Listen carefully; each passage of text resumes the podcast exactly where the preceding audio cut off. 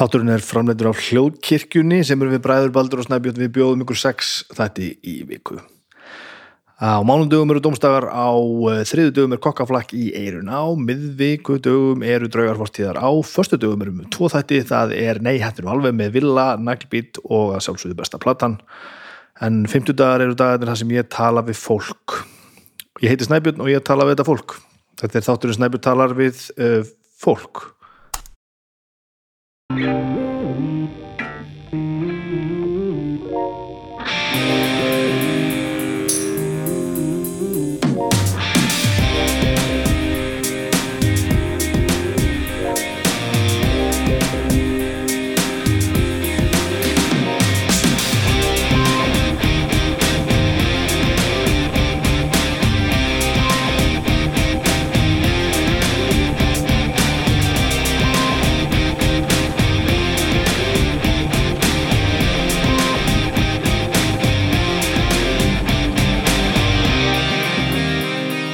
Komið sæl, velkomin í þáttum minn Snæbjörn tala við fólk.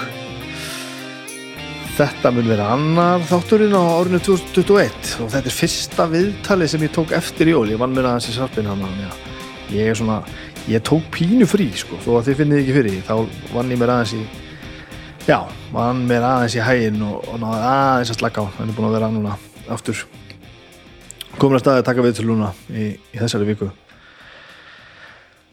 Eh, fyrir utan það að ég náttúrulega hef alltaf tekið þessi, þessi spjöll mín náttúrulega bara einu sinni í viku og halda reglu á því. Að því það er eitthvað pínu gaman að hafa eitthvað svona ongoing, það er skemmtilegt. Um, þessi vika var nú frekar, frekar basic sko. það er eiginlega eitt sem stendur upp úr þessari viku og það er eiginlega sjónvarsefni sem við horfum á.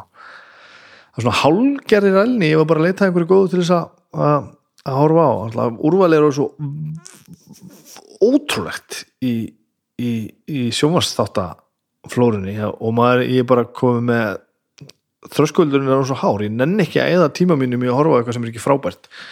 Og eftir að hafa hérna, dásama hann að Ted Lasso þá, þá einhvern veginn bara hækkaðist stöðullin svo, svo óbúslega að ég bara ég er orðinn snobbaður í sambandi við sjónvars, sjónvarsefni og fór að skoða eitthvað einhverja áslista og hitt og þetta og var þáttur sem að kveikti strax áhuga minn sem að við bindum svo all, við hámhorðum all, í, í, í vikunni. Þetta eru 12 þættir held ég, svona hálftíma ish, framöndir af BBC One og HBO held ég í saminningu breskir þættir gera sem í, í London að stæðstum hluta og heita I May Destroy You. Og þetta gæti verið besta sjónvarsefni sem ég hef séð. Ég veit að ég var gífuristur hérna í samvættu við Ted Lasso og þetta er náttúrulega ég ætla ekki að leggja þetta hlifið lið þetta er svo ofbóðslega ólíkt. Þetta er þessi, þe- þessi þættir eru þeir, það, það er svona það er, það er svona hluti sem er eftir að breyta heiminum. Eh, þetta er hugarsmíð, þetta er skrifað uh, og þessu er mestmægnis leikstýst held ég og hún fer líka með aðalhutverkið stelpa sem heitir Mishaela Coel. Um, bresk stelpa bara eitthvað rétt skrifin í þrítugt og hún er annara kynsluðar ég held að fóreldrar hennar séu frá Ghana ég held ég sé ekki að, ekki að misminna þetta. En hún sérst fætt uh, fættur, fættur bretti fættur, fætt, fættur englendingur. Búin að gera eitthvað svolítið áður. Uh, og ég veit að hún var búin að gera eitthvað, einhverja gama þáttaseríu sem að við ætlum með hérna að fara að horfa á þessu í, í kjölfarað þessu. Svo seri heiti Chewing Gum og var sínd á, ég held ég, í fór bara svona opinni svona gaman þáttastöð uh, svo he- hún, hún ef þið googlið hana og finnið á henni andlitið og, og hérna sem er nú mjög afgerandi einmitt mjög, hún er mjög, mjög stóra og sterka andlitsstrætti uh, og þið komið ekki fyrir ykkur hvaðan þið þekkja hana þá leik hún held ég í tveimur þáttum í hérna Black Mirror ef þið sáu það. En kom náttúrulega ekki að því nema bara sem, sem leikona. Þarna gerur hún meira meina allt. Þetta er byggt á, á, á eigin einslu og þetta er svona þetta er dramatík seria en samt með fullt af svona skemmt, skemmtilegum aðstæðum og gamni, sko, svona gaman drama. En, en bakbeinið er sem sagt kyn, kynferðisofbeldi og það, ég held ég sé ekki spoiler í því að sem sagt að, að uh, þetta er þráðurinn eh, hverfist í, í kringum kynferðisofbeldi sem aðal persóna verður fyrir og er byggt á hennar eigin reynslu sem gerir þetta náttúrulega ennþá stærra sko og þannig eru bara alls konar vangaveltur ég ætla ekki að spóila henni hérna en þetta er alls konar vangaveltur um hvað má, hvað má ekki af hverju fólk gerir það sem það gerir. Svo er bara að vera að velta upp kynneið og kynvitund og, og öll tabúin og alla hliða málsins og hvað gerist í höstnum á okkur þegar hitt og þetta gerist. Og svo í kringum þetta að auðvitað mynd allt er bara sögutráðu bara um lífið og, og tilveruna og hún er bara að lifa lífinu og, og gerir heimskola og gáðulega hluti í bland. Og þetta er bara það er þessi hluti sem er bara að bjarga heiminum. Það er bara fólk sem er að hugsa svona. Þetta er, það, þetta er þetta er, þetta, er þetta er bara verða allir að sjá. Þetta er bara ekkert eðlilega gott stöf. Og við erum bara búin að vera aðeins öðruvísi bara hvort við annað hérna ég og Agnes eftir að vera búin að hérna, að horfa á þetta, maður horfir einhvern veginn bara inn á við og, og, og revjar upp allt sem hefur komið fyrir mann í lífinu og allar aðstæðar sem maður hefur lendið fram og tilbaka og bara og bara I may destroy you. Tekkið á þessu, finnið einhvers þar og horfið á þetta. Og ég, ég ætla ekki að ská að þessi manneska Missy Hella Cohen eða eftir að KL eða eftir að vera bara hún eftir að vera einhver, einhver superstjarnar hún eftir að, já, ég, ekki ská hún eftir að breyta heiminum, þetta er þetta er mind blowing stuff, mind blowing hafið það þetta er nú hannig, líf mitt er nú ekki búið að vera merkilega heldur en það. Að topurinn á, á öllu sem hann er er sjómaskláp, nei ég er ekkert að segja að það sé þannig. En þetta er búið að vera frekar næs. Þetta er búið að vera aðeins næs að fá bara að vera aðeins í slækanum þetta er allt saman gott.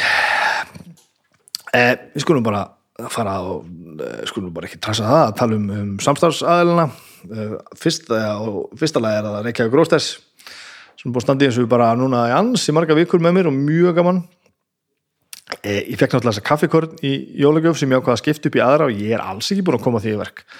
Þetta er bara, ég er bara búin að vera í ómiklum slakka til þess að nennan gera neitt. Ég er bara búin að gera rétt að því þarf og bara helst ekki meira og það er bara ágætt. Ég, ég fyrir í þetta fljóðlega en það er vissulega heimskulegt að því að ég hlakka til að fara að, að ráðast í þær tilhörinu að vera með alveg kvörn og, og græða þetta ég talaði um það hana uh, í kringum jólin, ég fór og kifti hérna kaffi með, í, af, af Rósteins með rauðamönum, El, El Volkan það var svona jólafílingu bæði raut og svo bara svona alls konar.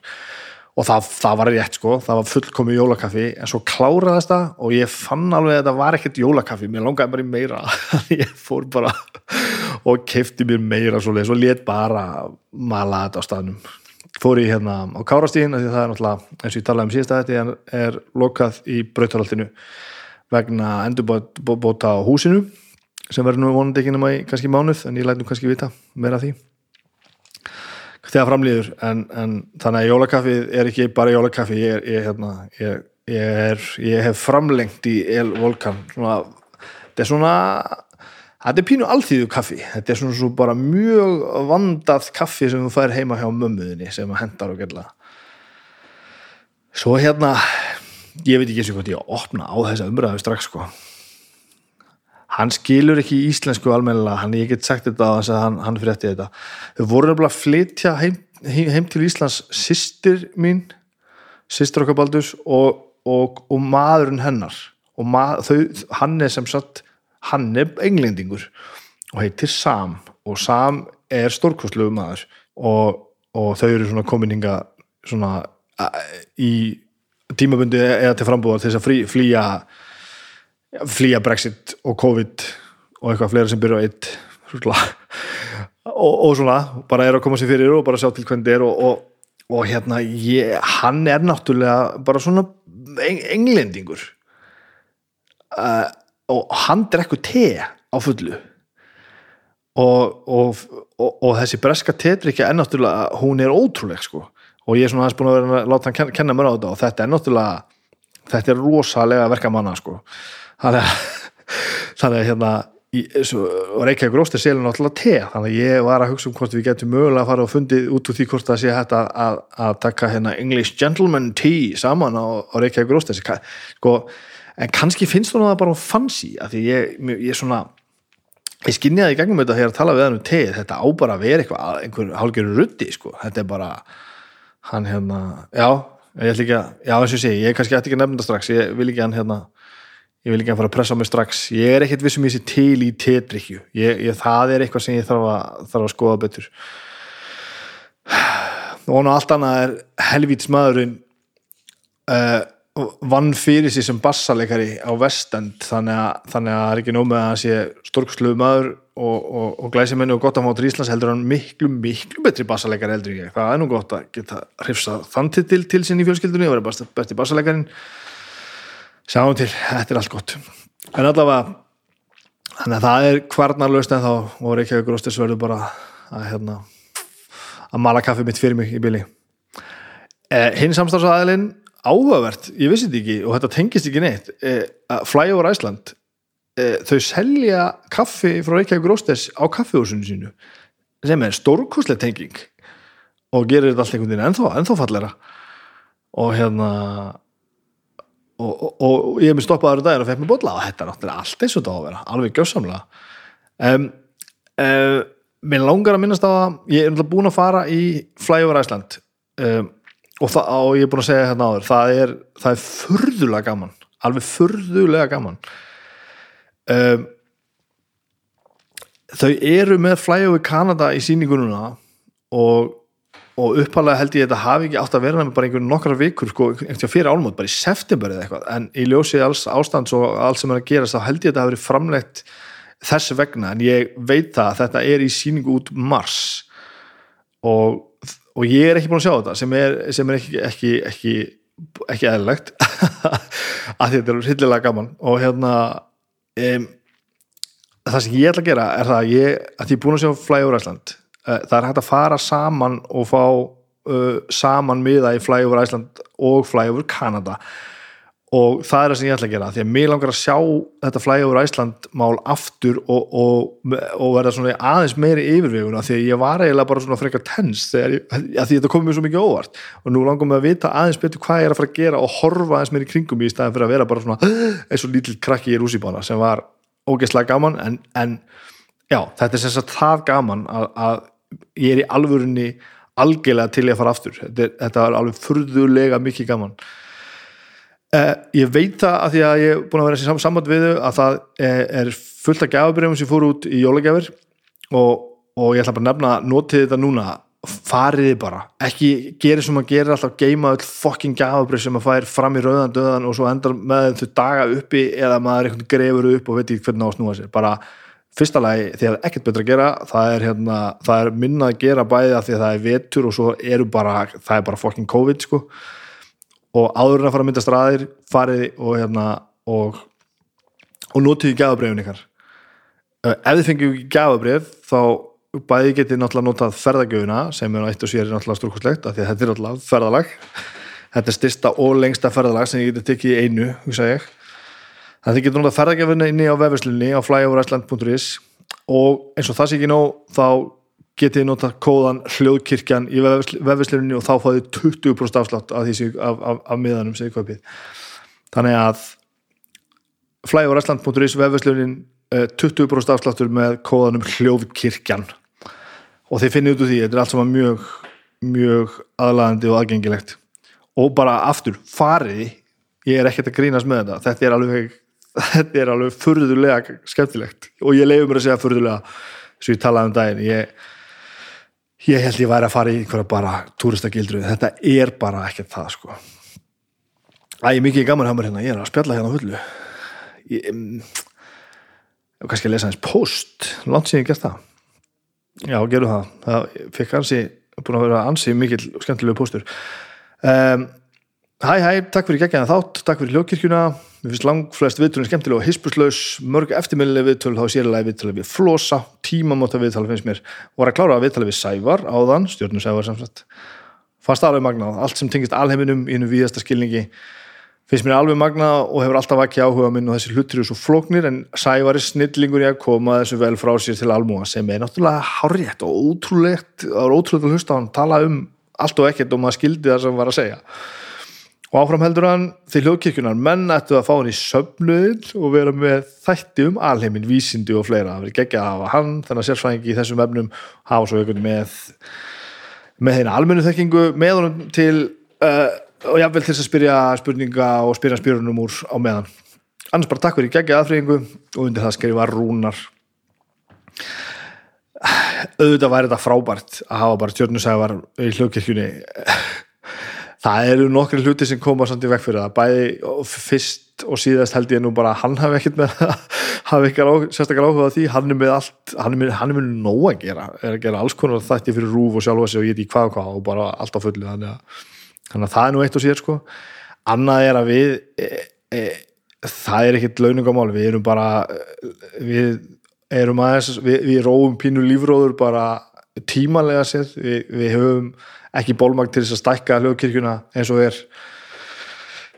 Hvorki hvað var þar uh, þætti eða, eða, eða mannskap eða nokkuð skapaðan hlut, við verðum bara einhvern veginn að, að komast í gegnum þann tíma sem við verum að, að, að drulla okkur í gegnum núna. Og með hjálp ykkar og, og auðvitað samstafsæðilina er það þannig að við, við náum þá að volandi bara hreinlega að stekka þannig að við getum komið fleiri hlutum að. Um, og svo er það eitt í viðbót við, við, ég hugsa næsta, næsta viðbót í hljókirkuna verði uh, allavega svona næsta stóra viðbót en það er ímsa svona minni hugmyndir í, í farvatninu en ég held að við séum svona ansi stíft að leita að þáttastjórnundu sem eru ekki hvítir miðaldra kallmenn, ég held að það var mjög gott fyrir alla ekki það að við látum það koma fram fyrir gæðin því að náttúrulega gæðin, er gæðin fremst og við látum þau náttúrulega ráðu mestu en, en, en það við þurfum nú að rétta eitthvað af við getum ekki verið svona endalust þannig er nú það, meiri póstur. Já, hér fyrir við náttúrulega býtunum við, hérna eru það var þetta með flóða flóða fjöru umræðan okkar sævars, það, það hrundi ímsast að býtunum við býtu, býtu, býtu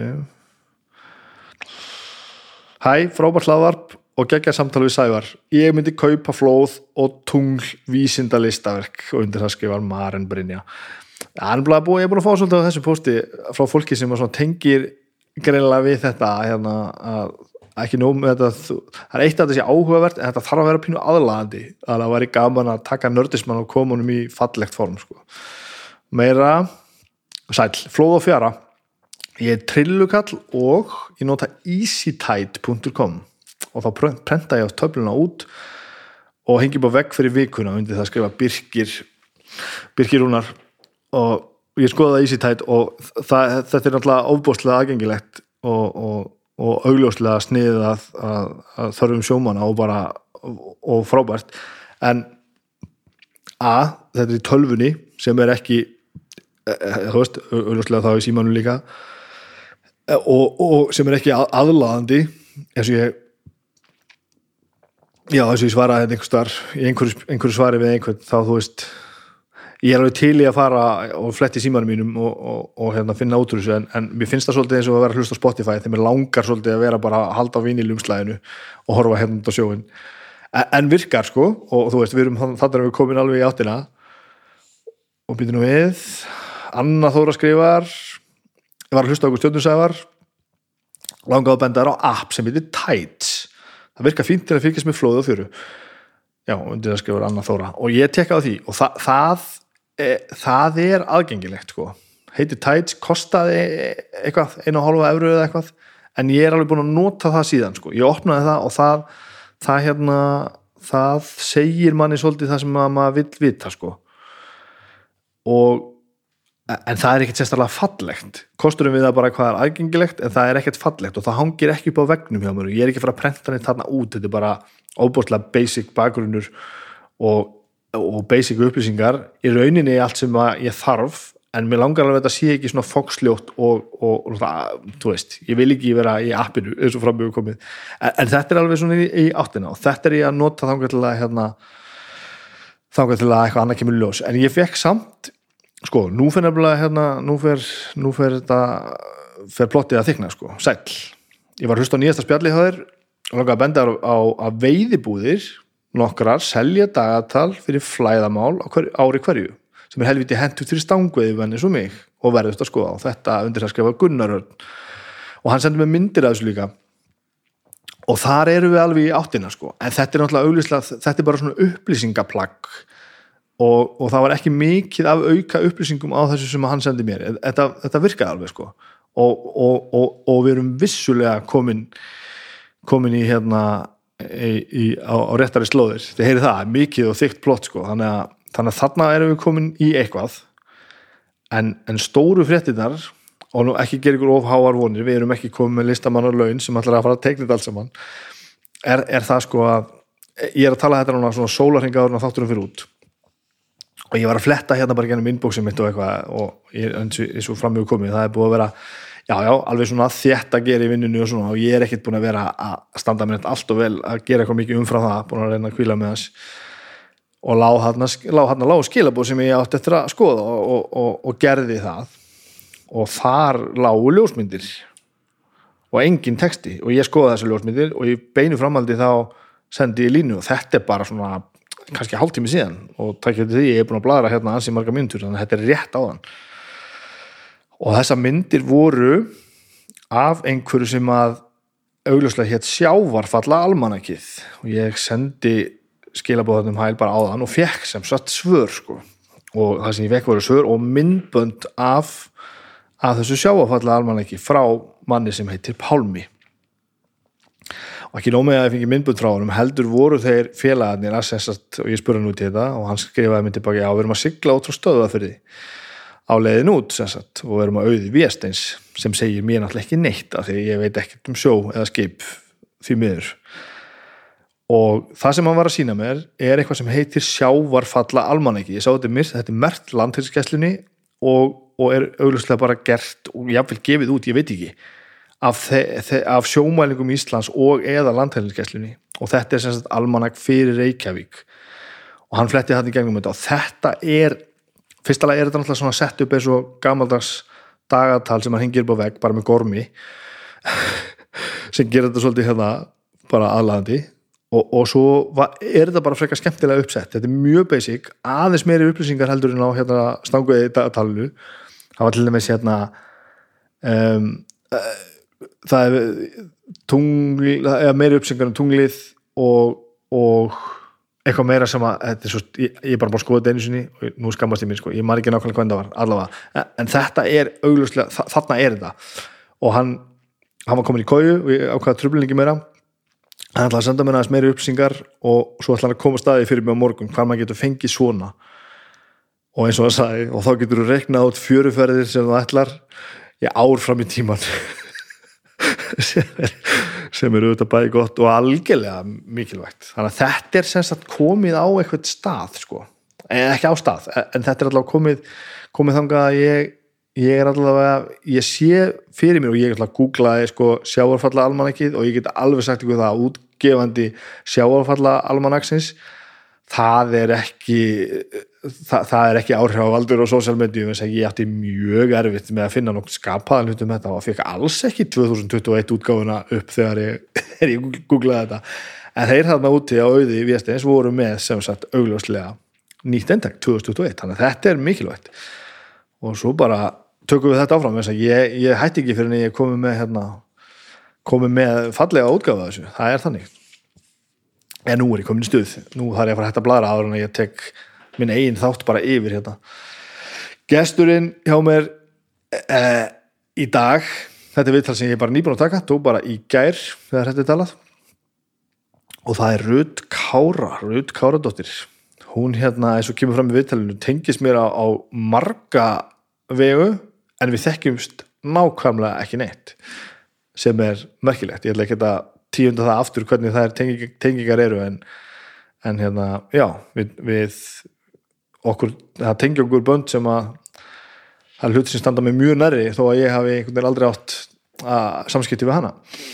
Um, hún er náttúrulega innanhásarkitekt Íslands og sennilega frægast í innanhásarkitekt sem við eigum og kannski bara hennilega höfum átt og ég þekki nú ekki ekstensív að sögu innanhúsarkitekt á Íslandi. Og er náttúrulega bara uh, hún er svona uh, hún er þessi blanda af, af einhverju sem er listamanniska og businessmanniska alveg fram í fingugóma og vinnu etikinn í háinni eins og þið heyrið hann lýsa þetta á eftir er störluð þetta, þetta þetta er lífstíl ekki ekki einhver, einhver einhverja pælingar í hjáverkum. Þetta er alla leið. Og það er alveg ástæða fyrir því að fólki sem nær lengst á sínu sviði nær lengst. Það er að því að svona sinnir þetta fólk hlutunum hún er náttúrulega manneska sem að sem að hérna, hannar fallegustu heimili landsins og, og eins og ég er nú gríðarlega og við ánað með heimili, heimili okkar þá, þá er það náttúrulega bara þannig að við erum það er ekki um ár síðan fluttum við inn og það er ekkert í fórgrunni að setja allt í allt í, í þá stemningu sem að hérna, sem að við viljum þó þetta sé nú svo sem a- algjörlega, við erum ekki setjum ekki í hálfkláruðu húsnaði þetta er allt saman klárt en, en við höfum svo sem ekki miklu breytt frá því við fluttum inn og, og það er svona ímislegt sem þarf að gerast. Og það er eitthvað mjög epist við það þegar maður fær uh, frægasta innanhús húsarkitekt landsins inn og fer að ræða um hitt og þetta bæði lífið og, og vinnuna að það er akkurat þá það sem að lífið tekur svona yfir og, og ég var nýbúin að að hreinsa sko filterina í sturtunni að því að vatni hérna er þannig að það gruggar svo mikið að það þurfa að vera sérstakki filterar og ég var nýbúin að spúa allir drullunni niður úr, svelgnum í sturtunni. Og, og svo allan tíma sem ég tók viðtalið við hana þá gjóaði ég augunum hérna aftur fyrir hana inn í eldhús þar sem að ég sá bara á meðan að viðtalinu stóð, ég held að það komið fram í viðtalinu að einn skáphurðin hangir svona skökka þegar einhver skrúa sem þarf að herða. Og eins og það sé ekki nóg þá dó eldavélun okkar um helgina. Þannig að, þannig að þetta var svona þetta var svolítið mikil kontrast að tala við mannskjöna sem er að búa til svona, svona falleg, flekklaus allavega yfirborðinu svona, svona heimili sem, sem allt virkar og allt er útpælt og blákaldu veruleikin það sem að ég þyrfti að vera og við með skrú, skrúðarni og tangirnar og síman og lofti til þess að halda öll í lægi og við erum bara, það er bara ekki þannig þannig að verkefni vikuna verður vantilega að koma þessari fucking eldavil annarkvæmt í lag eða út úr húsinu og annari hérna þannig að það er stuð. Nú ætlum ég að hætta þessu fucking blari Eh, þetta spjall er rosalegt um, og haldið ykkur fast. Það eru lýsingar þarna frá því, frá því hún var bjóð í, á Ítalíu sem eru, sem eru rosalegar. Og þær eru það bara, þær eru algerlega rosalegar þannig að njótiði vel, þetta var hillilega skemmtilegt viðtal.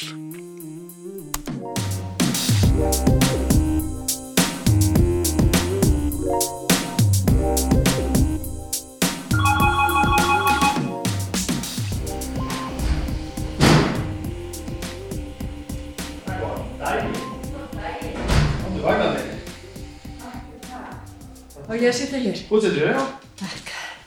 Já, þetta er, þetta er frábært sko Dásamlegt, maður verður einhvern veginn svona bara, já, maður verður einhvern veginn svona agndofa þegar maður er með svona gott útsinni. Ha, Þetta er svakalegt sko já.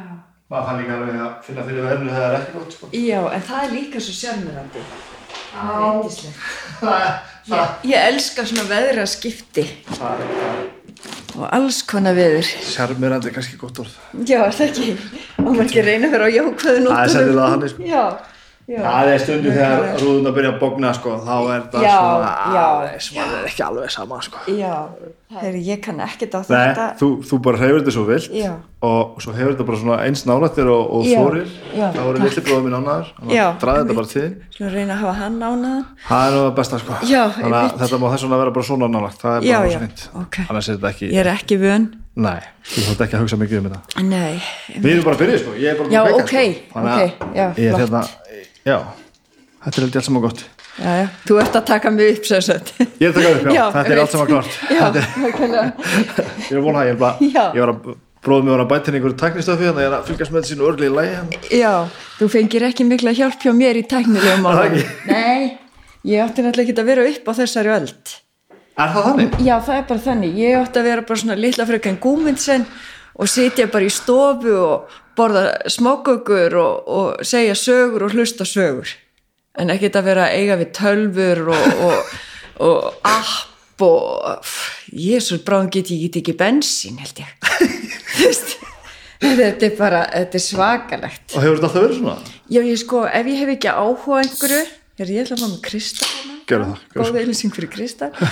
Hérna, ég bara, ef ég hef ekki áhuga einhverju, þá á ég svo erfitt með að tilenga mér. Ok, Þá er ég bara alveg uh, núll.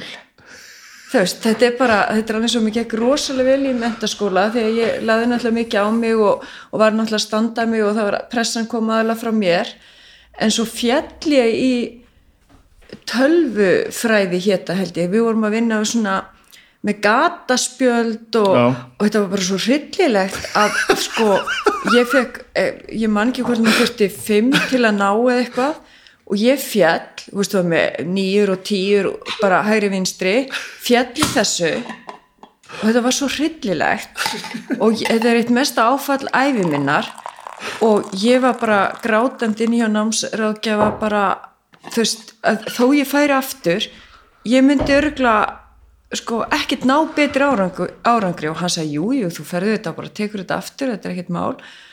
Og þá fikk ég 2,9 og, og ég sagði, ef ég fer aftur þá fæ ég örgla bara 0,6 þú veist, þetta er bara þetta er bara hræðilegt. Og hérna, og, og ég manni ringdi í pappa til úsaukur hágrátandi og mentaskólanum að, að ég hefði fallið og og hann er alltaf með svo ótrúlega flotta vingla sem ég fannst að vísu ekkert flottur þarna. Hann sagði bara, það er bara frábært. Það er svo gott að hafa einhvern tíma fallið. Og ég var bara byrju, er ég ekki að ringja heimtímin er ég ekki að ringja pappa minn? Og hann sagði, þetta er bara rosa góð lífsreisla og ég bara, mér fannst ég standa bara ein í lífinu. Bara fallin. Varst að ringja heim til að fá, fá, fá að það já, fá sko svona pepp upp, þú veist bara og, og, og þetta var, og núna skilja hann svo vel, Já, þetta var bara frábært en ég þakka náttúrulega rosalega vel náms, hérna, ég veit ekki hvað hann héta hvað maður titlaður þessi námsráðgjafi eða Gunnar Frímans hann bara slætaði yfir þetta og ég bara útskrifaðist og ég veit ekki hvort þetta var nokkuð talið með og eiginlega ekki titt hinn er einhvern sko. varstu með skólum akkur? Já, ég er með skólanum akkur Farið þetta aðeins næri? Já, já, eða, já, eða þú já, þessu, þú aðeins bara og hérna, en þetta var sagt, já Og svaka Er lífsins fleira svona sem þú hefur stoppað á? sem að, sem þú hefur stoppað á? Sem þú, þú leggur að, þarft að gera og ræður ekki við? já ég er bara svona manneski sem er með fólk í öllu Já, já, já. þú veist, ég er alveg með Instagram og allt svoleiðis, en maðurinn minn sér um það og dótti mín og, og þú veist, ég er bara já, ég er svona með mann, eh, bara fólk í öllu ég Ég- er bara vinn sjálf, borða sjálf fer í leikvimi sjálf, baða mig sjálf já. Ekki eins og indverska vinkonum minn sem var með fólk sem baða hana Það er gott samt. Já, en ég bara, þú veist, kann ekki að sjóða hrísgrun. En ég borða alltaf góðan mat og ég er eiginlega bara svolítið ána með þetta að mér finnst líka bara svo mikilvægt að eins og til dæmis með stelpuna mín og hún sjái það að og þetta er kannski ekki val, þetta er bara góð afsökun sko, mér finnst bara svo gott að stelpa mér sjái það að hérna, maður þarf ekki að kunna allt og maður getur retta sér á svo margan hátt. Maður þarf ekki að vera einhver sérfræðingur í öllu. Nei, og maður getur bara reynda að vera bara góður í einhverju sem maður hefur áhuga á. Svo finnur maður bara fólki hitt. Já, mik, ég, þú, að ég skilur já, ég er bara að skilda mjög vel. Ég var bara svo lengi að læra þetta, sko.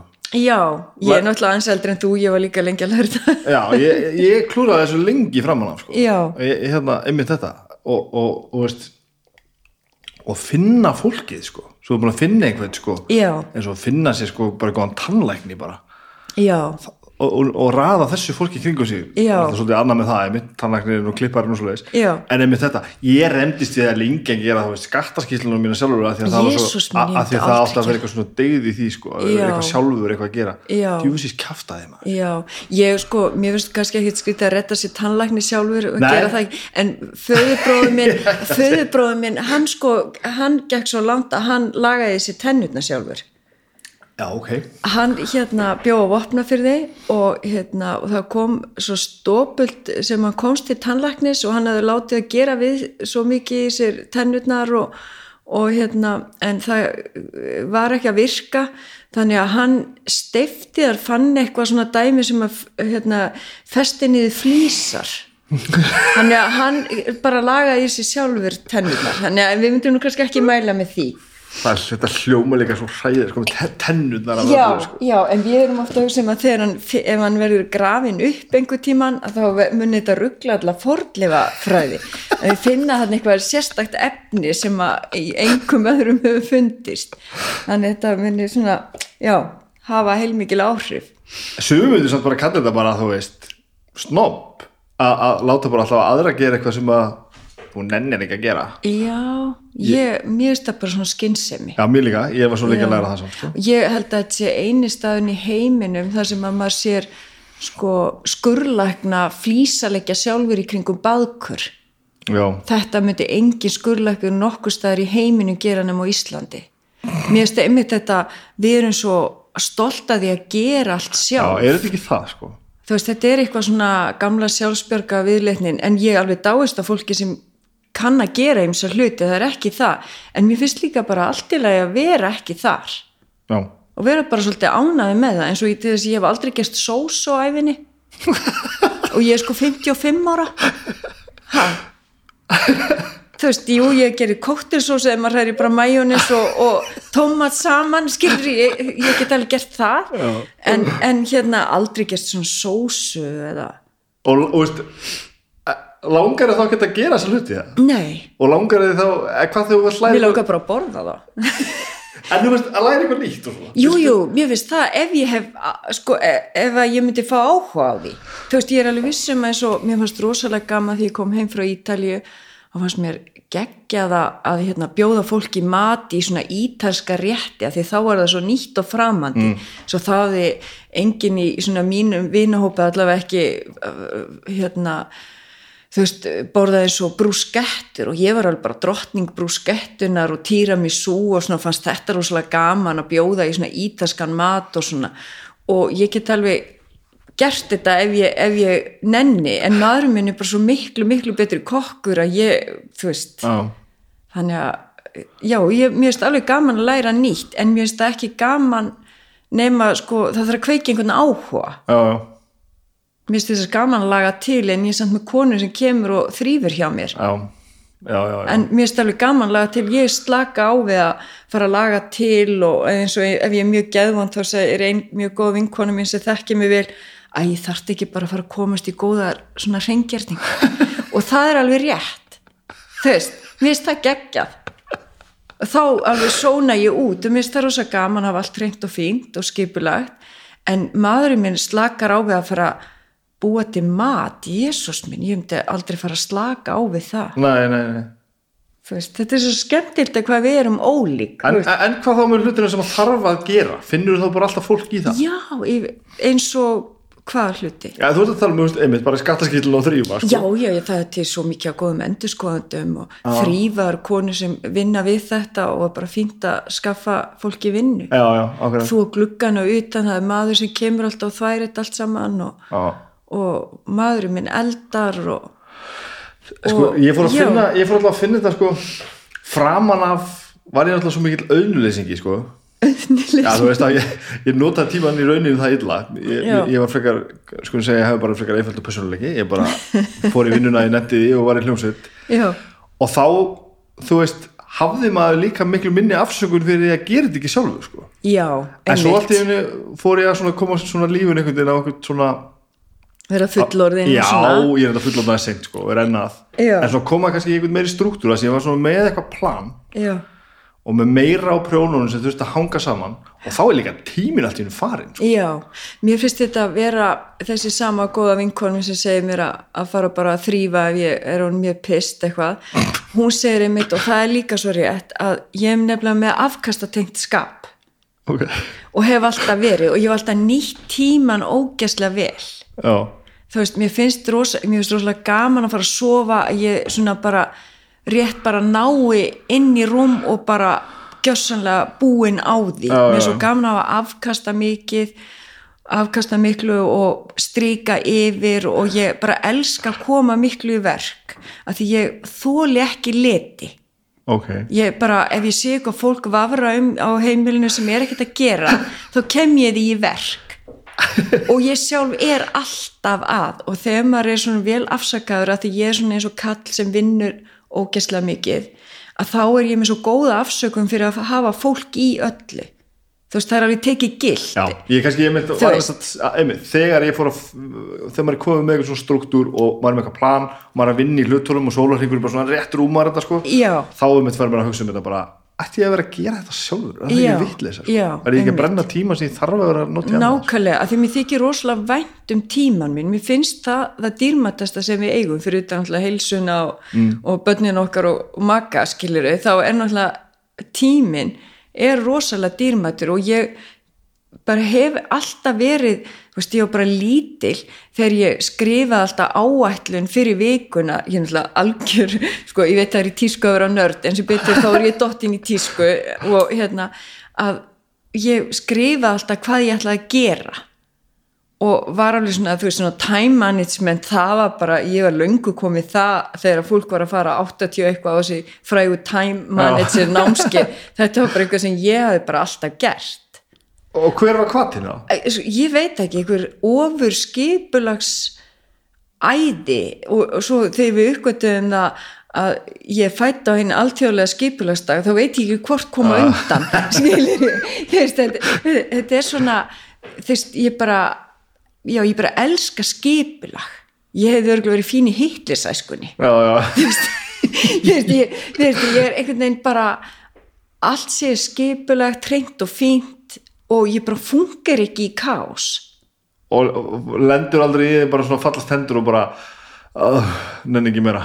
jú, jú, alveg jú, jú, jú, jú, algjörlega ég sko, ég, ég svona eh, það er svona, líður svona það er á einhverjum tímabilum, ég veit ekki hvernig það sveiflast en, en þú veist, ég segi kannski ekki reglulega en mér finnst þess að sé lengra á milli sem ég segi bara ég er hætt þessu helvítis, þá er ég sko hætt vinnunni minni, Já, já. bara hætt og, og bara þetta bara er allt ómögulegt og, og bara, já og svo kannski vaknaði bara daginn eftir og maðurinn segir, býtu, erst þú ekki hætt og þá er ég búin stengleima því og Og þá er það bara Þetta er kvattvísið eða bara... já, það bara bara, fæ ég bara nóg og svo bara er ég búin að gleyma að ég hafi fengið nóg og þú veist þannig að, já, já. Það er alltaf þannig einhvern veginn að, að, að það sem mann finnst gaman en, endar alltaf að vera að vinna á einhverju tímapunkti og þá við færum maður bara, æ, af hverju anskotunum er ég að þessu?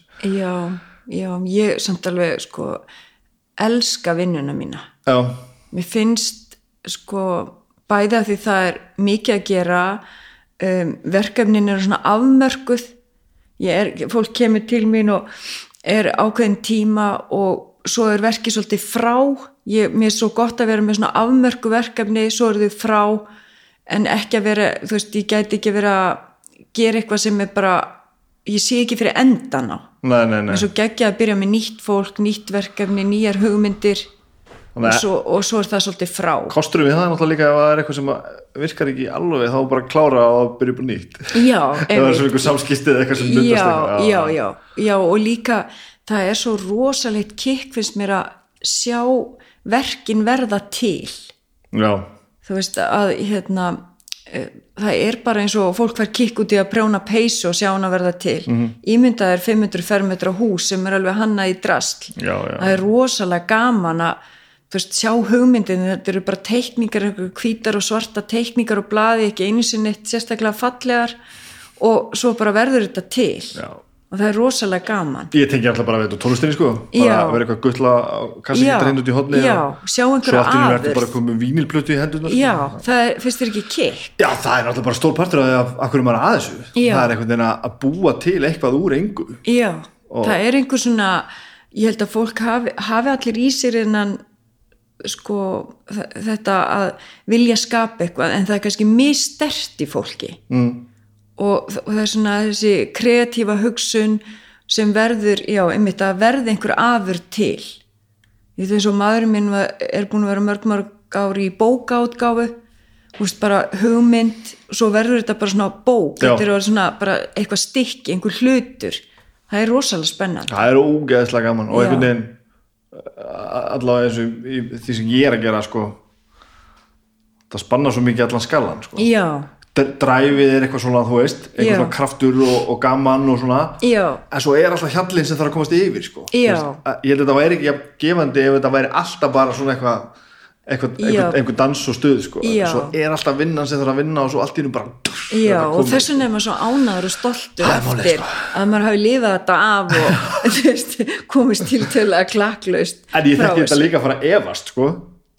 Ha, ég þekki þess að þennan efa líka alveg þú veist þegar þú ert alveg bara komið með hausinu onni, onni borð bara djöfull er þetta erfitt maður. já, já, og fólk, ég held að oft eh, sko, það eru svona ákveðin störf sem eru kannski sveipuð einhverjum svona dýrðar ljóma og ég held að mitt starf sé svolítið svona oft mískili að fólk heldur bara að maður sé bara dinglast eitthvað í kringu ríka fólkið og, og lönsa og bransa með því og svo sé maður að, hérna að raða einhverju dúleri saman og, og þú veist og svo fær maður bara fullt af pening fyrir það og, og, og þetta sé þegar þetta er bara eins og öll önnu vinna. Þetta er alveg gífurlega sko það er svo margt sem að fer í gegnum og þetta er rosalega mikil samskipti við fólk vegna þess að, að fólk hérna er að fjárfesta eh, rosalega miklum peningum og tíma í þetta verkefni og þetta spannar oft langan tíma og fólk fyrir gegnum sko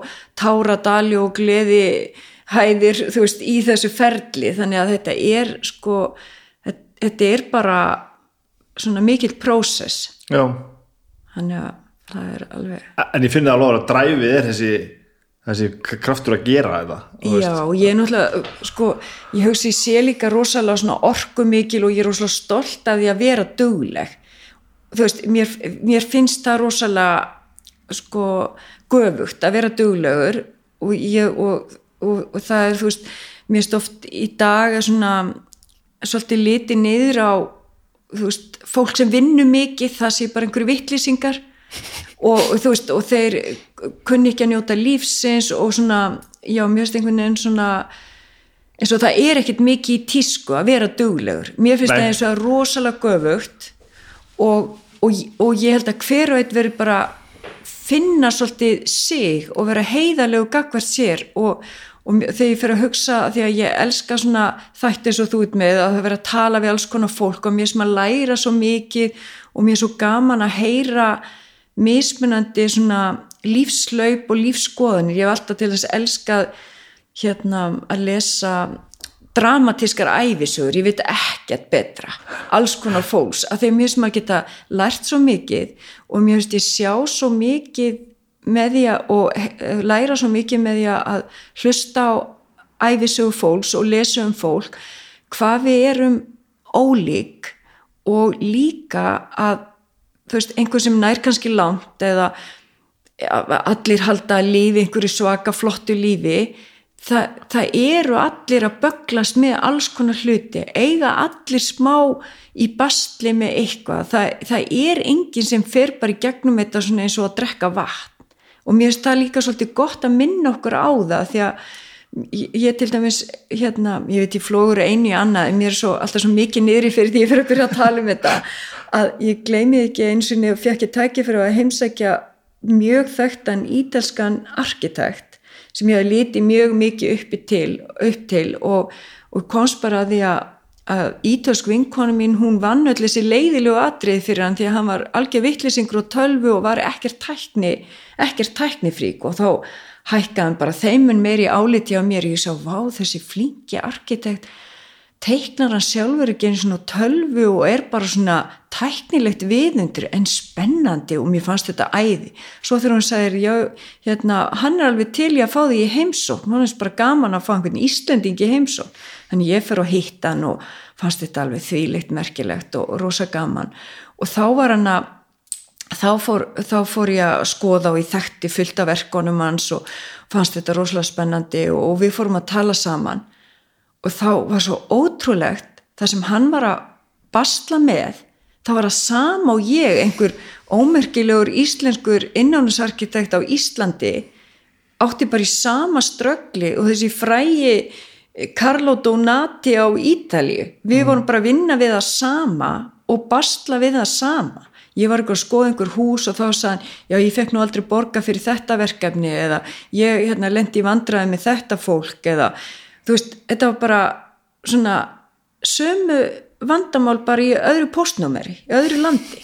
Og mér fannst þetta svo hérna áhugavert að við erum öll svona eins og þegar maður er að hlusta á þessa þætti og lesa æfiminningar og svona það er enginn bara sem að hendist í gegnum þetta bara með bros á vör og, og bara eins og nýstíðin út úr styrtu bara allsæl þetta er bara, við, lífið er bara alls konar En hvað heldur að skilja það? Þú veist, hver er ná þá árangrunum og hver er ekki? ég held að það sé bara mjög sem kannski auðvitað eftir fögum og svo bara hvað er að ná árangri? Er það að verða ótrúlega ríkur eða það að vera ótrúlega frægur? Mér erst líka svolítið svona þú veist við, það er svo mikið hort á það bara þessi tvö atriði. Og þá nærðu árangri eins og það er svona merkimiðin þú hefur náðu langt. Já, það veit allir hver þú ert hlýtur þú bæði vera ógeslega hamingi samur af því að vita allir hver þú ert. Þetta, þetta er bara þú veist, veist, ég held að fólk ég held að fólk nái árangri sem að er bara svolítið svona trútt sjálfum sér fyrir sína eigin leiðir leggur mikið á sig um, ég, veist, ég, ég veit það ekki. Ég, ég held að sé, já, vera bara svolítið svona fylgin sér heiðalegur, duglegur samvisku samur Ég finn svolítið því með fólkinu sem, sem að tala við sem að þú veist á eftir að gera það sem maður langar til að gera. Já, og ekki af nefnir sjáalegri ástæðu. Ég er ekki að tala um að, að, sko, að, að að klífa Everest þó það sé náttúrulega ágætis svo sem dæmi er. Já. kannski, veist, segja eitthvað, eitthvað ennþá meira að fara át sko. já, en ég er kannski að tala um verkefni sem er ekkert svo langt í burtu sko. já gefðu bara út plötu, þú veist Já, það gerist ekkert sko. já, einmitt, Þú kannt hvað, hvað er líka versta sem getur já, gerst þú kannt á gítar, þú ert búin að semja lög já, þú veist, já þetta kostar pínu og þú ert að gera eitthvað, það Já. er alveg leiðið til þess Já. ekki, ekki fara enn, enn einn áratugin á þess að þú veist já og fresta Já. og svona, já það er einmitt það sem ég á við þess vegna vil ég vera sko dugleg og mér finnst allt í lagi og ekkert mál ef það missefnast ef að maður hefur lagt allt í það og er heiðalegur Akkúrat. þá hefur það bara missefnast hvað öðrum finnst. En ef að þú ert ánaður og þú hefur lagt þig fram um, ég meina hvað skiptir um máli? Hvað einhverjum dúta majónis út á götu finnst um þig, það, það skiptir einhver máli, mér finnst aðalega svona, mér finnst ég kannski freka að vera feimnust nálagt fólkinu mínu sem stendur mér næst. Já. ekkit hvað einhverjum þú veist, sem þekki mikið neitt og er alveg skýtsam um mig hvað honum finnst um mig, það skiptir mikið máli. Nei. en mér skipta máli hvað mínu nánustu finnst af því maður er einhvern veginn að svo skríti, maður er alltaf æfir alltaf að svolítið að svona, ekki kannski reyna að þóknast þeim, en svona mann langar að vera atriði fyrir það fólk sem skiptir mann máli, já, já, það er svo skrítið já, er það skrítið samt? Nei, kannski ekki, ég veit það ekki. Er þetta ekki einmitt að, að því að þú veist þegar upp í staði þá er þetta fólki sem maður eigðir öllum tímanum með já, og, og þykir vænst um og, og, og þykir líka vænst um mann. Já, það er kannski svolítið svoleiðis. Þetta er magnað sko. það, eitt sem ég ætla að spyrja á þenni gleymi, ég ætla að gera þetta, ég ætla að færa þetta aðeins næri Já, ég er nefnilega sko út af ljósinu, ég er nefnilega svo hrikalegur ljós, lýsingar perri innan gæsalappa. Ég fari í, í messu og, og beði meðhjálparum að laga aðeins ljósastillinguna. Viltu að lækja þetta? Nei, bara þetta fer svo í augun á að mér. ég get lækka ljósinu að slöktu eða eitthvað Já, mátt slökka, það væri geggjað. Þess vegna væri, já, þetta er geggjað. Já, já, já, já. Já, þetta kemur einmitt inn á það sem ég ætla að fara að tala um já. góðu nærmir, ekki að svo feimir já. hérna, hvernig gengur þér að að vera bara inn á heimilum og inn í hjá fólki og ferðu alltaf í að horfa í kringu eða aðtöga hvernig allt er? Nei, ekki eins og, eins og núna því ég er svo upptekin að tala við þig. Mhm. og þegar ég er náttúrulega heima hjá fólki sem er skemmtilegt og gefandi þá er ég ekkert að hugsa svona guð, ég hefði nú málað þennan vekk í öðrum lit. Nei, mér finnst ég alveg geta slögt á því. Mér finnst það. Ok. Mér finnst ég alveg og ég, svo er ég svo mikið svona matagata ef ég fá góðan mat þá tek ég ekki eftir neinu.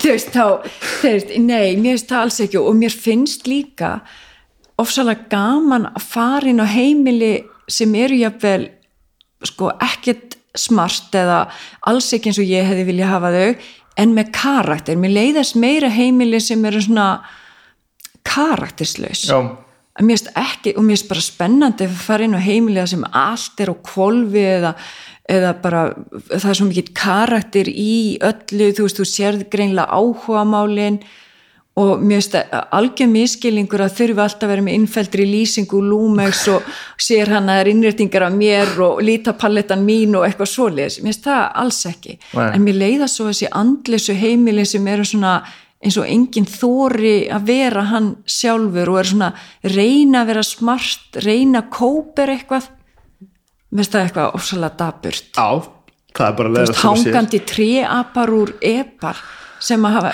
hvað til hvað, þú veist, kosta alveg ógeðslega mikið.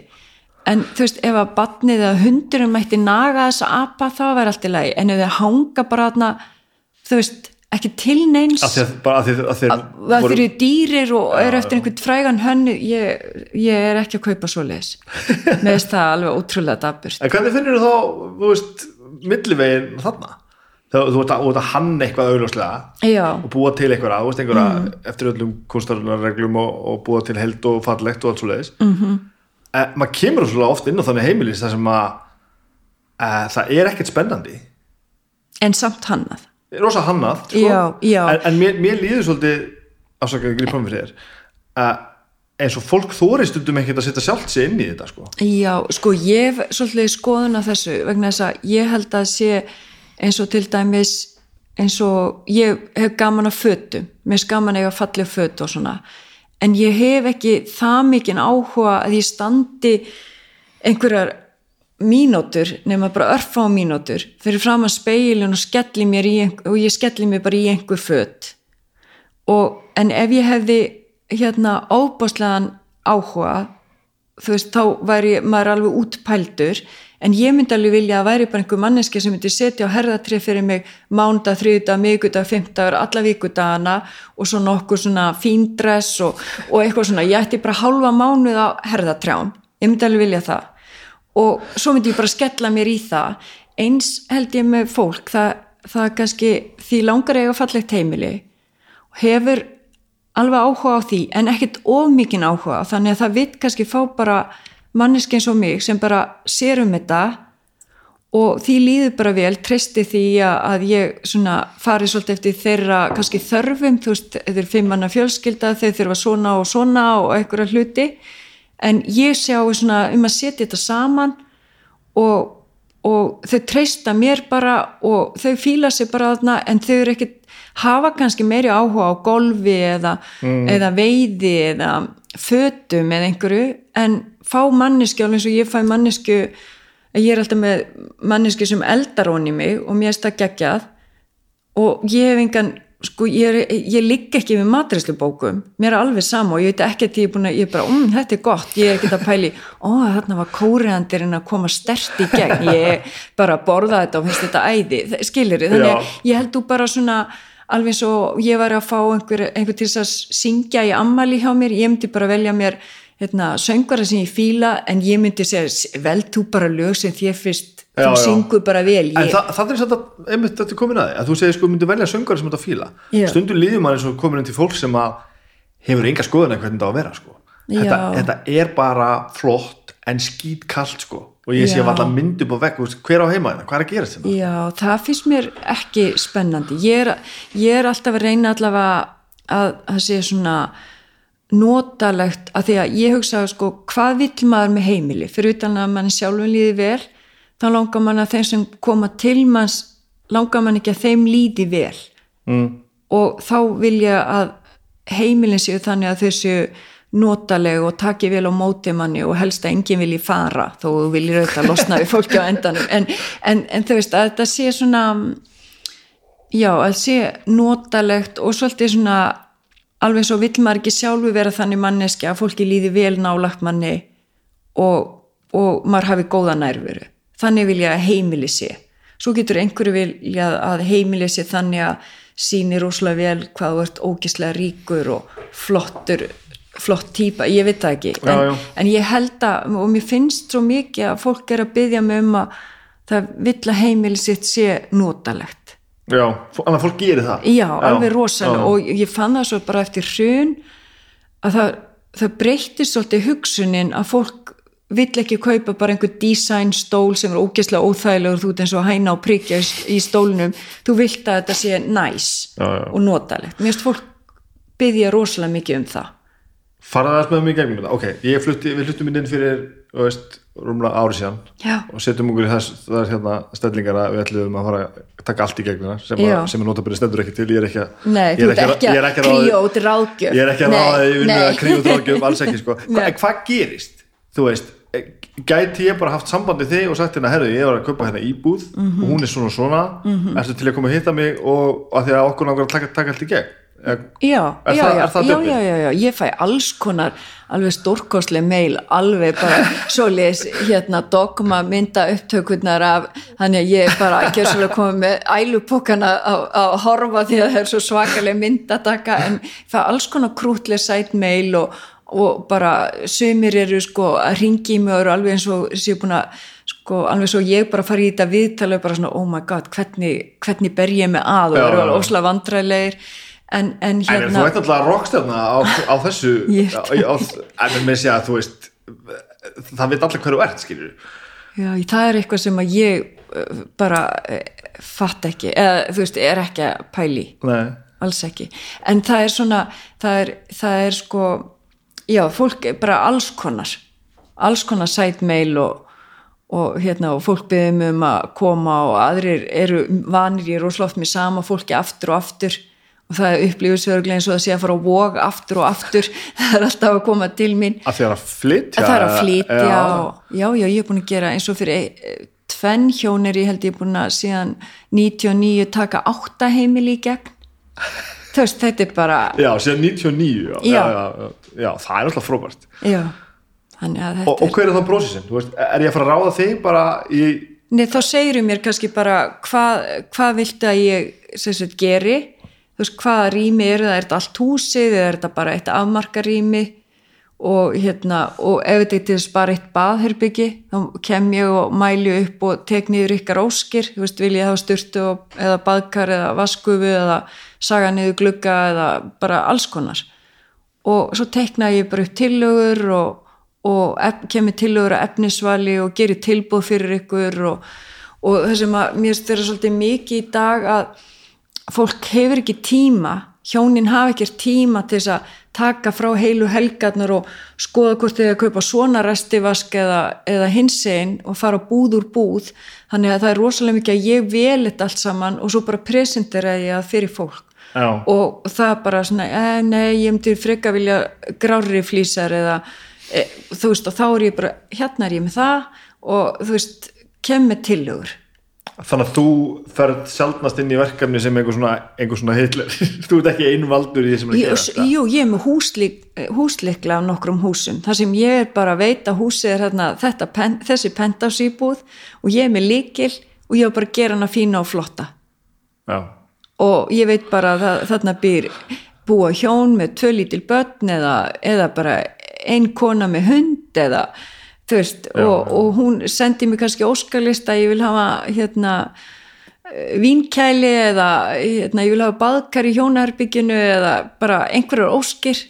Og sömur, já, ég, það er náttúrulega geggjað. En ertu á þessu kalibri yfirleitt? Þú þetta, þetta eru verkefni það sem er baðkari í hjónaherbygginu og vinkælir ykkur starf já, já, það er bara vennilegt en, en fyrir okkur, fyrir okkur hitt fólki þá er það ekki venjulegt. Nei, nei, nei, ég held nefnilega stundum þá er maður í einhverjum sko, já ég held einhvern veginn að eins og ég kom einhvern tíðan heim og sagði við manni minn og geðveikt, nú eru allir að gera spa hjá sér. Já, og hann bara, hvað meinar allir að gera spa, ég er alveg vissum að stelpunir vinnin hjá mér, það eru allir að gera sér spa.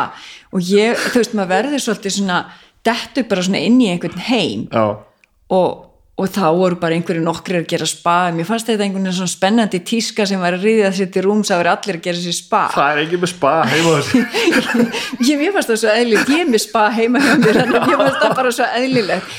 En veist, þetta, þetta er bara svona sem er ágætt að maður er með alveg jartengingar í kringu sig að það er ekki allir að en gera sér þetta er spa. sem sagt, verkefnin eru meira þarna upp í þessum svona Já, já, og þa það er kannski, það er kannski, maður er náttúrulega kannski búin með að vera að gera bara þvóttahús. já, já, já, Þannig að maður er rosalega mikið að gera svona og það eru draumaverkefnin svona heldar hönnun, bara frá A til Ö. og svo er þetta svolítið þannig að, fyrst þegar maður fekk hjónin til sín þá kannski fekk maður ekki að ráða neinu. Svo þau fluttu næstu íbúð þá fekk maður að ráða hans meiru. Og svo núna er, er maður orðin bara Hitler sko. Þú veist, maður er bara komið líkilinn það er eins og fólk hafi bara annarkort gefist upp að, að, að, að tjónka við mig eða þú veist, þetta er bara ákveð tröst sem skapast líka. Það er líka að tala um þess að við tala um í upphæði þú er búin að finna mannesku sem sér hlutina fyrir þig. Já, og já. það er náttúrulega ótrúlega, ótrúlega magna að finna einhvern sem að maður veit að maður getur trist til þess Já, að gera hlutina. og, ég er, og mér þykir rosalega vænt um þetta tröst og líka þetta að veist, maður er gangandi inn og út af alls konar heimili og fólk treysti manni 100% og ég líti alltaf svo á að maður sé til dæmis veist, að þetta sé hvert verkefni sé bara síðasta verkefnið. Já, já, þú veist, að ég legg mig ég hef að fólk gæti ímynda sér veist, ég legg mig alla fram, það er gamla samvisku sem minn alveg 100% ég gef mig alla í verkefnið. Það er það ekki þannig sem maður kemst áfram. Það getur Að vel verið. já, ég er að reyna bara að gera það og mér ekki rosalega vænt um þetta traust og, og mér finnst ég líka vera svona bundin svona, ég er að sjálfsögðu bundin hérna svona, hvað heitir eins og það maður byrja að vinna á elli heimil og svona þagnaskildu að mér finnst, ég elska að segja sögur en það eru allar nafnlausar. Að því að mér finnst, fólk treysti mér svo mikið og ég verð alltaf svona fyrir vombriðum þegar ég er að segja einhverju sögu að einhverju sem gerðist og einhverju spennandi eða einhverju fyndnu eða eitthvað. Og þá verð ég alltaf svo fyrir vombriðum þegar fólk segir "Hver- hjá hverjum var þetta? Heima Já. hjá hverjum. Ég verð alveg bara svona móðguð. Getur ímyndaður ég fara að segja þér það? Já, já. veist, þetta er svo ljótt. Þetta er alveg svo vinnur á elli heimili þú getur sagt sögur að einhverju uh, sem gerðist. Þú veist, en þú mátt ekki segja hver það er þú, þú, þetta er bara, þú vinnur í banka þú mátt ekki tala um það sem gerist. Og það er eins með mig. Og líka bara hvernig það, við myndum bara þetta þetta í hug sko, smjáður Já, er þetta er sko eins og það sem að ég var um að segja við manni minna því að, að ég hérna ég stend með alltaf að því að, að því ég var svo lengi á Ítalju og það er alveg mitt svona annar land, ég er alveg ótrúlega ítölsk, ég held að ég hef bara verið á svo miklu mótinar árum að, að ég hef ekki beðið þess bætur að hafa verið á Ítalju að, að hérna, það sem ég sakna svo rosalega frá Ítalju það er að því mér finnst að meira þar að fólk er svo þegar það hittist eins og þegar ég fór í skólan á mótnana ég bjó náttúrulega í svona ótrúlega ljótri útkverfablokk í einu mesta glæpa hverfi Ítalju Monte Sacro eða hann í Róm. Og þá eru fjórir barir í blokkinni á hverju hotni -huh. og svo var bar og ég fór sko mánudag, þriðudag, miðgudag, fimmtudag alltaf á sikkvot barinn. Á mótnana og fekk mér hérna cappuccio og, og, og hérna og croissant. Og svo fór ég á bar, fínan bar nálagt skólanum, hann var í svona fínu hverfi á föstudögum þannig að ég átti þessar fimm grúpur af gömlum köllum fyrir vini. allt í skipulagi, líka allt þetta. skipulagi, allt í skipulagi já líka. Og það, það, og, það, og það sem var svo gaman þegar maður fór á mánudagsbarinn, þriðdagsbarinn miðgudags og fimmdags, mann var náttúrulega alltaf fagnað svo þjóðhytju allt einhverju gamlir ítalir kallar, ég elsk gamla ítalska kalla, þetta eru skemmtilegustu menn í heimi. Og, og þeir, þeir voru alltaf að filosófera þeir sko, það var ekki alltaf verið að tala um sko hluti, jeppa eða gólsett eða, eða hús eða sumabústaði heldur það var verið að tala um svona lífi og tilverni þeir voru allir að gefa mér ráð. Veist, þeir voru allir með svona og ég, ég sakna meira heldur en ítalska veðursins. Ég sakna þetta, þess að eiga þessar umræður við þessa kalla sko, veist, ég, þetta er það sem ég sakna mest frá Ítalja, því að góða mozzarellu getur ég keft núni í Costco. Og þú veist, og svo er, elska ég veðrið á Íslandi að því það er svo breytilegt. Og hérna, auðvitað myndi ég kannski vilja aðeins lengra sumar, ég segi það ekki en þetta var svo skemmtilegt. Þú veist, þetta var svo svona já, þetta var, var bara svo gefandi og, og þið heldur allir ég væri sko 16 því þú veist ég, sko, ljó, ég var hérna kannski svona 22 í eitthvað svo leiðis en þeim fannst ég vera miklu yngri en ég var, að því að þú veist, ljósarð, bláeð mm. þeim, þeir eru svona áttuðu sig ekki alveg og voru alltaf bara hvað er svona lítil Íslandi að sína að bæta þarna litlu endingunni að gera ein í róm og þeir, voru, þeir hefðu bara sko virkilegar áhyggjur af mér, ég hefði geta kalla þá alla sem heimavarnaliðið eitthvað hefði komið fyrir mig. Þetta var dásamlegt. Komum okkur á þennan stað, förum nú bara þennan gegnum þetta. Frá upphafi. Frá upp Já, þú ert alltaf húsæðing Já, en ég er getin á þínum æsku slóðum á laugum í Reykjadal. Býttu nú við. Já, það. ég hef örgulega verið sko mentar, nei ég var hérna ekki mentaskóla slís, heldur svona uh, hérna brotareglum heimavistar. hugsa ég. Glæsilegt. Já, Voru þau þar? já, foreldra mínu voru þar um og ég náttúrulega örgulega augljóslega ekki plönu þau voru átján Ég ætla ára að segja þau að mig Já, já, þetta var svo algengt þannig gamla dag. Þetta var bara, þau voru átján ára og sko við erum nefnilega ótrúlega tengingar, ég og þú, ég var bara svona, hugsa, eh, hann fer að vera búin að tala með ansi marga húsvikinga, en sko við erum rosa tengingar, ég er sett getin og laugum í Reykjadal Mhm. -hmm. og húsvikingur, bróður minni vinnuðinn mm -hmm. og Já, bekkja- býr í bekkjabróðir minn. bekkjabróðin og býr í íbúðinni sem mammaðinn seldonum og það er komið annað að setja litlum drengjum í hérna í húsið Og við erum ná skild sko og svo erum við skild en Já. ég náttúrulega hugsa að ég ætla ekki að reyna að muna hvernig það er ég ekki. ættfræði, ég, það er Það bara er sama með, ég, ég fletti fyrir þessu upp áður en að bara gæra eitthvað. Við erum skild sko í fjóraða ætli í gegnum mæður okkar já, Og ég legg ekki mér á því nei sko. ekki heldur Það er ágætt sko Sýsti mín til þess sér um þessa deild fyrir okkur sýstur. ok. Hún sér um ættræðina. Ég hérna, spyr hana bara hérna, ef, hvernig eru við skild og hún er alveg með þetta allt á hreinu. Náttúrulega eðlimál sem sagt ekki rolla mjög vel sko. Við erum bara saman í, í, í stofu sko. Já, Bróðin sem sagt hann Sýsturinn þekki, þekki ég svona allt til eitthvað pínu. Já, gríma ekki, ekki mikið. Nei, Þig þekki ég ekki neitt. Nei, og ég er þessi fræga kona. Þú þessi fræga rockstjörnu uh, kona sem að ég veit ekki hvernig Segðu, segðu. En sko, það var einmitt þegar við sýstur vorum 12 og 13 þegar rauðull fættist og það var einn mesti hamingju dagur lífsins. það, við vorum svo ánægðar. Sko, þetta er bara svona, ég hugsaði bara þegar ég sjálf átti stelpuna mína og gifti mig og rauðull bróður fættist, þetta eru þrýr hæstu punktar lífsmins Ok og við, ég sko, ég glemd að verða úlningur Vist, ég hafði ekki tíma til að vera úlningur af því að röðl bróðir hann átti bara hug minn og hjarta. Ég hafði bara ekki tíma. Þú veist, ég var bara eins og lítil einstæð móðir. Eða að við allar, hann átti þrjár með Ég ég man alveg uh, hvernig hann talaði um ykkur sko. Já, Já, svona, og svona og, kannski þetta er svona meira eftir og sem ég svona fatta að þetta hefur verið eitthvað sérstætt sko.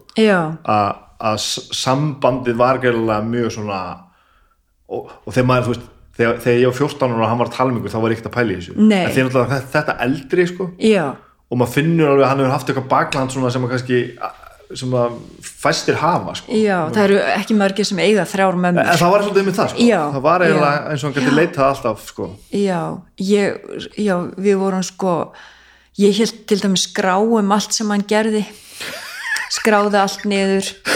Áttu allar þessar skráru allt þetta nei, veistu, ég, veistu, ég skrif, byrjaði að skrifa dagbók 79 þegar einhver eh, bátur strandaði fyrir utan húsa, ekki man ekki hvað, þetta var eitthvað hræðileg, hvað, nei, guðvist, ég man það ekki, það var, þetta var eitthvað hræðilegur atbyrður sem átti sér stað fyrir utan húsa, hvað voru mannskaði og ég veit ekki hvað og hvað, þá byrjaði ég að skrifa dagbók. Ég held að það var 70, verið 79. Svo skrifaði ég dagbók í mörg, mörg ár og sé, þetta, er ein, þetta er eitt af það sem ég sé svo eftir að því að ég fekk svo mikið ógeð af öllum þessum dagbókum, ég hendi þeim Úff. ég brendi er nú, það var svona fullt dramatist já, en, En ég fall- eitthvað svona- í já, en ég, ég fekk eitthvað svona bara nóg. Og einhvern veginn svona af þessu skipulagsdæmi. Já, en, en til dæmis við, ég bara, ég hafi, ég átti að fara í skólaferðalag, það var ekki eins og alltaf verið skólaferðalag á Húsavík eftir grunnskóla og ég neita að fara því að röðl bróðu var bara eh, sko tveggja vikna. Já, og hvernig átti ég að vera að fara í skólaferðalag? Það er bara ekki séns. En með sko látum þá hérna fór ég og ég var svo fein að snjóa þessu upp í Mývasveit að við, ég held að ferðinni heim hafi verið flýtt hann ég var ekki svo lengi í burtu. Ég held að bara verið svona tveir sólarringar eða eitthvað slíkt. Hann ég komst aftur heim. Fyrir tilbaka, ok, á, þau eru, þau eru laugum já, Þau eru ekki bæði húsvíkingar? Nei, mamma er úr Reykjadal Brynja Pálmadóttir úr Reykjadal hérna, Helgastöðum í Reykjadal eða Pálmholti, Afi Pálmi byggði þetta nýbili sem hann skýrði Pálmholt. Já, já og hérna pappi er voffyrðingur já Kári Sigursson að þau eru hvort tróðsæk Mér fannst þess að hún var í húsvíkingur Nei, ég- er svo fyndið. Ef þú ert á Húsavík þá held ég ver, ef þú fæðist ekki þar þá verður aldrei húsvíkingur. Þú þarft að fæðast þar. Mm, Ég er ekki fættur á húsæk Nei, en ertu alveg, ertu fullgildur meðlimur? Ég er ekki Ég fætt á ætla ekki að svara því sko. ég, hérna, ég finn samt að að því ég veit nákvæmlega um hvað það er að tala sko. Já, ég finn samt að þetta er einhvern veginn öðuldra við eigum einhvern veginn öðuldra með þetta kannski að þegar sískinni minn eru fættar já, uh, sko ég er náttúrulega bara fættur á fokkin landspítalanum sko. já, og svo var ég á laugumhaldi á 12 ára þannig ég kom náttúrulega bara ég kom seint sko. já, en ég til dæmis gengst alveg við ég að vera húsíkingur já, ég mér, tel mig alltaf húsvíking. og mér líður ágætlega með það sko. Já, já, já, en auðvitað þú veist, ég, ég finn alveg fyrir að ég þekki ekki mitt, þú veist, ættfræðina aftur eins og aðri gera, sko, því ég ólst ekki upp með þessu, sko ég, já, og líka þómar eins og ég var þarna alveg frá blötu barspenni, ég held ég að verið fyrsta ári bara í sveitinni hjá af og ömmu þarna í Pálmholti.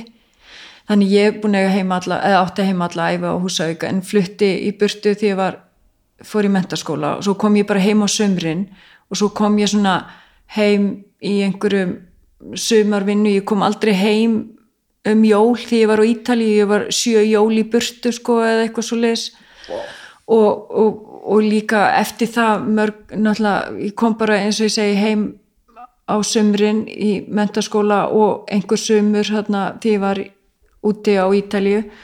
Og þá var maður sko svo mikið að vinna og bara með sínu fólki að þú veist eftir 16 ára veit ég mm, svona hver á heima húsægnum að bara fólk sem ég þekkti þegar. Þannig að þú veist ég hérna, maður fylgist ekkert með þannig. Nei, og svo fluttu papp og mamma í Garðabæ 99 frá Húsavík. Já, það er svo nátt sér betur. Já, þannig að- svona, maður á auðvitað alltaf þessar tengingar og þessar minningar náttúrulega og allt það. En, en ég hugsa að séu margir á Húsavík sem vita ekkert, þú veist, ekkert um okkar fjölskyldu á Húsavík nema rauðil bróðir býrðar og þú veist, Já, þekkja já. hann. Og líka þegar út með svona sérstakt nafn þá kannski mann mun allir eftir þér. Já, þetta eru rosalega nöfn, sko. Há, það, það, það, það þurft alveg að segja hlutur tvisvar stundum, Já, sko. en það var svolítið fyndi að þegar hann var skýrður þá hérna hann að 78 var skýrður rauðildreir og við vorum bara í kirkjunni papp og mamma og við sýsturnar og presturinn. Og við fórum síðan bara beint í sumafrí, fórum í einhver sumabústað, svo við komum tilbaka þá hefði eitthvað kvissast út í því hvernig það var að hann hefði verið skýrður einhverju förðulegu nafni. Og, og veistu hvaða nafn það var sem var komið í umferð? Nei, þetta var bara svona ótrúlega fyndið.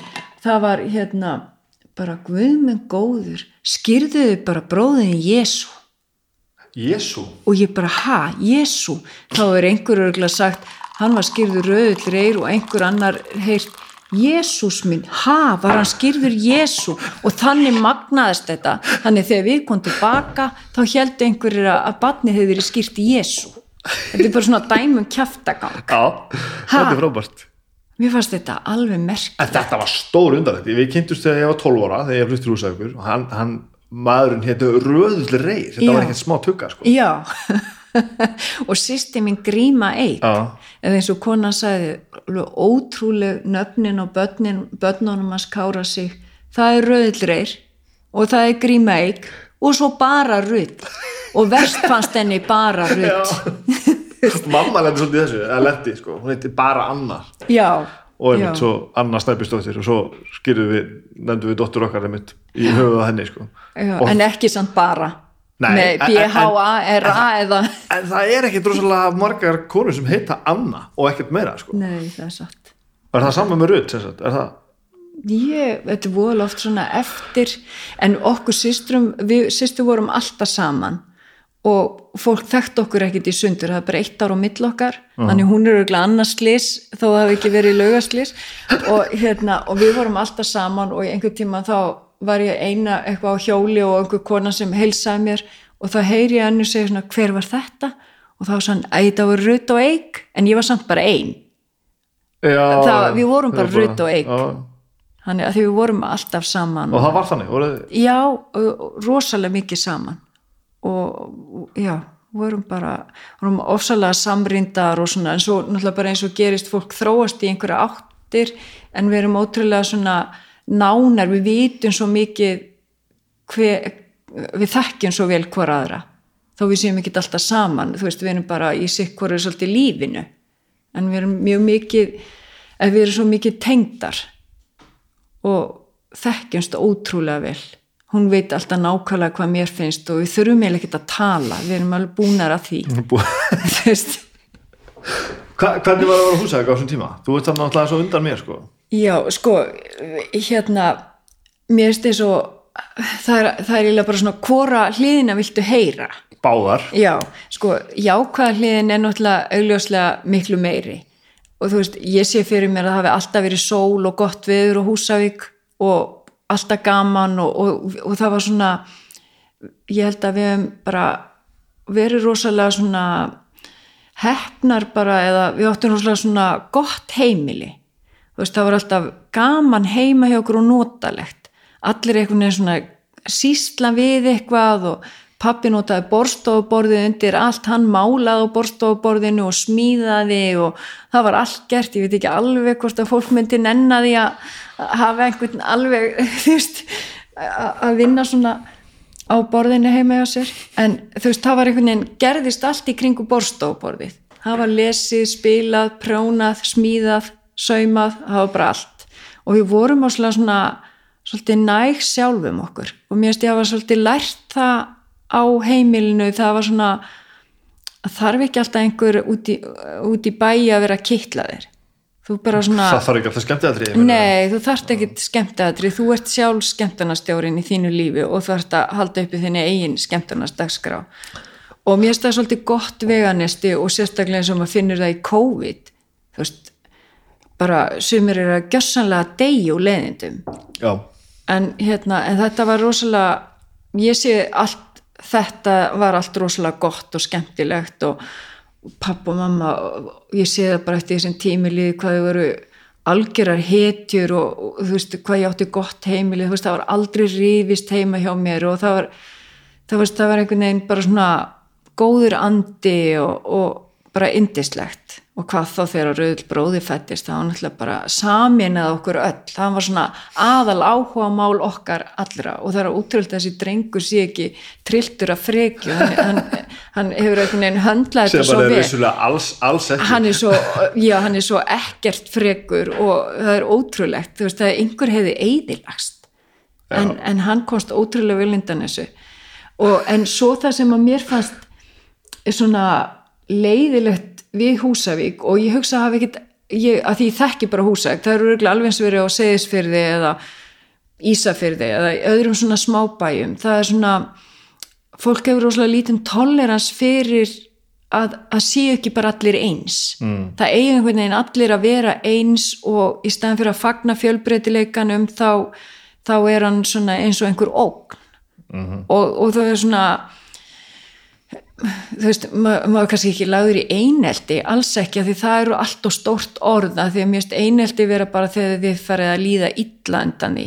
Mér leiði ekkit illa með það, þetta er bara svona svolítið áhugavert og fyndið og, og gott á mann eftir á að hafa kannski ekki fallið alveg í kramið. Eins og til dæmis það var eitt sem að fer rosalega í töðunar á mér eins og ég þóli ekki leti, þá þóli ég ekki sökk þú veist, ég, eins og ég segi, ég hef átt að vera í hillisæskunni, en hérna að það er, það er svona það einhvern veginn átt allir að vera á djammin og dett í það og vera á fyllir í og eiga fyllt að kærustum og svona þetta, þetta var svona maður var bara stór skrítin að vilja standa sig vel í skóla og vera, þú veist, ég smakkaði ekki vín fyrir ég var 33 ára. Um, þú veist maður var eiginlega bara náttúrulega stór skrítin og ég man hvað mikið léttir því ég kom eins og til Ítalíu. Þá var engin að spyrja ertu ekki að drekka? Já, já, þú veist, ég, mér fannst þetta líka svo hallaristlegt að það var til þess að einhver var spurður svona, varstu að skemmta þér um helgina? Og þá sagði við komandi kannski nei, ég var að keira byttu, fyrir ekki, þú varst að keira byttu, gastu það ekki skemmt fer það ekki saman, já. Já, og mér fannst þetta svo hallaristlegt og í dag held ég að ég hafi sko, svona, ef þetta er að hafa rétt fyrir sér, í dag er að mín skoðin miklu viðkendari Já, já. En, en á þessum árum þá var maður bara stór skrítin. Og veist, maður var bara álitin einhver kennar að sleikja þegar maður var skaman í skóla. Veist, þetta var bara, maður var bara kól ómögulegur. Já, það eimd alveg eftir, aftur að þessu þegar ég var sko. já, Þetta var alveg- Mér finnst þetta ótrúlega svona leiðinlegt svona að því að þú veist, ég vildi ekkit vera fanatísk á vín. Ég er það alls ekki, ég minn ég flyt inn vín í dag og ég er með vínkjallara heima hjá mér eða svona víngeimslu og ég elska að fá mér góð vín. En mér finnst vín hafa svo tvær hlýðar ef við illa farið með það þá er það bara helviti Já, já, og ég veit að þessi áður nefndi föðubráða minn þessi sem steifti sér góminn hann, það steifti að vissi líka gólfi í bílinn hjá sér, það var eitthvað alveg í lægi með að hérna hann til dæmis var alkoholisti já, og fór ógeðslega illa með vín. Og þegar við vorum litlar það var svona áður en að röðull kannski fættist, þá fórum við alltaf á sömurinn til vopnafjörðar að heimsækja af og ömmu og bjöggafrænda og steinafrænda og allt þetta fólk, ég átti alveg fullt af langumum og langöfum og alls konar ættingum og það var útrúlega gaman að fara því ég elska bara kökur og kaffi. Þetta er- og þetta var rosa gaman að fara þarna.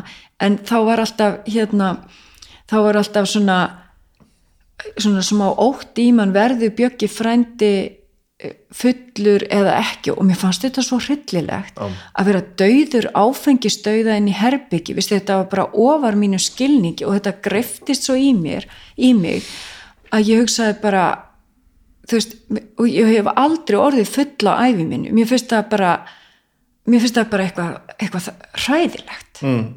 og þú veist, mér finnst bara þú veist, svona, eins og vín er æði það er það líka hryllingur þannig að ef að kann, fólk kann ekki að fara með það, þá bara í guðanum bænum hættu þessu já, þetta var þetta við um að sem margt sko. já, já, En, já, en já vínið er mjög ábyrðandi í þessu, já. já, hvað þá dóp ég, ég hef ekki, þú veist, ég er alveg svona eins og einhver myndi spyrja mig, þú veist, er dóp á Íslandi ég myndi segja, neinin, það er engin í dóp, þú veist, maður, ég er bara svo heppin að hafa bara ekki ég bara þekki þann, það bara ekki Nei. Nema náttúrulega eins og í Róm það er náttúrulega allir eða hérna, á Ítalíu er náttúrulega bara megin þorri eh, rosalega mikið í hassi. Já, og ég vann það afreika þegar ég hérna, leiði á Ítalíu eða bjó í, Róm þá leiði ég með strák sem átti íbúðina og var að leiða herbyggi út frá sér. En í rauninni tók ég yfir íbúðina því ég gerði svona hálfgeir ráðskona hjá honum. Ég var svo mikið drastl og óskipulag og málaði allt og gerði fínt og, og hann var bara yfir sig við, ég ætlaði bara að vera þarna stutt því að mér listi ekki á þetta fyrst ég var þarna öll mín Ítalíu ár sko já, já. og hérna og þá skildi ég ekki dýði að hún er með anskotan söpuskapurinn hann í þessari íbúð moldar köglar út um allt í álpappir þess að líka og ég reyksoða þetta allt saman. ég hafði ekki hugmyndum þetta að vera í hassi áli ál svona pakningum svo kom hann alveg bara Rut, hefur sér hassi þetta. ég reyksuga þetta og hann fór í reyksugupokan og náði og, og ég stappaði hona á svo þannig að reyksugan gæti tekið þetta betur Þess, ég, og hann, þetta var svona brandarinn alltaf þegar einhver kom og segir niður vinkonu mín þannig að segja ríksöga alla hassmólana ríksöga þetta en ég sagði rosa skrítið þetta best hérna upp á þriðju hæð í borginni þessi moldar Já, kögl þetta skvítið. það var skrítið en þú veist, ég var bara algjörlega vissi ekki neitt Já. Þetta með, þetta er svo að tala með Húsavík. já, Uh, ég er bara að hugsa svolítið um þetta því ég, ég, ég veit alveg hvað þetta fara sko. þú, þú tengir alveg Ég geri það alveg. Já. Ég held að mjög margir geri það sem að, sem að sko, ala mannin á, á svo... svona litlum bæjum Já, og svo veist og fara svo og sjá þetta svona svolítið frá sko. já, kostindarnir eins og segir er alltaf ótrúlegi sko. já Og þá er samlegt að vera það líka uh, það er eitthvað sem gerist í samfélagi sem að nú er þetta bara eitthvað sem ég er bara búin að búa til í höfðunum mér mm -hmm. að þegar samfélagi er að þeirri stærð að þú veist næstu því hverjir allir eru mm -hmm. en þú þekkir ekki alla já, þá gerist eitthvað mjög skytið þú getur talað um alla einhvern veginn en þú þekkir ekki endilega fólkið. Nei, og það verður einhver svona umræða og þá fer- mitt fer- fara að verða til einhver svona mót og þú ætti að passa inn í eitthvað og fólki finnst líka bara svolítið erfitt að vita ekki svona hvar það hefur þig það, það, það, það er eins og við höfum einhverja tilningu til að reyna að flokka þig. Þú veist, ertu hægri sinnaður eða vinstri sinnaður, ertu jafnbreytis, eh, þú veist bara einhvern veginn að flokka þig? Býtu, ertu giftur, hvað gerur við, þú veist, við þurfum alltaf einhvern veginn að setja allir í eitthvað svona mót. Já. og svo einmitt eins og þú ert að segja þú veist, þú heldur og þú þekkir alla en í rauninni sko, ertu bara svona málkunnur já, það er málið sko. Og þú svona kannski telur þig bara að þekka einhvern og þess vegna finnst þér eins og þú getur talað um Já. alla Já. en veist kannski bara alls ekkert nóg sko. Nei, en alveg sem maður myndi aldrei tala um eitthvað fólk í götunni hjá sér í Reykjavík, þú veist ekki, þú þekkir það bara í sjón, Já. en það var kannski bara eini munurinn á húsæk, þú vissi bara hvað það hét, en Mhm. þú vissir ekkert um þetta fólk. Þannig að það var svona, já, það var bara svolítið svona falst að þú þekktir það. Mm. En svo er líka svo eðislegt að, að þú ert svona eins og sért með eitthvað bakland. Þú veist, það er eins og að þú veist, ef þú ert tannlæknir og ert ættað frá Húsavík þá bara finnst þér alveg sjálfsagt að þú sért hjá þeim tannlækni, já. þú veist, ef þú ert innánsarkitekt frá Húsavík þá, og þú veist, þá, þá er það, þá ert þú eins og þú sért eini innánsarkitektin fyrir þetta fólk, Já, já, já. þannig þú ert strax komið með 2000 kuna Já, þú vilt. Þú þannig að þetta er svona, það er alveg kostir í þessu, sko. já, og, og það er gull fallegt sko. Já, og, þú já, veist, og ég bara finnir kringum þetta bröld sem við erum búin að vera að gera þú veist uh, í rauninu sem að hvað er að svona þessi tónlistatengda er svolítið áberandi. Já, að þú veit strax einhvern veginn komið með fólk sem trúir á þig já, og það sem betur verið ekki sko, er og fjölskylda, sko. já, svona, já, það sem betur verið ekki skoðanlega fólk sko. það hefur skoðanlega sem þú ert að gera. En það er svona automatist skoðar það sem þú ert að gera. Það er mjög fallegt og gaman sko. Já, það er eins og einn lítill frændi minn, dásamlegur svona sýsti minnar hann nota svo oft svona er hún ekki á norðan þú veist, Já, notar já, já. þetta svona þetta er alveg, þú veist, ef einhver er svona það er algjörlega en, en mér finnst hérna mér finnst eins og líka þetta að við erum svolítið svona bara almennt svolítið að reyna flokka fólk einhvern veginn og, og reyna að setja það kannski að því við erum eitthvað skipleikin í hausnum á okkur ein- einhverja mynda fólkinu þannig að ef ég fyrir í byðröð einhver staðar bara í staðan fyrir að pyrra á að vera í byðröð þá er ég bara búin, að- búin að búi til í huganum æfisögu fólksins sem er í röðinni. Veist, mér finnst það svo gaman mér finnst það svo gaman að pæli fólki.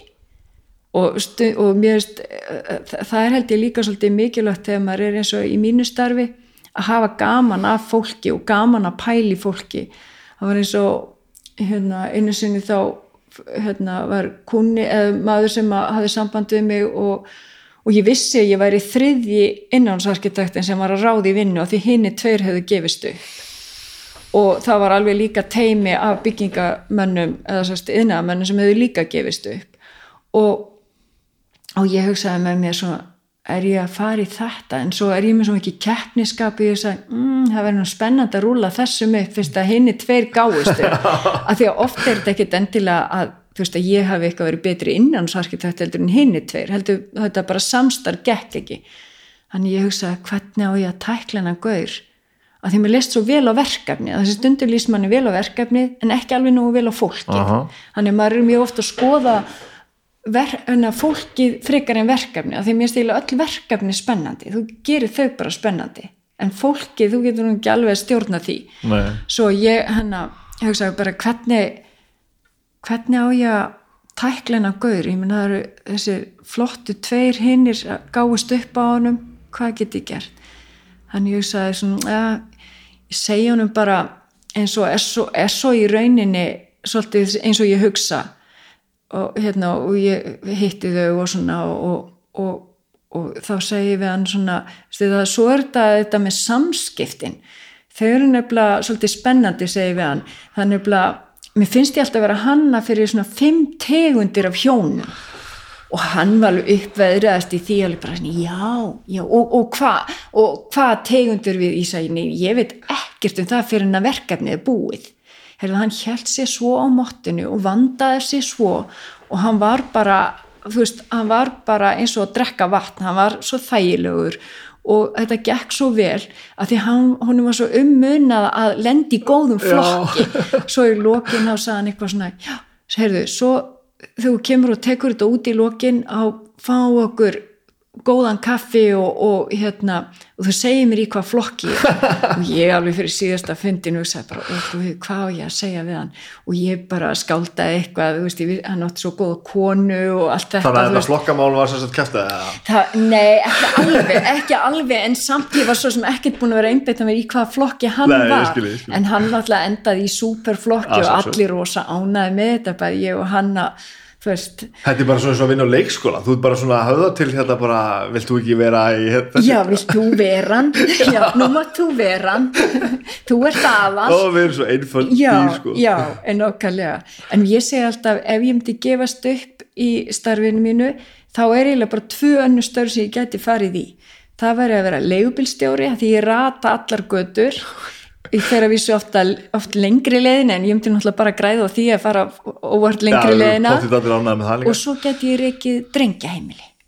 Af Já. því að ég er að vinna með svo mikið að yðnamönnum Já, og þeir eru sumir hálir sem álar bara, þú veist, þeir eru ótrúlegir. Þeir sko eins og margir að þeim eru frábærir, þá eru sumir eins og bara já, þetta er bara eins og alltaf smala saman köttum þannig að innan mann er að mýta hún er sérst svon já, hún er, hún er það alveg Hvað gengur á? Af hverju er þetta svona? ég, veistu ekki, ég, ég hef náttúrulega alltaf skoðanir og öllu og er alltaf að búa til einhverjar kenningar um allt sko, að ég held að uh, allt og margir sko uh, ég veit, eh, kannski eins og með innað menn mér er kannski hérna ég veit ekki alveg hvernig ég á að útskýra mér er kannski og innað menn mér styrir ofta eins og þeir ber ekki nóg mikla virðingu fyrir sínu eigin starfi að því að það er svolítið svona mýta finnst mér eða út klár nú þá getur við orðið lögfræðingur eða læknir, eins og allir sem eru velgefnir þurfa að hópast í einhverju örfáa stjættir í staðin fyrir að hugsa út velgefin hvar liggja mínir hæfileikar og áhugi? Stu að eira elda hann, ekki að fara að tróða öllum í akademist nám heldur líka þú veist, það er mér finnst eins og bara öll störf sem eru velunnin bara merkileg. En öll störf sem eru ítlaunnin verða í leiðinni mjög ómerkileg. Þannig að þú getur alveg verið lögfræðingur og verið lélugur og þú getur líka verið ég veit það ekki, bara að þrýfa á landsbítalanum, við myndum ekki vilja vera þar inni nema að vera góðir í Nei. að þrýfa þannig að mér finnst bara öll störf sem eru velgerð eru merkileg og mér finnst stundum eins og þeir ber ekki nóg mikla virðingu fyrir vinnunni sinni að þetta er svo merkilegt starf að vera yðnaðamaður Að samfélagið sem búið að tala störfi niður og, og Já. fólki sógist einhvern veginn inn í það Já, mér þið bara ofta ekki svona stoltir af því hvað þeir eru að gera. Þeir eru svo margir ógæslega flinkir en mér finnst þið oft svona óskipulaðir, ég veit ekki, eða bara ekki svona, já, ekki nógu bara svona kokki með starfið sitt. Það að draga fyrir, fyrir það. Já, já, þetta er allt í leið. Blessu sólin, Læsa sólið, hún er alltaf, alltaf eitthvað þetta er æði, Það? þetta er geggjað. Ekki ekki að Já, að ég skiljur, að mér, mér finnst einhvern veginn svona, já, að, fólk mætti alveg bara vera svolítið ánægt með sitt starf og, og eins og þetta, þú veist, þessi handverkstörfi er, mér finnst þetta svo aðdánavert, eða bara eins og ég segja, mér finnst öll störf þar sem fólk gefur allt í það og er ánægt og, og, og leggur sig fram verða bara merkileg. Já, já, auðvitað og, Finnst það einhvern veginn? og ég, ég veit að þetta er náttúrulega veist, auðvitað er náttúrulega flókið sko en, en maður er fann að finna líka sjálfur bara þetta þú veist þetta, þetta er það sem gefur manni það einhvern veginn bensinni að hafa gaman að vera til sko. það er að taka hlutin sem maður er að gera og gera það almennilega sko. og, og, og, og ég ég fann að læra svolítið þessu hluti sem ég finnst leiðilegt að gera en maður drullast þess að gera á vel sko.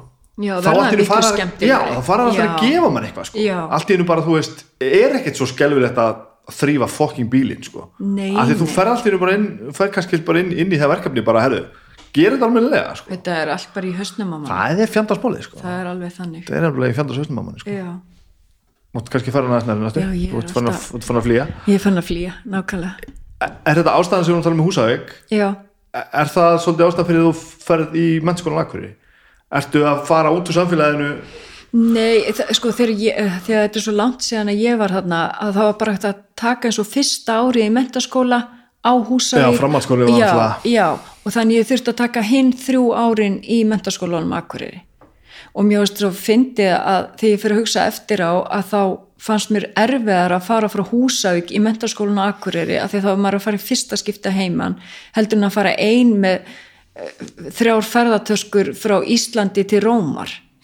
Mér fannst það miklu auðveldara heldur en, heldur en hitt og vissir hvað þú ætlar að gera þegar þú fórst til Akureyrar? Og var- varstu komið með sko, einhvern- já, mér langaði að vera innánsarkitekt þegar ég var fimm ára. Já, við erum þarna bara. við erum þarna. Já, já, við erum já. sko, ég var að gera Barbie hús teikna þau og, og sníða út í kössum og, og bara alltaf. Já, alltaf að gera eitthvað. Og ég var að teikna allt hverfið upp hjá mér í heiðagerði, gatan sem ég bjói Aha. ég kunni allar grunnmyndir allra húsa og lék mér svo að ég aðeins að breyta fannst þau kannski í, í, númer sjö hefðinu kannski frekar átt að hafa gluggan síðan og þetta svona. Og þú veist ég ætla bara Hvaðan kemur þetta? þetta, sko, þetta er eiginlega mjög lógist því að pappi er húsasmjöðumistari og, og hefði í rauninni átt að fara í arkitektur Já, og þannig ég var bara alin upp með hönnunablöð og búbeðri og þú veist, það var ekkert skemmtilega en á rigningadegi að liggja upp í sófa með búbeðri blað og, og, og reyna að teikna flottar í grunnmynd eða, vá. Já, já, alveg bara ég elska þetta. Og þetta er alveg fullu stuðningur heima frá já, alveg, já, já, já, en samt það var, það var ég fekk eiginlega svolítið svona skríti uppeldi að mörguleiti, það var svona engin pressa því að þú veist að vera svona skipulöð og vera svona englabarninan gæsalappa og finna skaman í skólanum og allt þetta, þetta var engin pressa frá foreldrum mínu, engin. Það var alltaf að tala við mann eins og við værum bara öll á sama level og það var, ég mann þegar pappi sagði, jæja Rut, ert þú eitthvað búin að ákveði hvaða mentaskóla eða, eða hvað þú ætlar að gera þú veist, það var bara, hefði ég sagt ég ætla að fara í játtsmiði, þá hefði þið bara sagt já, sniðið hjá þér. Það var engin press og ég mann ef maður var eitthvað út á kvöldin og þá, þá var kannski sögðu hinn að stelpunar hvenar eigi þið að vera komnar heim? Og þá þá eiginlega svona sagði ég bara svona bara hérna, hvernig er þið að vera komin heim og þá sögðu þau kannski við hefum bara fyrir miðnætti. Já við líka en það var ekkert þannig það var ekkert e e- engin svona Og þá aldrei vesen með það. Nei nei nei, nei, Er, nei. sko, er þetta er svo nefnilega skrítið. Nefnilega sömur hefur fríkað út á þessu eða þú skilur Ég er nefnilega, þekk, þetta. nú þekki ég fóruðræðina sko. Já. Ég var alveg inn á heimilinu af því að við Já. erum jafnaldra í, í orðinni já, sko. já, Ég, eftir á að ég grunaði um að hafa gert meira heldur um að held voru þau ekki alltaf að halda þessu teinunum en gerðu þau bara alltaf hann eða fanningi fyrir því?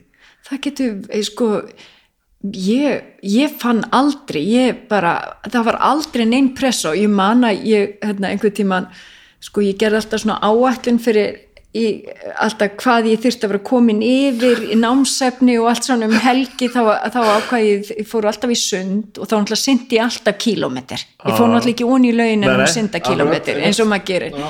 Og hérna mér varst ég rosa cool þegar ég fó- fór að fara í sund og ég syndi ekki kílómetr í svona streit og svo frekar hratt. En hérna þá, já, þá þá hérna þá var ég einhvern tíman inn í herbyggi og var að læra og þá var banka á dyrna og kemur pappi inn og, og segir, jæja, Rut, ertu ekki búin að læra nóg í dag? Og ég bara, nei, nei, ég á eftir alveg alla dönsku. Og svo var ég eitthvað, að tala- nei, nei, nei, nei, sagði hann, heyrðu, ég myndi nú bara, ég er nefnilega þekkti konu sem að lærði alltaf svo mikið heima að hún, það var bara ekkert úr henni, hann var að reyna svona að fá okkur bara svona, allavega sérstaklega mig, ég held ég hafi verið svona meiri nörd bara svona, heyrðu bara slökum aðeins. En þetta er ekki einmitt trikkið sko. Ja, hafa þau ekki einmitt verið að gera þetta? Og ég, einmitt, ég þykir mjög væntu þau sko, Já. þau reyndust mér mjög vel. Já, er er þetta ekki einmitt það að sko vera ekki að búa til vandamálun þar sem vandamálun eru ekki? Já, það getur vel verið. Hva- það þarftu endilega útífista tíma ef útífista tímin er ekkert vandamál nei, nei, Akkur er verið að byrja á því að setja reglurnar áður en að verða einhver vandamál sko. en einmitt þetta, ef að barnið þetta fara að læra yfir sig Já, eftir kvöld já. þá svona, herru, herru já, herðu róm okkur, já, en það og líka að segja bara hafi verið gott þér í fjall þarna um Já, árið og eitthvað svona.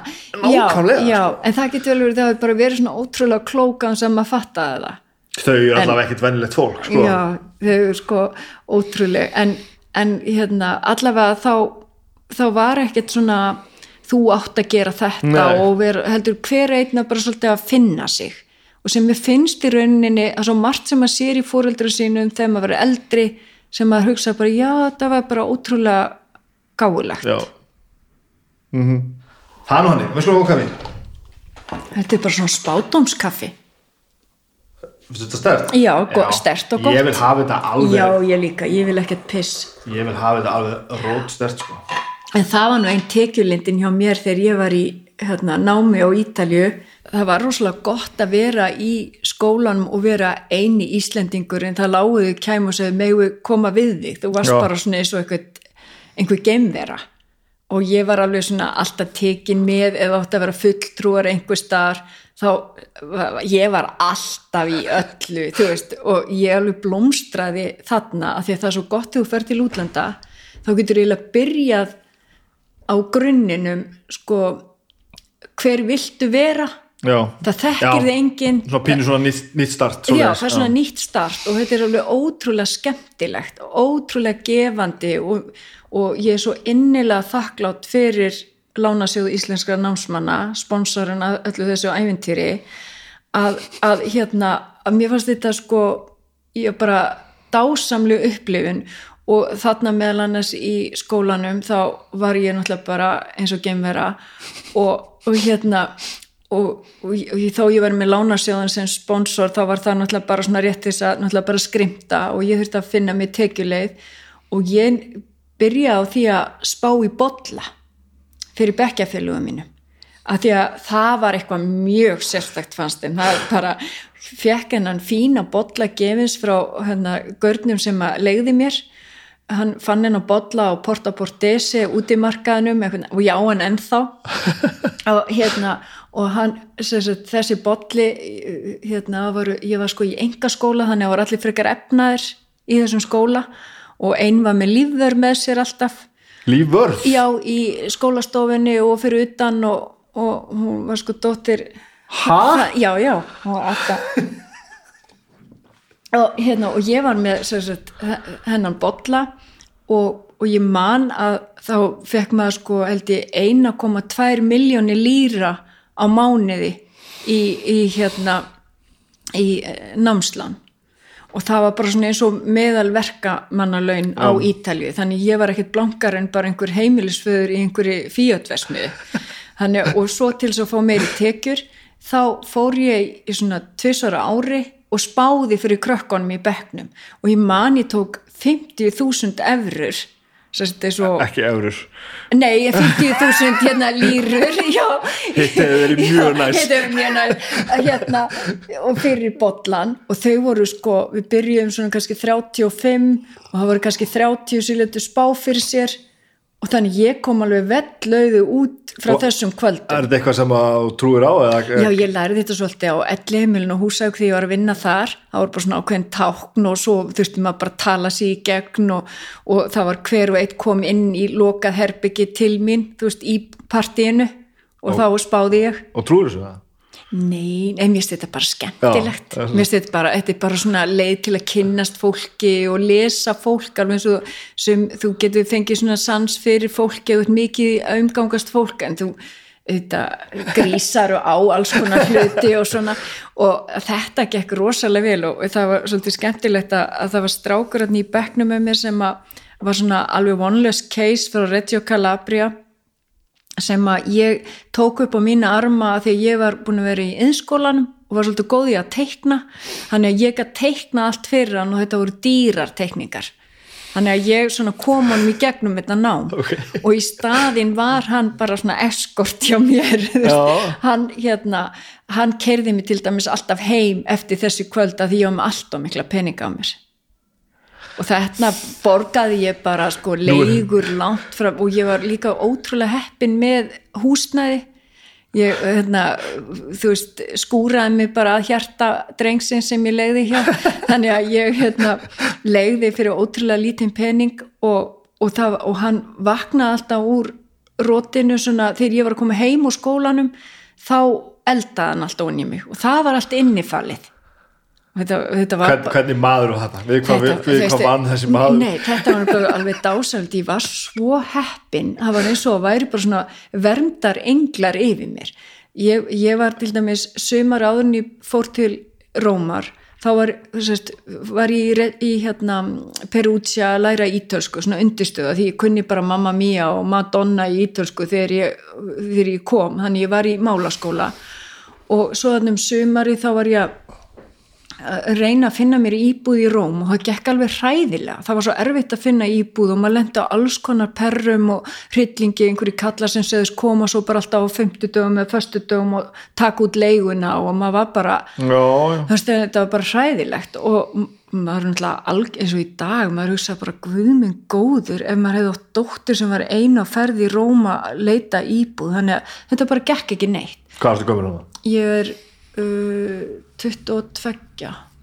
eitthvað sliðis, ég fór ekki alveg hann eftir stúdinspróf, heldur, já, ég held ég að vera svona 22 og hérna, og ég sérst að alveg gefast upp að ég leita mér að íbúð og ég á þarna einhverjar hollenskar vinkonur, önnu var einhver feguradrottning þannig að maður flöyt með henni inn í öll flottustu bóðin allstar með þessum tveimur hollensku skvísum hann mm. og hérna, svo er ég einhver tíman er þetta orðið bara skólinu bara að fara að byrja eftir mánuð og ég er ekki komið neina íbúð. Og ég hugsa vá gaman fyrir mig kem heim til Íslands aftur með skotti á milli lappana bara nei, ég fann ekki íbúð og, og, þetta, og það er ekkert svona einhver heimavist. Það Nei, er ekkert svo leist bara fucking redda sér. Já, já, og ég er hann í einhverju bóði með þeim og orðin freka svona framlá með þetta. Og þá segir eitt gaurinn hann ægilega sætu strákur við mér snýsi svona og, og hann er eitthvað að tala við þessar hollensku þær voru líka að fara að yfirgefa Ítalju þær voru bara að fara sagt, til Hollands aftur. Og þá segir hann eitthvað svona um mig en þú, hvað hva ert þú að fara að gera? Og ég alveg bara svona þessu litli ljóti andarungin hann í hófni og bara, ég er nú eh, hérna að hugsa um að við ætlaði að fara til Rómar í nám en, en ég er ekkert að finna neina íbúð og ég er bara í vandræðum. og þá segir hann svona íbúð, ég og íbúð í Róm. Mér vandrar ekkert til þess að ég, ég get leikt þér og ég sagði bara vá þetta er nú svolítið skrítið. Og hún svolítið svona brend byrju einhver svona töffari að fara að leia mér, já, ok. Svo bara bjó ég hjá þessum stráki hvað, fimm, fimm ári eða eitthvað. Og kom inn í íbúðina og mér fjallust hendur Bjó- hann hann já, hann var bara svonur svona, hann var bara svona pappastrákur. Bjó í Róm, hafði uppálega verið í Bologna og kvektist eitthvað hérna við hriðjverkin hérna 82 og, og, flæ, og flæmdist úr námi hérna úr ver- verkfræðinu og átti að verða svaka verkfræðingur að pappans er næri heimsþektur verkfræðingur á Ítalju og þetta er svona slekt og hann hérna sérst, flyttu til Rómar með því lofarði hjá pappanum að hann skrái sig í arkitektur. En það voru liðin einhver svona 6-7 ár og hann var ekki ennþá búin að skrá sig.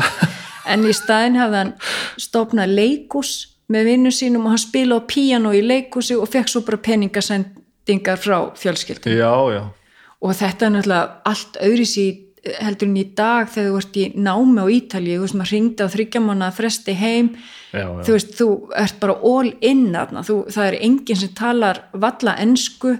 Uh, þú bara verður bara að retta þér, þú veist fóreldræni viti ekki hvernig þú ert klætt eins og í dag. Þá, þá, þá er allir á Skype og vita allir allt og þú ert eiginlega aldrei búin að slíta tengslin við Ísland, nei, þú, nei. er, þú ert alltaf með hálfan fótinn ennþá heima þó þú sést í námi erlendis þarna varstu bara farin, þetta var bara eins og vestufararnir líka við, þú veist, þetta var bara farin þetta er, já, og bara þetta er allt annar tími. Engin GSM sími þú veist, bara, þú varst bara á þínum eigin vegum og ertu bara að bjarga. Og les bara svona vita af þér Já, les basically. bara að væri á lífi. inn, já, Já, þú er bara alveg geta sendt bara flöskuskeiti þetta er bara þannig. Og, og ég sérst bjóð hérna með þessum strák og hérna og það var bara alveg frábært og við vorum náttúrulega eins og dagur og nótt allt á kvolfi hjá honum kongulofi yfir í, í herbyggina hans og ég mátti stjórn í öllri íbúðin og græja og gera nema hans herbyggi var náttúrulega bara heilagt Hann-. Já, og, og, og, og ég stundum opnaði aðeins hurðin og ríksuga aðeins inn ég bara Gast ekki hamið ég gæti ekki hamið mig og hérna, en þessir hassmóla sem ég ríksuga, þeir voru í stofinni Já, ég, þeir voru hann að hefur lært að geyma ekki hassið já, sitt í stofunni. Já, og hérna og þetta var alveg frábær búskapur sko, svo eldaði hann alltaf fyrir mig og, og þá borðum við saman, þá var hann að vakna en þá var ég að koma úr skólanum. Og hann ekki með neitt plan sagt, bara, Nei, ekkert plan, við vorum bara honum fannst ég duglegasta og skipulegasta manniska sem hann hefði ævi sinni hitt. Og mér fannst hann alltaf latasti maður sem ég hefði ævi minni hitt. Með einhverju lámasvinningu fyrir ítölum eru þau nú ekki skipulaðir sko. Nei, en þeir eru svo sko, mér finnst sérstaklega sko, mér finnst kallmenn ítalski kallmenn ógeðslega skemmtilegi svona í hófi. Þú veist, þeir eru svona, ef þú ætti að stoppa stutt einhvers staðar og þyrstir að velja þér einhvern, þá myndur þú velja ítala. En ekki ef það veri lengi. Það er ekki það, það, Ítali er ekki hæst skrifu þegar þú ert í túrandi hljómsveit til dæmis. Því. er ekki gott. Nei, helvíts mafían tekur náttúrulega allt yfir sko, er Já. komnir að stela bóluninum eða, eða vilja selja bóluna og taka helmingina á, Já. á innkomunni. Já, já, með tímasetningarnir eru náttúrulega já. alveg út á en þess vegna finnst mér þið svolítið líkir Íslendingu með það já, Já, hvað allt reddast og svo eru þeir frægir í Róm þeir eru alveg bara, þeir segja, það er svona setning í Róm svona, non te preoccupare ci penso io, þú veist, ekki hafa áhyggjur ég skal sjá um það, Já, já, þá já, veist já. þá ertu í djúpun skýt ef einhver Rómveri segir að hann ætla að sjá um eitthvað og þú þurfur ekki að hafa áhyggjur þá slefti því. Þess, þeir eru alveg, þeir eru ótrúleir þetta er svona eiginlega kallar. Þeir eru bara dásamli, þeir eru svo fyndnir. En þeir eru, maður er eins og mannfræðingur þegar maður er á Ítalju, maður er bara svona veist, maður er bara að skoða fólk og pæli fólki. Og já, svo, og, og sko tónleika gestinir eru einmitt alltaf sko skemmtunasta fólk sem mögulega hittir sko. Já, já, en allt sem þú þátt að díla við samt við skipulag og stundum bara að fá að fucking borða sko. Maður hefur nú haldið að, að maður eftir að fá almennilega mat á Ítalíu sko. Það er ekki alltaf þannig þegar maður er að, þeir eru að gefa mann að borða. Nei, en auðvitað náttúrulega fyrir um leið og fer bara og ferði eitthvað og farið að borða, það er maturinn frábær. En einhver svona tónleika haldari sem að skaffa þeim mat honum er dörullu saman hvað við getur þeir eru svo sko fyndnir og skemmtilegir. Já og bara og, gaman að vera það og skemmtilegt fólk já, og bara, já, og, hérna og svona, þú veist, eins og hann í blokkina sem ég bjó þú veist, alltaf þegar ég var á leiðinni heim úr skólanum þá var mar, útimarkaðurinn í götunni að loka og þar var ein ekkja sem átti sjö sinni þetta var bara eins og þú veist eins og ég æfintýri og hún tók alltaf frá í póka fyrir mig alls konar grænmeti og áveisti sem hún gaf mér. Já, já, og svo síndum mér alltaf sinina þeir væri allir svona þeir væri allir svona hérna, þeir voru alveg reddi sko. Þetta er ekki að vera á þessum tíma þú ert bara svolítið framandi hana já, ég, þetta er alveg svona þetta er svolítið eins og maður sé að tala um býtu varst þarna 1820 eða 30 gerist svo hlætt sko. Það- þetta, já, það hefur svo rosalega mikið breyst. Og var, var, var, voru engin vandamál tengd þessu líka? Var, lendur ekki þá bara einhverju rasisma fyrir vikið það Nei, það var sko, það var svolítið gaman að því að sko Skandinavia er svo hátt skrifið já, já. þú veist, þeim finnst það bara svona fyrir mynda ríkið sko, Skandinavia Já. og maður var alveg sko flautatni eins og prinsessa í gegn sko. Þannig, mér mér varstu rosalega gott að vera Skandinavi það var bara, þú veist, þú varst að leia húsnaði þá vildu allir fyrst Skandinavia eða Amerikana já, já, og þú veist og auðvitað, þú veist já, maður var bara svona já, þetta var rosalega gott fyrir ego, þetta var alveg svona búst að vera á Ítalju, þú veist, maður lendi í að einhver kall góndi svo mikið hann kerði aftan á bíl, bara þegar maður var að góna. Við sýstu voru nú ánaði með það við vorum einhvern tíma þú veist, að þú veist, þetta var bara þetta var bara annar tími. Já, þú veist, þetta, já rosalega, hérna, gott búst. Hvaða leið ertu búin að fara hana? þannig að tekur þess að eitt á Húsavík í framhaldsskóla, mennskólan á Akureyri. Já, svo fór ég í tæknitegnun í innskólan í Reykjavík og alltaf með þetta beina streika já, já, já, og, en samt alltaf með svona hræðslu, þetta væri nú alltaf mikið fyrir mig, ég myndi nú ekkert ráða við þetta, þannig væri nú betra að fara í undibúnusnám í tekniteiknun, þannig ég væri nú allavega með, ef ég skildi ekki neitt þá get ég allavega teikna mig í gegnum það.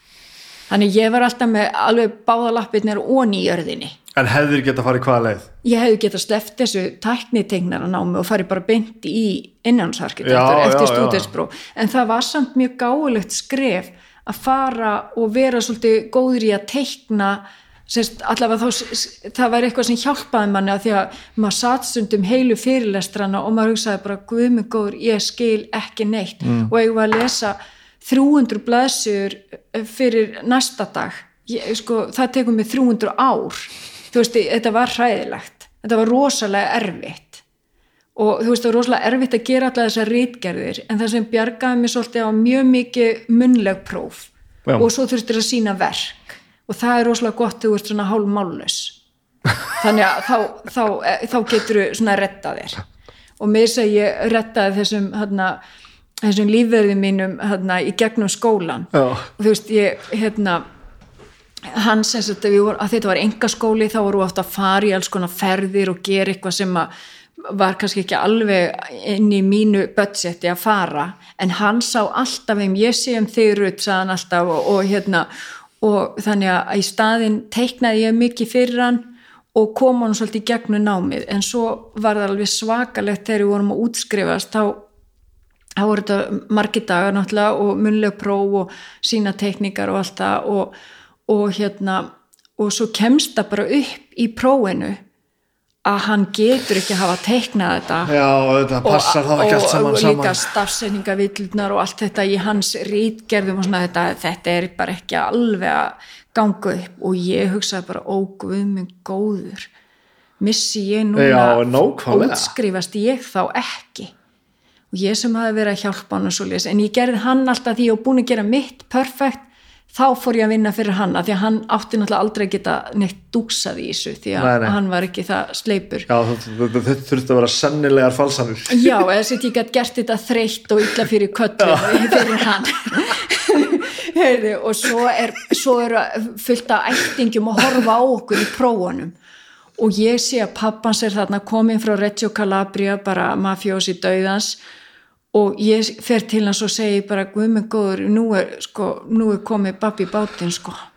Ég, þeir, eru að, þeir, þeir eru að tala um að ég hafi verið að vinna fyrir hann að sonðinn og, og, og ég veist, ég er bara svo hrættum að ég fá ekki að útskrifa fórstu að tala við pabba? Já, hann var að horfa á prófin. Þú lettu frökk og, nei, og ég fór bara að tala ég veist, ég verið að tala við hann. Hann verður að redda þessu, ég meina hvernig hvernig reddu við þessu og hann segir bara svona við mig bara þú veist ekki að neina áhyggjur, ég sé um þetta. Og veistu hvað kallinn gerði? Nei.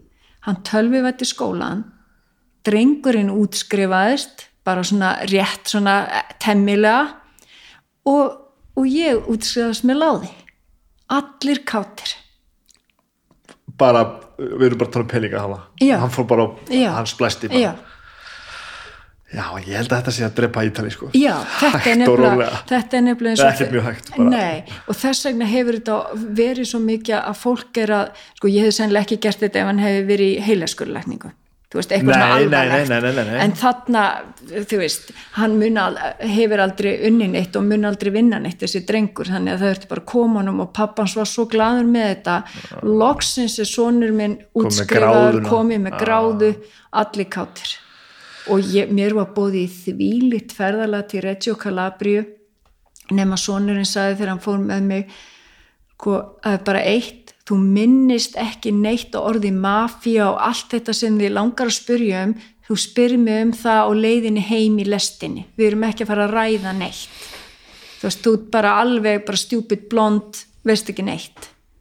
Og það var ævintýralegt við byrjum að koma inn í hérna, palazzon sem pappans átti bjóða efstu hæð. Bara bjóða ykkur, til þess að fagna útskiptina Já, bara til þess að fagna og bara Ok. drengurinn væri loksins hólpinn og þetta ábúið senda hann í alls konar engaskóla og hann aldrei fundið neina rutt til að hjálpa sér neista þannig að þetta var alveg ævintýri og við förum hann til Reggio Calabria og það er eins og ég sé að tala um eitthvað sem er bara svona í skáldsögu byrjum að fara hann í Palazzón og það er allt svona enga klínikar sko, með svona enga sjúkrós kallin bjó efstu hæðin í penthouse og þegar við komum hann inn þá er bara þá er bara stigagangurinn eins og hann á orði fyrir skotárás. Það eru bara byssukúlur út um alla veggi. Sérst ekki eins og hann hafi orðið fyrir Nei, skotárás heldur hann, heldur hann var varð fyrir skotárás. Og það sem á húsverðun hafi verið það er bara glerið þar sem húsverðun satt, það er bara í maski. Og ég sagði bara við hann heyrir nokkur í okkur, við bara hennan Francesco sem ég var hérna heyrir einhver í okkur? Hérna hvað gerðist? Og þá sagði hann, æ, ég, ég segi þetta núna svo tölum við ekkert neitt meir um svona fyrir en við bara komum aftur til Rómar. Það hafi dýraverðurinn verið dreipin og það hafi orðið svona einhver árás þarna. Bara rétt áður eða? Já, bara þá átti eftir að laga þetta þannig ég veit ekki hvað var, hvað var liðið. Og þetta var, þú veist, þetta var eins og í legasög, þetta er um páska. Þarna er hann ef þessu ekki útskrifaður en við vissum alveg að myndi ná að það var allt búin að skila öllu inn og það var allt orðið pottið og hérna og svo, svo fóru við í eitthvað sumarhús og þá segir þessi eh, gaur þetta sumarhús, ég held að sé búið að sprengja þrísa sinum í loftu Ó, Þá gaman ég bara svona- ég er bara svona, við erum ekki að fara að gista hér. Þegar þetta var allt svona svo fórum við á diskotek á eitthvað, veist, svaka diskotekan í Reggio Calabria. Og svo þegar við erum á diskotekinu og kemur einhver gaurinn og skýtur niður diskokúluna. Og hún bara pompast í gólfið og fer í þúsund móla og allir undir borð og ég var bara svona, þú veist, í hverju er ég lent? Og þetta er alveg svona, var svo margt sem ég lendi í á Ítalju sem að var bara svona eftir á bara vá, bara þú veist, þá var bara einhver svona una rissa familjari, þú veist, það var bara eitthvað smá svona eitthvað, eitthvað uppgjör. Þetta er bara þessi bíómynd sko. og þessi drengur hann er til dæmis, ég skildi ekki náðaldri þessi sambandi við hann eh, núna, hann er búin að vera í þýlikumál og hann er búin að vera í fangelsi Já. í einhverju stóru, svona einhverju máli einhverju spillingamáli þú veist, hann er eitthvað eitthvað flækst í eitthvað þetta flækst, Já. já, en þetta var þú veist, þetta, þú veist, þetta er bara ótrúlegt það var þarna á tíma, þetta var svona lokin á því, eins og svo, fór, já, svo fórum við í bóð og þá segir hann við mig, ekki horfa eirun eða þar sem voru eirun á geskjafan ha? Og ég var bara svona, ert að grínast? Og, og ég hefði þá búið að skera af hann meir. Nei. Það hafði, þá hafði hana, í Reggio Calabria eru Aspromonte, eru svona sem ítölsku spæti vestrætnir eru teknir upp. Aha. þar er, voru sagt, vo- það voru svo mikið á svona ránum, barsránum börn ríkra voru, voru rænt. Þar til voru einhver ákveðin lög sett á, ég man ekki 80 og eitthvað á Ítalju að það var bara allir reikningar fristir hjá fólkinu þannig gátt ekki borga lausnagjöldin. Já, og þessi drengur hann hafði, sérst, hans fjölskylda flækst í eitthvað svona Flækst. sérst, og, og hann var rænt. Og honum var haldið þarna í Aspromonti, þessi fjöll þarna voru nú, mjög algengt að þarna var hægt að fela sig.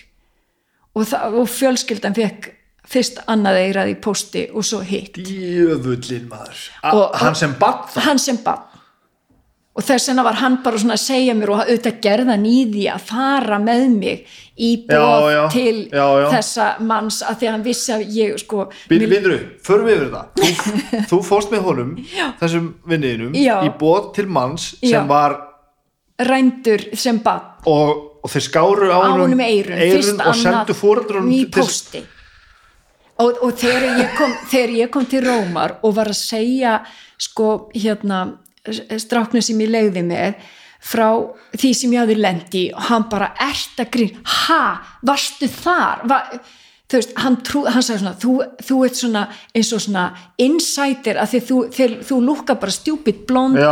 og það eru allir bara afslappaður og rólegir í kringu þig að því að það, þú veist, heldur enginn að þú skiljin Ég ætlaði að vera að segja að þú veist hver býður er í heimsókn þegar, þegar nýbúin skotaross? Bara, Já. passaðu á glærbróturum þegar það stígur inn. já, og þú veist og það, það var það, það var svo, hérna, þetta var svo hérna, þetta, og það var að því að tengdababin sem ég átti á Ítalju í, til sko næstu nýju ára, hann talaði alltaf um mig, þú sveng, þú borða. Þú Já, fyrst, já, hann já. talaði alltaf um mig sem verið hálfviti, ég var sem að segja sko, ég er í háskólan á mig, ég er að skrifa rítgerðir, en hann talaði alltaf um mig sem ég verið fáiti og, og þannig var eins og til dæmis í þessu páskafríi þá fannst mér svo skemmtilegt að, að hérna, og ég er náttúrulega svo forvitin mér langa á tíma að bara herri, ég hætti bara í innránsarkitektanáminu og tek sagfræðu um ítösku mafjuna sem sérgrein Þú ert alltaf komið minna ansi góðan stað til að Já, gera það og, og mér fannst þetta svo spennandi að ég fylgdist með öllum fréttatímum og ég var bara, ef ég einhvern tíma verið fréttafrík, þá var það á Ítalíu. Þú veist, Ísland var bara loðnuvertin dregst sama, rolladrast í skagafyrði. Þarna voru við með almennlegt efni. Þú veist, þarna var bara hérna, alls konar máli gangi og keis sem að var bara, bara akt og yfir og kennararnir voru ofta svona ef eitthvað var að gerast, ég spurði bara Rut hún veit nákvæmlega hvað er að gerast að þau, þetta var daglegt brauð fyrir þeim og þeim fannst þetta ekkert spennandi lengur. Allir búin að fá hundlið og einhverju mafíufréttum. Ég var bara ein eiru og ennþá því ég fer til Ítalji þá er ég alveg bara, hérna ætli þið ekki bara að gera eitthvað skemmtilegt í kvöld? Ég, hérna, þarf aðeins að skreppa þá er ég bara upp á hótelherbyggja að horfa á fréttir. Ég bara, ítalska fréttir er bara eins og bíómynd. Já, þú veist, ég meina að horfa á heimildatháttunum Berlusconi. Já, eða bara, þú veist, þe- þe- þetta er engin legasaga. Þetta er brjálæði þetta er svo mikið brjálaði og en þetta er svo spennandi og þetta er svo skemmtilegt land. En leiðir aldrei eins og þú væri bara bara ekkert á góðum stað Nei, nei, nei, ég var- bara svona eins og stríðsfrétta ljósmyndari, þú veist, bara mér fannst þetta bara ótrúlega spennandi. Ótrúlega, og ég var einhvern veginn aldrei hrætt, ég held að maður bara líka svo ungur og Já. vittlaus og, og svo þyrsti manni svo í, í æðintýri þegar maður kemur frá Húsavík, ég menna það gerist ekki neitt með að þú ert þarna. Já, já og mér fannst það svo spennandi. Og mér, ég man til dæmis að, að þegar ég ákvaða að fara frá Ítali ég hætti með kærastan mínum og, og þurfti að fara til Íslands ekki að sjálfstáðum, þú veist ég ætlaði bara að eiga heima á Ítali Hvað er lengi, lengi að noti?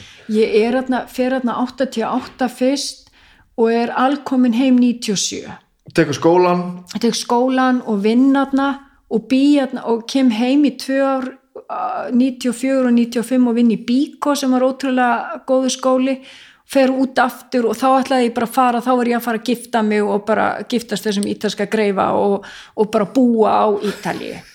Þú veist Kynntust þessum ítalska greifa þegar þú varst í skólan já, já, bara líkuði bara á degi eitt. greifa, segjum bara að hafa verið greifi í alvöru já, já, hún var náttúrulega greif í alvörunni. Já, já, já. Þessa sögur verða bara betri og betri. Ég segi þau, en það var, þú veist, þetta þannig að ég kem aðna, þú veist, ekki viljur heim, Nei, og hugsaði bara, ó, það verður svo leiðilegt að fara heim, veist, allir eins, ekkert spennandi, veist, þetta verður hræðilegt. Og ég mana, ég skammaðist mér líka því ég var búin að vera með svolítið stór orð að þú veist, ég ætlaði nú ekki að eiga heim á Íslandi, ég ætlaði alltaf að eiga heim í útlöndum og hafa það ókislega flott og lifa svolítið flottu lífi og, og bara, bara æði, hafa þetta allt æði. Og svo var það bara ekki þannig ég var bara ekkit hamingisum og þetta bara gekk ekkit upp og þetta var engi sálufélagi og þetta var bara en þetta var rosa gaman að því ég hafði alltaf vita á því að, að láta skólan ganga fyrir þannig ég myndi drekka í mig all, að það allt saman mm. og, og svo reyna að hafa skemmtilegt. En svo bara að verða einhver ítölsk húsmóður uh, bara hryllingur. Það var bara ekki fyrir mig. Og stemdi þetta bara í það það stemdi bara í það að vera fín frú í flottri drakt, gift einhverjum ríkum manni og átti alltaf að vera fín og sæt og það var mér bara ofviða. Hvernig kynstu þið það núti? uh, kynntist bara í háskólanum sko, í Perugia. Og hérna en, en mér fannst einhvern veginn svo hérna svo þegar, ég kom heim þá samt uppgötaði sem betur fer þá var bara svona önnur gildi. Hvað sko mér finnst einhvern veginn Ísland bara svo æðislegt. Og ég, þegar allir voru að tala Ísland niður og þegar fólk talar Ísland niður ég verði alveg bara svona bara pröfa að búa annars þar komdu svo og segðu mér. Og mér finnst eins og þegar allir voru að bara fara á þessu landi í hruninu ég hugsa alltaf með mér ég verð þá bara svo sem slekka á ljósunum í Keflavík, ég verð þá síðust úr landi. Ég bara, þegar allir verða farnir ég skal þá bara þú veist, ég er bara ógæslega ánað ég er svo hamingi sem að vera á Íslandi og ég er alveg rosaleg, rosalegur Íslandingur eða þú veist, ég minnst bara Ísland æði En þegar þú varst sem sagt að koma heim þá, Þá- varstu vissum myndir ómögulegt Já, þá held ég þetta að verið kólómögulegt og, og saknaði svo Ítalíu og tók mig alveg svona tvö ár.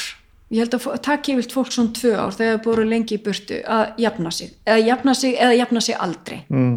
og hérna og þá ákvæði ég einhvern veginn að því ég var með svo stóra orð að ég ætlaði að vera þarna og ekki búa í Íslandi og allt þetta var svolítið svona svona fanatísku um það að, að þá sagði ég bara alltaf að því ég skammaðist mér svo að vera komin heim ég fannst þetta svo mikið svona skipbrot að ég sagði alltaf fólk, já þetta bara gekk ekki upp hjá mér ég er bara komin hérna heim með skotti á milli lappana þegar mér varst ekki neð þægilega að bara segja það þá þyrfti fólk ekki að fara að vorkenna mér eða velta sér upp úr, ég vissi það sjálf að eins og ég hefði klúrað þessu eða þetta gekk ekki upp. Ég var svo stolt. Faraðast með mig í gegnum, þú fó- fórst út til þess að læra vissi Já. hvað þú vildi verða Já.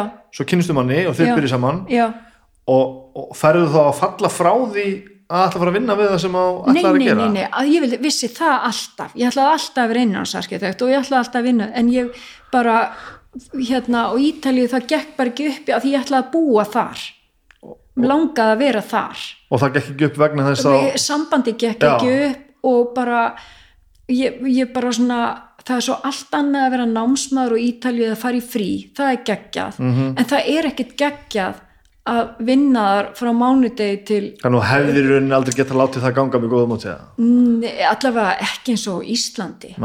Veist, það, þetta er miklu meira ströggla á Ítalju, miklu harðari lífsbarátta. Og hvað fannst þér þá að hafa þú veist, hva, hvernig fannst þér að hafa brúðist nei bara að vera ekki bara á Ítalju og, og meika það Já, þar þetta hafi ekki bara gerst. já, Já, já, og mér fannst þetta að vera eitthvað svona uh, agalegt skipsbrot sem er svo bara mín mesta gæfa. Já. og mér er svo gaman að ég átti þá þessi brjáluða ár á Ítalju að því ég glemdi nú að verða úlingur og var það ekki og ég djammaði aldrei.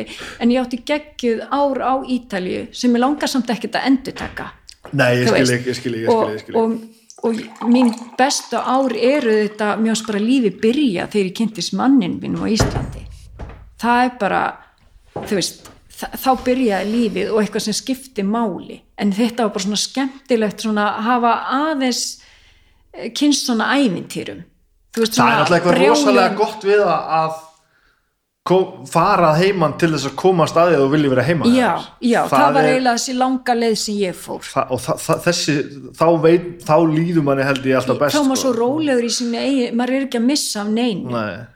og, hérna, en þetta var sko veist, það var eins og ævintýrin, sko, ég var svo opinn fyrir ævintýrum að ég lendi bara í öllu á Ítalíu það var eins og einu sinni þá fóru ég og Gunna vinkon minn og kom Íslands stelpaðna því ég var á síðasta ári sem fór líka í sama skóla. Algjör ævintýrakona og við vorum hann vinkonur og það var sko, hún lendi nú í öllu og hérna og við vorum einhvern tímann ætlaðum að fara í bíó og, og þá var til dæmis hugsaði hvað tíminn hefur breyst mikið. Þannig eins og ég sé sko nýræð þú sést á grunda að tala við mig hvað tíminn hefur breyst mikið að þá var, þá var hérna, fóru stelpur ekki einar út á kvöldin í Róm. Þú veist, maður hafði að fara í bíó eða út að skemmta sér á Íslandi frá að maður myndi eftir sér. En þarna, þú veist millir 20 og, og 26 þá, er- stelpur voru ekki einar á ferð, þar fóru ekki bíó einar.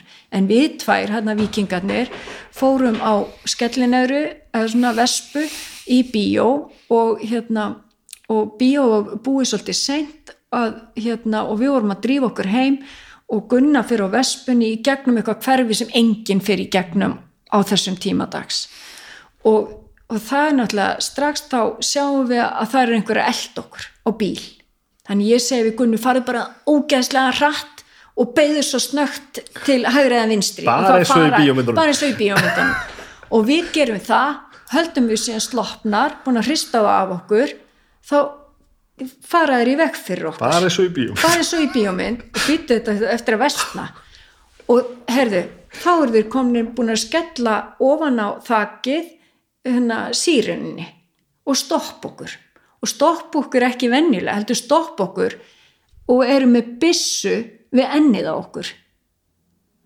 Og, og ég fó bara svona í gegnum lífi ég sagði, nú, núna verði ég bara drepin og þá, og þú veist, maður hugsaði ekki rökrætt, en þá segir þessi sko, hérna, skvadra homicidi er droga.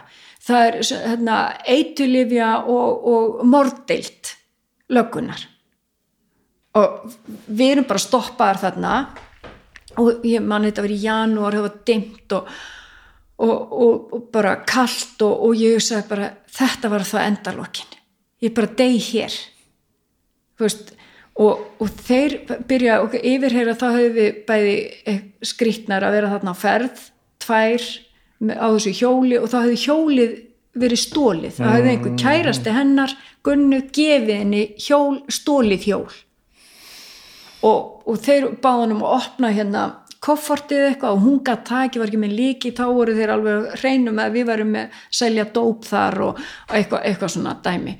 Og, og, svo verðum maður svo hrættur að við fórum eitthvað að rífa kjaft sem maður gerir ekki við þess, þessa deild lauruglunar og þeir voru alveg brjálæðir hendu mér inn í bílinn og Gunna fór á öðrum bíl og fórum með okkur í, bara í djeilið og við vorum bara þar yfir nótt. Og þú veist, ég var svo hrætt ég var að deyja. Og hérna og Gunnar reyfi eitthvað meiri kjaft eða eitthvað ég var heldur bara svo hrætt og ég var líka svo hrætt um hvað ítalski greifi myndi segja, hann er því brjálaður að því hann var búin að banna mér að vera með henni að því að hún væri bara stór hættulegt case þú veist, hún væri allt og mikið á öðra. Þannig að hann var ekki sáttur og ég hugsaði bara, Guð, ef ég lifið af hvernig á ég að segja honum frá þessu? Ég var ekkert sem papp og mömmu og hérna svo hérna mann ég að því við fengum svona 1,2 miljónir lýra í hérna á mánuði í, í, í hérna námslán. Þeir rukku okkur akkurat þá upphæð fyrir þetta. Og þetta var bara svolítið miklar búsifja sko. Og rukkuðu fyrir bara að að svara fyrir, fyrir sko óhlýðni bara fundu alls konar atrið á okkur. Og ég bara neittist á það náttúrulega til að segja greifanum frá þessu því að það ertu náttúrulega einhver að borga þetta ég gæti ekki spóð í bolla fyrir þessu. Þetta var sko þetta var ekki svo, sá tími ás sem ég var að spá í bolla. Þannig að ég vissi hvernig ég átt að retta þessu. Þannig að ég varð að segja honum frá og við borguðum þetta. En ég held að Gunna haf aldrei borgað þetta og ég held að hún sé ennþá eftirlýst eða þú veist, ég alltaf í vandræðin því hún fyrir um ítalsku landamærin. En þetta var sko þú veist af öllum að ég að lendi í djeilinu einu nótt á Ítalju, það, það var bara hræðilegt. Hvernig fangelsi var þetta? Var þetta, þetta var bara, þú veist, þetta var svona kvestúra, ég veit ekki, þetta var bara svona bak við rimla, sko. Bara já, what? já, já, bak við rimla. Og þetta er alveg svona í móðu af því að þetta var svo hræðilegt. Og þú veist, þetta var bara endalust svo eh, man ég að ég lendi aftur í að þeirra hérna, þegar ég var að fara frá Ítalíu þá hugsaði ég að ég ætla heimsækja eina vinkonu mín til Napoli hún býr á einhverju svakalegu svæði þar. Mér fannst það svo spennandi. Býr bara, þú veist ef þú vissi þættin hann að Gomorra? Nei. það er bara svakalegi þættir alveg sannsög, eða þeir byggt á sönnum atbörðum sem eru svo leiknir þeir fengum mér sér mafíuna með sér til þess að hjálpa þeim með props og dót. Allir hjálpa til í Napoli það er skemmtilegast að fólki heimi býr í Napoli. Það er, það er bara hilarious. Og hérna og þá bauð þessi stelpa mér í hérna, heimsókn. Og þetta var svona fólk alveg low class eh, skilur sem að greifina hefði sko engan áhuga að vera eitthvað að mingla með. Þá fannst ég alltaf að vera að bónda við einhverja auðmíkja þú veist, ég væri nú svona alltaf inn við beini bara trass en þú veist, uppbyggjandi? En já, en, en þú veist en, en hérna, þannig að ég sagði bara að því við vorum hætt saman þá skelli ég mig til Napoli nú er lag að því svo fer ég heim. Og það var ótrúlegt. Byrjaði að koma þarna inn á heimilið þá nýbúa, sérst pappina var nýtt dáin og ég held að hann hefði bara dáið, þú veist, vennilega nei, nei, hann var drepinn og stigagangur var þannig að það var ennþá það var svona kalkmáling það var ennþá bara skellurnar á stigaganginum. B- bara líka á þessu vesandi já, það var bara svo leis og kúlurnar. Og ég þetta þegar maður er að segja svona þá heldur fólk maður sér bara að búa þetta til. Þetta, það þarf ekki að skálda neitt á Ítali, það gerist allt. Og ég, ég hugsa bara, vá, þetta er bara eins og í Reggio Calabria bara þegar ég kom þangað og ég bara, vá, það er allir stiga ganga svona. Svo, ég, svo, þe- svo var fjölskylda svo dásamlega, þau tóku mér eins og drottninguna Saba. Herru, viltu endilega að ég myndi sofa í hjónarúminu? Hefðu, og það var svo draugalegt því að pappin, bara stór mynd af pappanum á móti hjónarúmin og alltaf kertin í svona rauðum svona eins og ítalni nota við notum námsmenni til þess að gera kósi hjá okkur svona hérna, leiðarljósin Já, luktar. já, svona, og það var, hann var allur upplýstur þarna og ég svaf í rúminu og ég varst ég bara að finna fyrir kallinum hann og, og þetta var mér til heiðus og þarna var ég í nokkra daga og svo voru það alveg miður sín að ég var að fara frá landinu. Þessi líka skandinavíski kvennkostur hann að þær komu þarna hver á fætur öðrum ítösku frændurnir með hérna hneftniður og bringum með loðnun á gullkrossin að líta á mig. Og ég hef getað valið úr vörubílstjórum þarna alveg í ættinni og þetta var, þau voru dásálega ert að lýsa ótrúlega kúltúr sko. En þetta er bara svona eins og maður sér í bíl það var að segja að segja, þetta er svona þetta er eitthvað sem maður svona deilir alltaf í sko bara, já, já, þetta er svolítið stereotypist. nei, nei, já, þetta, nei, nei, þetta er bara svona. Þeir eru þú veist ég- það var líka eins og maður maður væri að sækja í sko hérna þessa ævintýra mennsku og svona og maður var ekki hrættur við neitt og bara þú veist, já maður, þú veist, myndi ekkert nenni sér í dag og maður er bara skít hrættur maður myndi ekkert fara. sumt að þess allavega hljómar hann þetta er svona, já, ertu viss um það? Já og svo var svo mikið á svona þú veist upp að koma eins og til dæmis ég gleymi ekki að stjúpsonu minn hann var lítill og við vorum bara nýtekinn saman ég og pappans og hann er með vini sín í heimsókn hjá sér í herbygginu þá heyri hann segja svona við vini sína bankarán, já, heyrðu ég, ég, ég ætla að fara fram og spyrja Rutt, hún hefur örgla lent í veist, þetta var bara þú veist, að sjálfsögðu lent ég líka í bankaránu hvað er þetta? hvað auðvita Komdu með það. Sko, nei, ég gleymi því ekki. Veist, það, það var eins og í bíómynd. Ég var í Kaljari á Sardiníu að koma úr einhverjum svona geggjum klúb sem við vorum í sem var svona sporti klúb á svona rík, ríkt ungt fólk á Ítalíu. Var í þessum klúb og, og við hefðum verið í einhverjum svona í Santo Stefano og þessum þetta geggjaði staðir á Sardiníu sko eitt skemmtiatrið og kvö- um kvöldið þá kom David Copperfield og var með skemmtidagskrá svona Auðvitað. töfrabröð Já.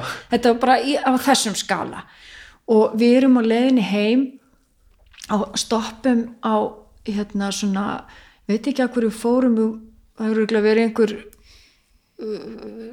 hérna einhver rútustöðu eða eitthvað svo leist það, var svo brautastöðun í Kaljari og, og ég man að við, fengi, við fengið matareitrun og maður var svona hálsmeikur að að fara um borð í rútuna og ég drekka aldrei, drekka ekki kók en ég hugsa að það er örgulega gott fyrir magan og svona og við erum stöndum í, í á brautastöðinu og, og ég er að fá mér hérna kók og svo segjum við hérna kærasta mín, heyrðu, ég þarf að fara inn á bað.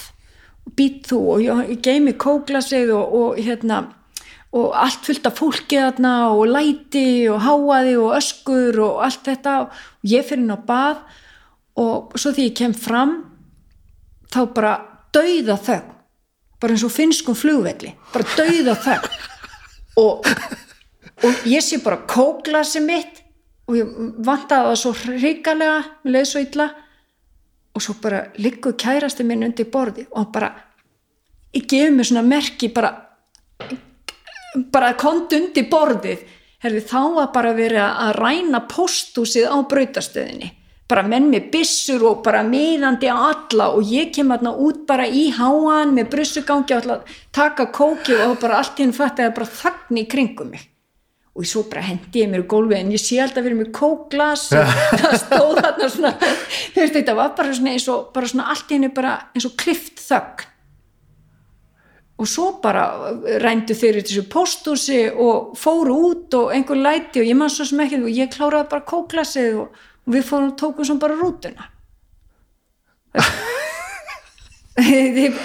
þess þetta er bara svona Sittur ekkert að þessu eitthvað í þér? nei, nei, en mér finnst stundum því ég hugsa um svona bara vá bara maður er bara lendi í ymsu eða þú veist svona séð ímislegt Þegar að það er verið að taka mann fastan og vera með að byssu og hausin á mann Þa, það er hryllingur.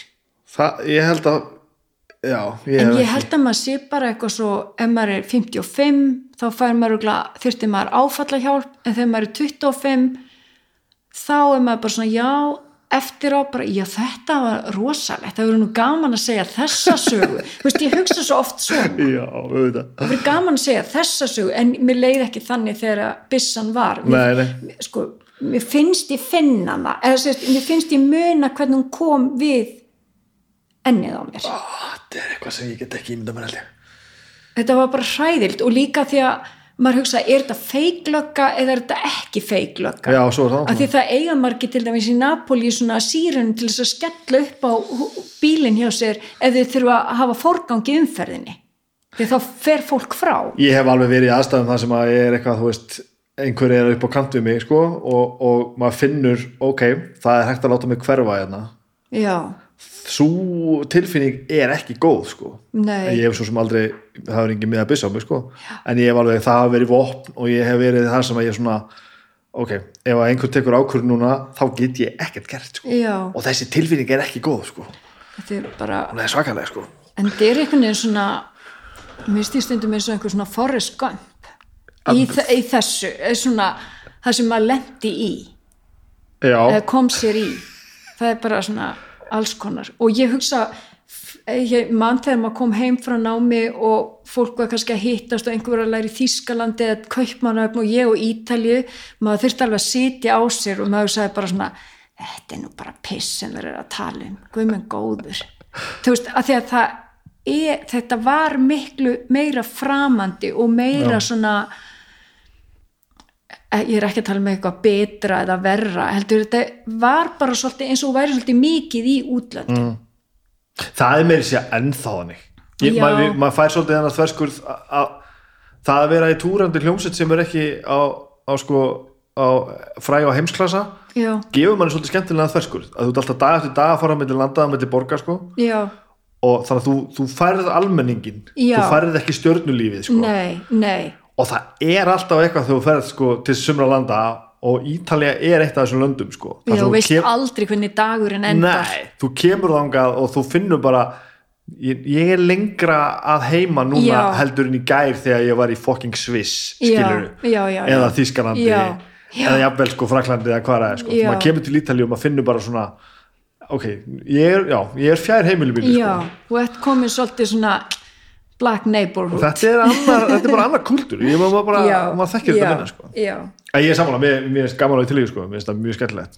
En ég lenti þetta alveg að fara í töðunum og við erum að túra, það er svo margt sem fyrir til já fjáldan ég, sko. ég er rosalega mikið að þú veist mér finnst ég hafa, mér finnst þetta bara svona forréttindi að fá að bú í einhverju öðru landi og, og, og ég er alltaf að svona bera saman og það, það er, ég er alltaf svona eins og ég sé eina sem megi tala sérst neikvætt um Ítalju, leiðum einhver annar gerir það, þá rísi upp á afturloppirnar bara, þú veist, ein- eins og bara ef að einhver myndi alltaf að tala ítlum Ísland þegar ég var á Ítalju, þú veist, maður, maður er alveg svona, ég fæ alveg bara svona ef ég sé eitthvað frá Róm, þá bara fær það bara svona í hjartað á mér, það er bara svona það er bara ég bonda þvílíkt við þetta. Mér finnst þetta að vera bara svona ég fyrir bara stundum að gráta ef það er eitthvað bara koma myndi frá Róm ég bara á bara bátt Hvernig var skólinn?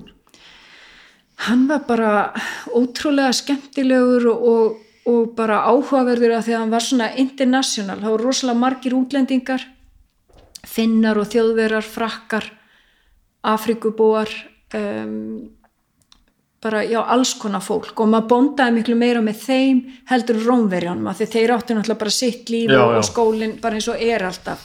Þannig að það var mjög áhugavert og skemmtilegt. Og svona veist, en ég var alltaf að byggja þessa sem var með lífvörðin hún satt alltaf fyrir fram að mig. Ég sagði bara við hann einu sinni þetta er komið nóg, getur ekki setið fyrir framann einhverja aðra? Ég meina þér verður rænt, ég verð skotin og ég kom náttúrulega frá Íslandi. Þannig að en hún satt alltaf fyrir fram að mig. Þannig að hún finnst tröstökjandi að hafa mig í baklandi með lífvörð já, alltaf með líf þetta er alltaf eitthvað sem að maður bara, maður bara hefur aldrei séð sko, Nei. og tengir ekki neitt við sko. hvað gerir svo þú kemur heim? já, svo því ég kem heim um, Ertu þá bara ákveðin því að þú ert bara að fara að gera þetta þetta er bara áframhaldandi, þú ert bara að fara að vinna við þetta já, áfram. mér Ok. langaði það og og hvað gerir maður þá? hvernig Sko, byrjar maður? ég, ég held að það sé alltaf mjög erfitt að byrja hvar átt að byrja ég var ekki alveg með svona strategíu hvar endilega, þú veist hvernig en ég hérna, hafði unnið eitt og hálft ár í Bíkó sem var mjög góðu skóli því að maður svona flakkaði svolítið á milli deilda. Veist, það var í innréttingadeild og flísadeild og öllu þessu og maður svona kynntist fullt af fólki og maður teiknaði alveg óbáslega mikið. Ég var að gera eldús og buð og fataskápa og, og hérna og kynntist mjög mikið af fólki og líka fekk mikla reynslu að því að þú ert í alls konar deildum, þú veist, við varum stundum að ágreiði pípulagningadeild sem ég vissi ekkert um. Og hérna þannig að þar svona kynnist maður einhverjum en ég byrjaði að fara, við ætlaði að vinna á fastegnasölu hjá Vagni Jónssoni fastegnasölu Vags Jónsson en hann heitir Atli sá sem var með þetta. Og hafa mér rosa sniðu að hugmynda að vera með innámsarkitekt sem sölumann af því þá gæti maður svona hjálpa fólki. En hann var í rauninni langt á undan sinni samtíð með þá hugmynd og ég var alltaf alveg gjössamlega glataður sölumadur vegna þess að mér fannst allt svo hræðilegt og ég get ekki selt eitthvað sem ég finnst ekki gott. Og líka ég hef ekkert vit á svona eh, lánum og, ég er ekki töluglögg og ég sagði bara guð mig góður. Og hann var búið að sætur leiði mér að vinna þarna en svona pent gaf hann mér færi á að bara hætta áður en hann segði mér upp. Þannig að ég var svona en, en það sem gerðist samt að ég kynntist svo mikið af fólki, alls konar bröskurum og alls konar fólki sem að, og business fólki sem að koma á fastegnasöluna og, og ég örgulega verið svolítið gemvera líka þarna. Þegar ég kem heim þá er ég búin að vera svo rosalega ítölska eitthvað í mörg ár, næstu í nýju ár svona meira og minna að ég náttúrulega elska að tala og ég kynntist ótrúlega mikið af fólki og, og, og, og svo bara eitt leiti af öðru og, og, og hérna og svo langaði mér svo að vinna hjá svona ædolin mínu sem að ég hef alltaf litið rosalega mikið upp til sérst faglega séð hérna uh, mér langaði svo að vinna hjá Guðbjörgu Magnúsar sem er innámsarkitekt og mér langaði að vinna hjá henni en eiginlega engum öðrum. Sóttum hjá henni og hún hérna miskunnaði sig um mig og ég vann hjá henni í nokkra mánuði. Svo var ég farin að fá svo mikið af alls konar aukaverkefnum og, og svo er ógæslega erfitt að vera sagt, ein með eitt starfsmann. Það er eiginlega, þú verður eiginlega að vera svona það verður eiginlega að vera svona tveir, þrýr innámsarkitekt með eitt tækni Já, já, já. en að vera svona með eina er, þetta er bara eining sem gengur ekki upp. Þannig að hún vildi heldur ekki tafa mig nema bara nokkra mánuði. Og ég var komið svo mikið að alls konar verkefnum litlum og, og svo stækkuðu alltaf verkefnin með vinnunni hennar. Og það var laust eh, rými inn af skrifstofun í henni og þar var ég nokkur ár. Sjálf þá bara. sjálf, já. og bara frá hérna man ég stopnaði mín og stóði 3. september 99 eða eitthvað og ég er búin að vera að drukna síðan já, við erum bara þannig já, ég er bara búin að vera þú veist já, ég er bara búin að koma að eitthvað um 3500 verkefnum what? og hérna og já, bara búin að vinna alveg óbáslega mikið og hvernig eru, veist, hvernig eru dagarnir? Hva- hvað gerir er bara sko það sem heldur í mér lífinu alveg, eða þú veist, svo maður verði ekki bara kartöflu við tölvuna að ég er alltaf duglega í að hreyfa mig. Ég fer alltaf eh, svo, í hreyfingu ég er þar í geggjum tímum hjá önnu Eirík sem er náttúrulega bara vin í eðimörkinni bara geggjaður tíma sem að maður er í og sem ég sakna alveg svakalega en er að fara að byrja aftur. Og hérna þannig að það er svo nöðsild að hreyfa sig og svo situr maður rosalega mikið við tölvuna, maður, ég vakna snemma uh, vinn áðurinn í fyrir leikvömmin og byrja svona 9.15 eða 9.30 þá er ég búin að vinna svolítið fyrir leikvömmina, kem heim, vinn og svo vinn ég yfirleitt svona ég veit að maður á ekki að segja þetta en ég vinn alveg sko fjögur kvöld í viku já, við erum og, þarna já. og ég vinn eiginlega alltaf svo segi ég alltaf því ég vinn alltaf á laugadögum og þá hérna, hef ég yfirlt rás eitt á nefn ég tek alltaf sigga hlöð hérna, þá finnst mér ég vera sko hérna, bara 50 kíló og hérna og þegar hann hættir þá er ég komin í helgafrí fram að hádegi á sunnudegi þá tek ég nokkra tíma og svo ég aftur helgafrí setnipart á sunnudegi. En ég vinn ekki föstas lögutags og sundarskvöld og svo svona vinn ég aðeins um helgar svona að þetta er bara lífið mitt. Þetta er ekkit, ég er alltaf í vinnu, ég er með vinnustofi heima sem er geggjað, af því þá er ég bara, svona- við erum bæði með vinnustofi heima, ég og maðurum minn. Mér finnst það æðislegt. Og hérna og þá er bara, að því að vinnan er bara lífið mitt. En þú veit samt hefur vitað að hafa þennan struktúr.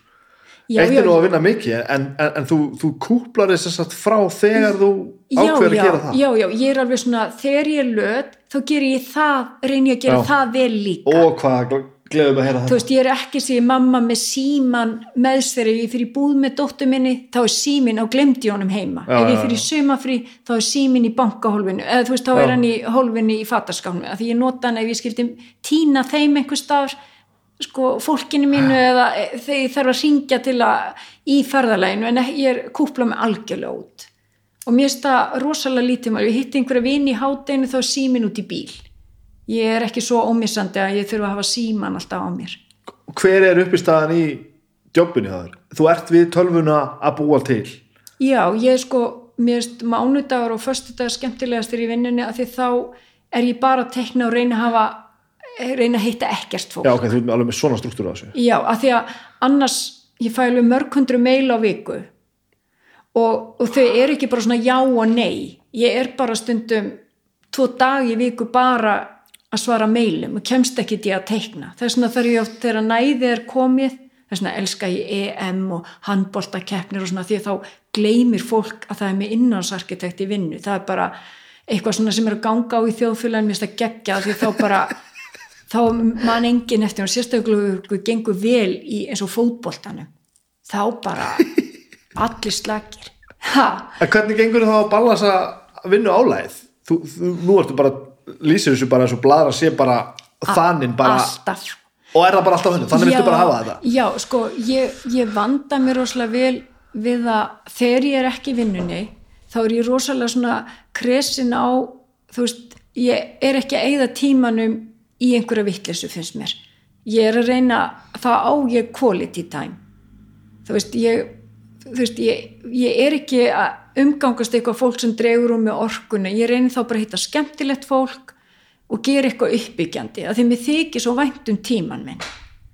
Og hérna, og mér finnst náttúrulega svo ógeslega gaman í vinnunni að það er engin fórn þó ég sé að vinna alls ekki, en það eru þetta áreiti sem er erfitt og þess vegna er rosalega gott að ég á þennan indislega mann minn. Ég er óbáslega eina af þessum svona heppnu sem að bara hitti mann sem er bara pústlið sem að vantaði í lífið. Eða þú veist, það er bara svona ég, ég veit ekki hvað ég gerði án hans. Að þá bara þú veist, við elskum að fara bara tvö í saumabústað og við erum bara að lesa eða fabulera og, og bara við þurfum engi skemmtiatri okkur finnst þið svo skemmtileg sjálf. Hvernig kom þetta til þetta, þetta, þetta samband? það var bara, veistu því ég sá hann þá vissi ég þetta að vera maðurinn bara sá hann og hann sem var einmitt á kannski ekki skemmtilegum stað í lífinu og nýskilin með tvö börn.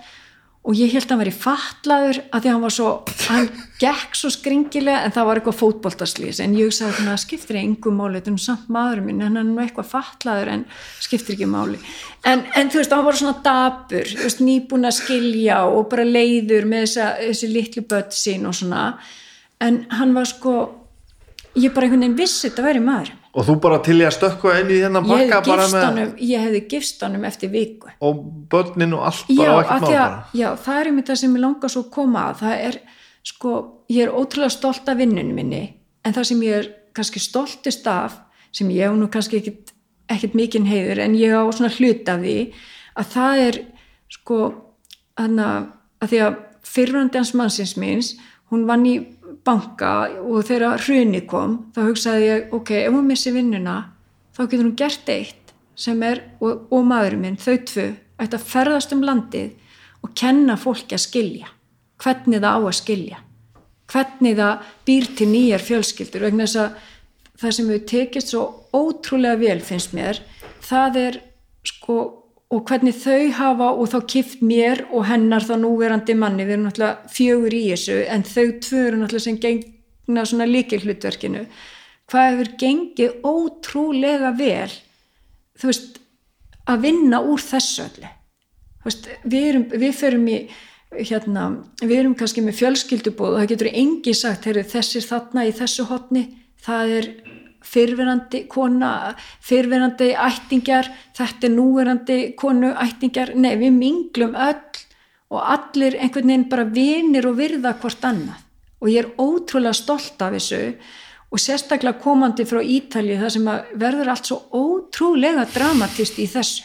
Fólk talast ekki við börning fyrirverandi maka kom ekki inn á heimili það er nú á Íslandi líka maður Já, mér finnst það náttúrulega óalgengt á Íslandi. Mér finnst þess að Íslandingar séu ótrúlega flinkir í að sagt, búa til nýjar fjölskyldur Já. en auðvitað kannski að því að ég er, þú veist, í þessu þetta við tekið svo, eh, við höfum verið svo heppin og unnið svo vel að því að, að þetta tækist sem best að þá kannski er fólk ekki endilega að segja mér, heyrði, já, ég þól ekki, ekki fyrirverandi eða eitthvað svona, af því að ég, ég myndi aldrei dætt í þann drullupoll að fara að tala illa um fyrirverandi, ég minna það er það er, hún er sko mamma stjúbarnan mína, ætti að vera að tala illa um mömmu stjúbarnan mína, aldrei. Nei, nei. við erum í sama liði og ég er bara svo þakklátt að ég fekk hennan mann að því að þau skildu. Ég minna, ég gæti ekki hún gaf mér reyna stærstu gef lífsmins að ég skilur, mér finnst þetta svo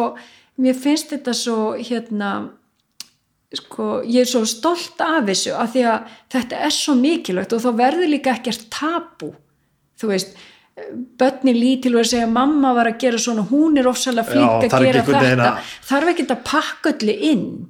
En það sem þú ert að lýsa það það þarf ekki að segja mér samt að þetta sé ekki á, áttak að gera þetta það hljóta að vera alls konar tilfinningar sem þarf að díla við og Já. alls konar samhengi og hitt og Já, þetta og já.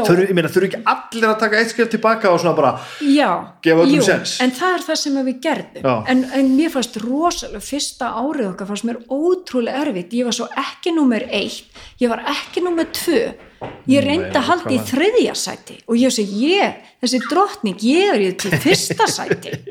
Mér fannst þetta rosalega erfitt. En það segir líka eitthvað um manniðin að hann skuli hafa Hann nákvæmlega haldið í þannig. Já, hann sko og, ég- og, ég, og ég leitaði mér alveg hjálpar sálfræðins bara til þess að svona hvernig gerir maður svona? Já. hvernig tækla maður svona? Og hvernig takla maður svona? ég held bara að reyna að setja sig bara í spór það, eða það reyndist mér best að ímynda mér ef ég hefði verið lítil heima á Húsavík og mamma hefði komið með nýjan mann eða pappi nýja konu og hún hefði verið leiðileg við okkur. Hvað með góður líf mitt hefði gjössamlega farið á kvolf þannig að mér fannst einhvern veginn best að setja mig litla inn í þetta. já, já. hugsa það þannig. Og hvað þetta er gott ráð. Nei, ég alveg, af því að þú, þú veist, minna börn, þau ráða engu, það eru bara foreldrarnir sem ákveða eitthvað, svo bara fylgja þau eftir. mm. En það, þú veist, en, en mér fannst þetta alveg erfitt, mér fannst alveg erfitt eins og ég gleymi ekki einu sinni þá, við vorum alltaf viku og viku með börnin. svo einhvern tíma voruð búin að vera viku hjá okkur þá vann ég rosalega mikið því ég hef aldrei verið að leika einhverja fullkomna stjúpmóður ég hef alltaf leift mannin minn bara eða, leift eða látið hann þetta eru börnin hans Vist, ég smurði ekki nestu í þau Nei. Vist, ég var bara svona eins og einhver frænka. Ég var ekki að reyna það. Þegar eiga geggjaða mömmu geggjaðan pappa byrju, ég var bara eins og varahjól. -hmm. og ég var svolítið lengi svona að viðkenna fyrir sjálfur mér bara sko þú ert bara ekkert atrið í þessu. Haga þú þig bara. Já, já, verð þú bara, þú ert ekki drottningin á staðnum, þú ert í auka hlutverki þannig að mér fannst alveg geggja þegar við vorum bara tvö ný trúlofið vikuna sem vorum ekki með börnin eðlilega og ég ákvað bara að vera hreinskilin við sjálfa mig, ekki að vera þykjast vera einhver ofurkona sem ég er svo langt frá því að vera. Þannig að ég var bara ógesla ána nú var börnin að fara um helgina og, og við erum þá einn næstu viku kem ég heim og maður minn er svo gladur og segir, heyrðu, ég ringdi Erlu, það er hans fyrirvændi og hún sagði ég mætti hafa þau bara aðra viku viðbútt og ég man bara hvernig ég var bara svona ert að grín og við gerum bara grína þessi í dag sem Já. betur voru börnin ekki viðstöð en þau myndi alveg skilja þetta í dag af því núna er hann komið með fjölskyldu og, og er pappi og þú veist stjúpsonurinn skiluru þannig að skiluru að vera bara sko einlagur, vera bara heiðarlegur ekki þykjast, já þetta er svo geggjað að vera svona stjúpmann auðvitað, mér dreymdi svona drauma um, a, um að vera mamma, að ég væri mamma barnan, af því það hefði ég viljað. En maður ræður ekki döll í lífinu og það segir enginn þegar hún er lítil stelpa og því ég verið stór, þá ætlum ég að þrjú stjúpböld uh, svo ætlum ég að eiga tvö sjálf og svo ætlum ég að vera búin að eiga eitt áður en ég kynnist mannin þetta er enginn sem segir þetta. En svo er bara lífið alls konar. Og mér finnst þetta svona þetta þroskaði mig sem mannesku en ég, en ég hef alltaf verið rosa slöpp stjúpmamma þú veist þessi sem er alltaf að eitthvað ég, ég sko verða alveg að viðkynna vinnan hefur yfirtekið allt hjá mér. -hmm. og já, við hefum saman eina stelpu og hann að brinja okkar og, og hérna og hún náttúrulega er síðan náttúrulega númer tvö hjá mér en, en það er bara, eða númer eitt og tvö, hún sveiplast hann á milli vinnu og vera númer eitt. Og hérna, og ég segi oft svona dramatísk þegar mannin mín finnst ég kannski aðeins svo mikið í vinnun og segi alltaf vinnan mín er hinn börnin sem ég aldrei átti. Og þá er ég alveg búin að slá út all trompin hjá honum. En þú veist, hún bara skipti mig svo miklu máli. Að þú ert að segja hluti sem að sumum bara þóra ekkert að segja. Já, mér finnst maður bara að vera einlagur já, þú veist, og svo getur við verið sammála eða ósammála, við þurfum ekki að vera sammála um hvernig við lifum lífinu.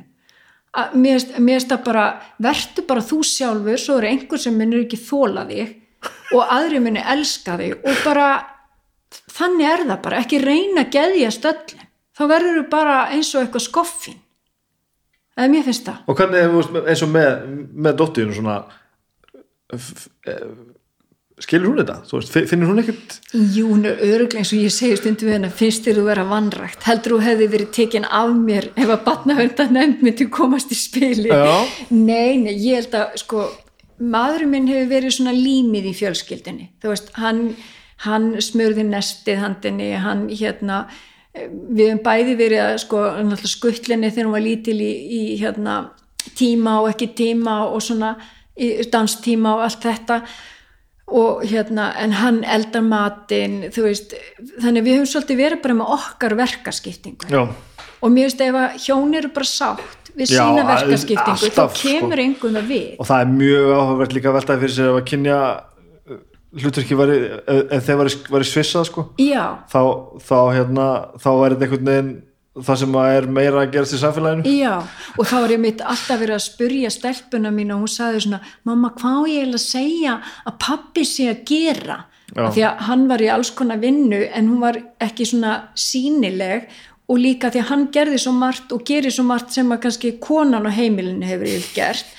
Og þannig að ég sagði einhver, ég örgulega sagt einhvern tíðan við hann að ég segði bara hans í endurskoðandi. Og eitthvað svona, af því þá voru einhverjum sem held að hann var í endurskoðandi, mér varst það svo fínt þá fær enginn að spurja mig, hver hefur áhuga á því, þú veist þannig að, en, en hérna já, mér finnst þetta að vera bara svona fólk bara hérna, skipti með sér verkum og, og bara, og það er svolítið líka að tala um það já, að vera með þetta á hreinu veist, og mér líka rosalega gaman að, að sko, ég, þú veist, ég þól ekki þess að hjarðhægun eins og ég spurð reglulega núna, ert þú ekki bara að fara að hætta að vinna? Það myndi engi spurja 55 ára gamlan katt sem gengi vel í vinnunni sinni, ertu ekki að fara að hætta að vinna? Nei. En ég spurði að því reglulega því að það er svo dömulegt að bara svona kúpla sig út og svo einhver kall að sjá um þig já, já. mér finnst það eitthvað svo þú veist, ég ætla að vona ég verið vinn, vinnandi sko 85 árum með Alzheimer að ég verið bara brjála að gera hjá mér. Og, þú og þú verður áfram í þessu eða já, já, ég verður örgulega alltaf þú veist, ég engin kunni heldur örgulega sér fullt af kunnum og örgulega bara crazy að gera hjá mér. Þú veist, mér finnst þetta einhvern veginn vera bara En hvað, hvað þú veist, þá með eitthvað annað heldur en, þú veist, nú ert að segja bara þú, ef þú lýsir sko vikunni, hún er svakaleg sko. já, hún er bara að vinna. En, en hvað með hérna, þú veist, bara einhver áhuga mál og bara, þú veist, jú, reyfir þig, en þú veist, það fyrir vinna. leikhús eða, tónlist já, eða, ég hefði ekki trúað í hvað maður saknar þess að fara bara veist, tónleika og leikus Jésús minn. En ég er svona típa sem veit ekkert um tónlist en ég er svona alæta og þess vegna ég ætlaði að segja hann að Rauðl bróðir var hann náttúrulega svo dekraður hjá okkur systrum að einhvern tíman sem ofta saði ég við hann hérna að ég gerðu lista yfir hvað ég langar í jólagjöf gefa þér eitthvað skemmtilt í jólagjöf. Og hann gerir einhvern lista og eitthvað svona. Svo ég lókin stendur maus. Aha. og ég hugsaði með maus ég var nýkon heim frá Ítalju sem maus já það er eitthvað svona ímislegt smálegt öruglega svona konfekt og einhver bók eða eitthvað, ég hugsaði ég bara svona það var að hljómsveit í maus. ég bara þú veist þetta var svona típist ég. Og við hlægjum svo ofta að þessu bara eitthvað maus. Og hvað gafst honum? ég Eitthvað maus? eitthvað, maus sko. En ég gerði samt eitt ára ítaldi voru svo margir hrifnir að Bubba Mortens. Ég var náttúrulega blastaði honum í tíma og tíma, ég er náttúrulega Bubba Mortens fan. Og hérna og ég gerði það sem að örgulega fáir hafa gert hérna þýtti textana yfir og ítalsku Þú getur nú fengið peninga fyrir þetta en ég er ekki vissum að þýðingin hafi verið góð En hvernig, hvernig þýðis bubbir og ítölsku? En já, Hann er rosalega Hann, já, já, ég náttúrulega títi aðalega bara því hans, það sem ég er svo skemmtilt við tónlistina sem ég stann alltaf að vera að segja okkur einhverja sögur. Já, já, þannig að ég var alltaf að segja sögur og, og hérna frá Íslandi og, og hérna ég veit að er örglega þarna einhver einhver hérna kynnslóð á Ítalju sem er með fylíkar hugmyndir gagvart Íslandi sko og hérna og mér varst bara svo gaman að þýðan að því að þeir eru svo margir sem er að spila á gítar. Já, og ég á þess upptöku af hérna, kannski er ég enn á veiðum það var rosalega eh, jafnvel orðin sjálfur bráð þar í einhverjum texta hjá, hjá Bubba og þetta þýtti einhvern tíman og, og hérna og, og þetta var svona uppáhalslægið sem þeir voru að taka. Þannig að þetta var að þú þýttis þessa textana já, fyrir fólk sem var að spila lögina svo gítar og syngja? Já, já. Veit hann þetta? nei, nei, ég hef aldrei hitt Bubban um að bara fara á tónleika hjá honum sko. Já, hérna. Já, en mér varst þetta bara svo mér varst þetta svo fyndið að þeir sko voru alveg að kveikja því ítalir eru rosalega svona dramatískir Já. og finnst rosalega gaman og svona sögum og svona, þannig að ég var eiginlega ekki tissa að þeir fíluðu bubba. Nei, nei, nei, og svo er náttúrulega tónlistin geggjuð og allt það en ég átti líka tengda með mig sem að drakk svolítið mikið og lagði sér náttúrulega alltaf eftir hérna hátegismætti, hún tók alltaf hálfa hvítin í hátteginu og hálfa á kvöldin. Var það að greifa móðurinn Já, og alltaf þegar hún hérna fór að hallaði sér þá kallaði hún alltaf á mig og ég sat alltaf á rúmstöknu hjá henni og hún sagði alltaf segðu mér sögur á Íslandi.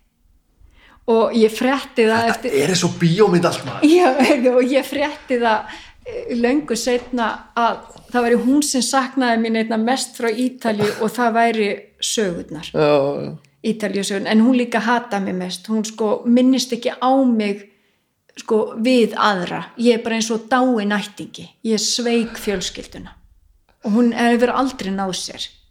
Hún bara, hún átti ekki orð yfir þetta. Og var þetta blóðut eða var þetta bara í höfðinu henni eða? nei sko, ég hefði hendinni fram á svölun með því verið þarna lengur. Má gjössanlega gera mig geðveika. En, en hún sko hún, hún er svo sem saknaði mig mest. En sko að því að við náðum kannski svo ótrúlega vel saman. Hún fór með mig í búðir og þá lokuðu búðirnar og snýru bara miðanum við bara lokað.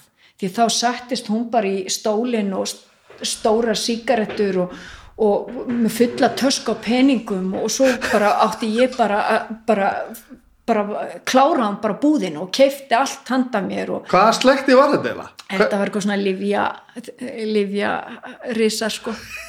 Og hérna og hún satt bara þarna og reykti og sagði svona pröfaði þetta og pröfaði þetta. Og svo bara hvort viltu blátt eða raut og ég bara uh, ég held blátt, æ, tökum bara bæði og, og svo var hún með töskuna útróðnaseðlum og því hún stal alltaf kassanum úr apotekinu sem það átti og var að kenna mér hvernig þetta stela á þess að þeir föttuðu það. Og svo sá hún alltaf æ, katt með vita ekkert hvað við þurfum konurnar til að vera ánaður og svo tók hún úr kassanum og stimplaði eitthvað og kendi mér þetta. Og hérna fór svo í búð og svo var hún bara sá hann ég borga þetta fyrir þetta. Prútaði bara í fínu búðun og þær hlaupa á eftir nei þetta er bara þjófnaður. Og hún bara er þetta þjófnaður? Og hérna og það var alltaf bara smá rifrildi á eftir hvað ætti að borga. Og hún hendi bara í þeim peningum og hún svoleiðis ég átti svona prototýpur af sko úr tískusýningum. Moskín og dress og alls konar Valentino og bara neymit og ef ég kefti eitthvað Benetton eða eitthvað þá var það bara komið í ruslapokan maður gengur ekki í nei, svona svona verkamann að klæða já, einhver já, hérna hér. Þannig ég var alveg ég, sýsti mér sagði að þegar ég kom heim þá náttúrulega byrjaði maður að hlaða á sig af því að maður var ekki alveg á ítalska mataræðinu og hún sagði að það vera allar konar með anorexi í einhverju, einhverju hérna rauðakrossinu því að það var reyna að tróða sér í dressin sem ég var búin að setja þangað. Sem passuði ekki lengur á mig. Þessar sögur hann að utan eru svakalega sko. hvernig þú veist eh, va- varstu búin að venja þig á þeirra lífstíl? Hvernig gekk þér að koma bara og ætla að vera bara Jésús minn, ég náttúrulega ég, sko, ég var náttúrulega bara bjó, já, ég hérna sagt kom heim og þá, ég veit ekki hvað ég get ekki sagt frá því en allavega þegar ég kom heim þá hérna átti ég ekki neitt ekkert. Og ég þurfti meiri segja að fara daginn eftir í, hérna, fekk pening lánaði hjá systeminni sem var námsmaður einhverju íbúð á Dunhaganum þurfti að labba þaðan út í hérna, rútustöðina hérna, ég- sem að- já, já, það sem að Æsland er, er það sem flug loftliðir já, já, labbaði þangað með pening til að borga fyrir rútufargjaldi að því að ég átti engan pening því ég kom, ég átti ekki fyrir rútufargjaldin ég var ekki með neinn kort og ekki neitt. Ég var ekkert, ég nefnilega flúði eða ég fór bara yfir nótt. Á þess að segja frá já, eða svo ég, ég bara fór algjörlega í orsinsfylstu með skotti á milli fótana og á þess að Og- tala við fólki sem þú varst að fara að já, fara frá? ég, jú, ég sagði bless við þau en ég, mamma sagði veist, vita að ég myndi aldrei fara því að það gæti engi skaffa mér svona flott líf eins og þau. Þannig ég myndi aldrei fara. Þannig því heldur þetta að ég myndi aldrei fara. Og greiði líka? Já, já. Já, hérna. Og hérna ég átti ekki neitt. Og ég hérna þetta, þetta var bara smá erfitt sko. Og, og ég sérst, var svo heppin að ég fekk þessar vinnur og, og, og hérna og ég var ekki lengi að hérna, safna mig fyrir útborgun í íbúð og kefti mér íbúð í hérna, efstu hægrúsa sem ég gerði alla upp. Og þá voru yðnaðamenni þar alltaf að spurja hérna Káradóttir, Kára hvað? Er hún ekki dóttir Kára Stefáns? Og það held allir verið dóttir Kára Stefáns. Og hérna að ég væri að gera mér svona flotta íbúð því þá týðkast kannski ekki að svona ung stelpa væri bara að gera svona íbúð nema einhver annar væri að hjálpa. Já, þannig að ég, já, þetta verið einhvern veginn allt bara gengi ótrúlega vel. En með rosalegri vinnu. Þú veist, Já. maður fekk ekki upp í hendurnar en ég náttúrulega því að því að mér, fa- að þetta var svolítið úr háun söðlega að falla. Þannig ég náttúrulega gerði mér þess að geggju íbúð og ég fekk mér strax þjóðvarnakerfi upp á sko fjórðuhæð í vestubænum eins og, og ræstingakonu. Þú veist, ég, það, að- þú veist, það láði væri með kokka því ég vaknaði alltaf í Ítalju þegar ég var heimi á greifanum. Þá fekk ég alltaf fært í rúmið, þú veist, nýkristan appelsinu sag og þau voru með þjóna. Hæ? Voru Já, þetta bara já. með þetta? Já, já, já, já, það voru alltaf þjónar og þegar þau vöknu á mótnana þá var fólki svo þakklátt við einhver sem hefði fengið líf á kannski góðum verðum og svona það voru alltaf ný búfala, mozzarella fyrir framann útýttirahurðina og, og þau þurftu aldrei að kaupa vín eða þau þurftu aldrei að kaupa kjöt og þetta var allt bara komið, þetta var allt geimt í fristu og kælum út á sölum. Þú veist, það var svona terrasó þú veist, við þurfum ekkert og ef ég fór á barinn, kannski í þessum litla bæ, hérna í, í hérna Abruzzo, ég fór á, á, á barinn og ætlaði að fara að borga, þá var alltaf eða mjög oft sem var bara, heyrðu, það er búið að borga fyrir þig, eða þú þarft ekki að borga þannig maður var bara svona já, í, svolítið í öðrum heim En samt alveg, þú, þú er ekki kifst úr sambandi við raunveruleikan. Þú náðu að koma heim og áttaði á því að lífið er ekki svona. já, já, ég hugsa já, smá skellur samt Já, ég, ég, ég finna á því. Þetta hefur verið svona... Og, þú voru reynd að láta þetta ganga upp hann út í þess. Þú, Já, já, og kannski reynt allt og mikið Ég meina- að og það. það er svo skrítið að þegar þú ert í sambandi það sem að allt er fínt og flott þjónar, sveitasetur fjallasetur, sportbílar snekja, það er allt þarna og þú ert ekki ánað nei.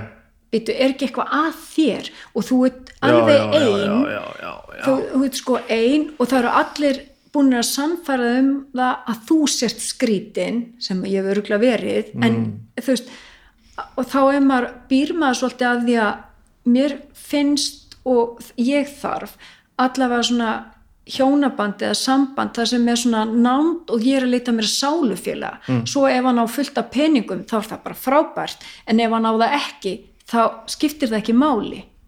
Skilur þú veist, þannig að ég var að einhvern veginn að ströggla við það alveg eins og ég gleymi ekki einhvern tífin í mentaskóla, mér er svo minnistætt að þá sagði íslensku kennarinn okkar eitthvað, vorum eitthvað, tal, vorum eitthvað ta, lesa um, í bókmyndum og þá saðan þetta og þetta mani þetta einhvern veginn alltaf svo vel hann sagði svona já þessum tíma það að vera ástfangin var bara luxus og auðvitað var það eins og á Ítalju ef þú það sem er miklu harðari lífsbaráta það er náttúrulega luxus ef þú ætlar að vera, ætlar að vera óanæð í hjónabandi þar sem þú hefur allt. Praktík, þú getur farið praktík, allt. praktík, já, já, já. hér erum við alltaf að leita þetta þvælist svo fyrir okkur, við erum að leita einhverju sálufélag Fucking hamingju. já, haming ha, veist, þannig að þetta er, þetta er svona og, en svo eru þetta einir á svona kynslu þess að til þess vinkonu mín sem var að koma úr námi sér hérna mömmu gama skólafélag og, og er svo glöða því hún var eins og ég búin að búa lengi í útlöndum og þá er maður svo gladur um að sér eitthvað fólk sem að þekkir og maður fyrir að að heilsa fólki sem að þekkir bara pínulítið. Já. og hún sér þessa konu og, og fer til hennar og, og hérna og kynni sig og, og hérna mannst ekki eftir mér, ég er hérna vinkona spjatna sem var með mér í MR mannst, hérna, mannst ekki, jú, jú, ég mann eftir þér, segir hún. Og hún segir, og hvað er að frétta af honum bjatna, er alveg einlag í því. Og segir hún og slá hróðu svona á innsóinu, þau voru að köpa sér langkrúsir Æ, nei. Hugsa sér. já, þá voru þau að köpa sér langkrúsir ég minna að það þarf ekki að segja neitt meir Þetta er fullkomin hamingja, fullkomin hamingi og þú veist allt um hann bjarna þegar þú veist þetta Já. Er þetta ekki að skána maður? Jú, jú, Eru við ekki, jú, jú, jú. Þetta er ekki allt. Jú, jú, og þetta er líka bara eftir því sem við höfum það betra Já. þá erum við ekki að hengja okkur í svona dauða hluti Nei. Þú veist, þá erum við, við viljum ennþá meira sem er miklu erfiðar að skaffa Já, já. Það er alltaf samt líka svolítið öll að segja þetta þegar þegar maður, þegar maður hefur það gott, sko. já, já, finnur þannig. já, já, og ég hefði ég er bara þannig típa ég er svo mikill nautnasegur ég hefði aldrei sætt mig við að hafa það ekki gott líka, maður er auðvitað líka að vinna þegar maður vill fer, við elskum að ferðast, við erum duglega að því og að bjóða fólki í mat og hafa gaman og fara á tónleika og guðmið, góður maður að tellja upp einhverju hluti sem að maður bara næst ég búin að gleyma sér til en, en hérna þú veist, auðvitað maður líka vinna Fyrir peningunum. já, já, Já. að sjálfsögðu en, en þeir, þeir eru bara svona bónus, mm. af því að ef þú hefur ekki hitt, ég hefur pröfað á eiginskinni ef þú hefur ekki þessa nánd og hefur ekki hennar sálufélag þá er ekkit gaman að vera í arman í dressi sko það er bara ótrúlega fúlt þú veist ég man eftir mig grenjandi á snekju við Sardinju með sko engaþjónum hver grenjar á snekju og- með engaþjóna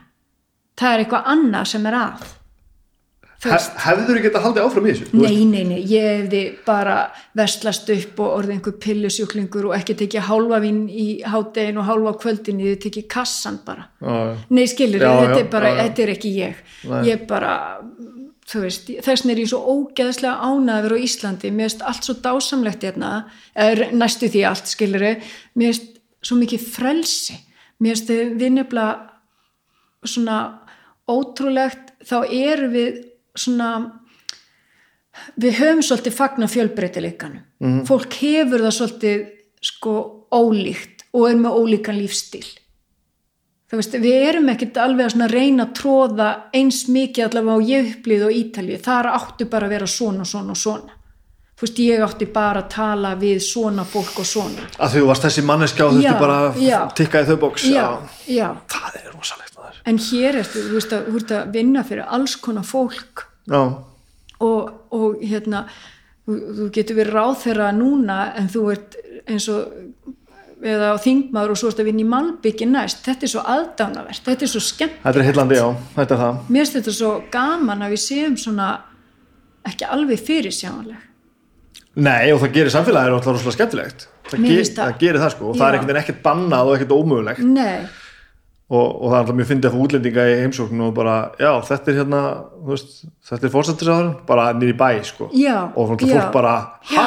já, og veist, já allt þetta, þessi, þessi nálaði, sko og hvað er hægt að gera, þetta hefur þessi kost og galla náttúrulega líka, bara litlu samfélagin bara, er bara svona að tala um húsaðu gáðan Já. þetta er mest fallegt, en Já. sundi náttúrulega svona, verður svolítið já. smáborgarlegt, sko. Já, já, já, og það er aldrei neitt sem er bara frábært.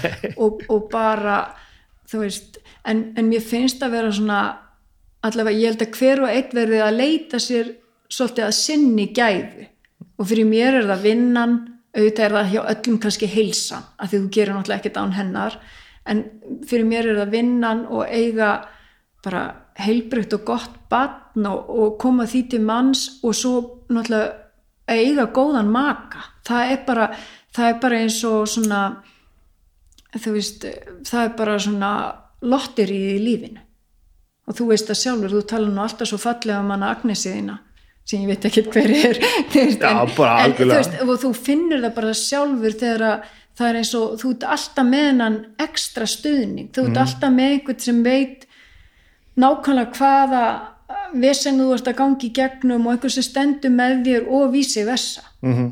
Það er bara þetta er rauninni algjör mystyrja að sé, sé einhver aðna úti sem að er svona tilbúin fyrir þig og með þér já, mér finnst það Já, það, ég held að það sé 50% ég sé 50% saman á því að Já. ég tengdi sem svo rosalega við það sem þú að segja aðan að vera bara nógu drullur hreinskili með hverðu þú ert og hvernig þú ert sko. já, mér finnst það ég held að þessi sálufélaga tilfinning mm. verð ekkert til nema að þú bara oft en ekki bara frekar sásöku fullan hátt rýfir bara ofan að hvað þú ert og segir það uppátt sko. Já. það er ekkert auðvelt að segja við mannesku sem við ekki vendum sko þetta er svona svona svona, mér líður svona og ég geri þetta og svona er þetta og ég er bara Mhm. fokk allaður og allt það -hmm. en ég held að þetta verði auðvitað er ég náttúrulega alhafa rosalega hérna ég sé ekki fyrir mig sam, náið samband millir tveggja manneska sem að verður bara innilegt og, og svona eins og þetta segja, þetta sálufélaga samband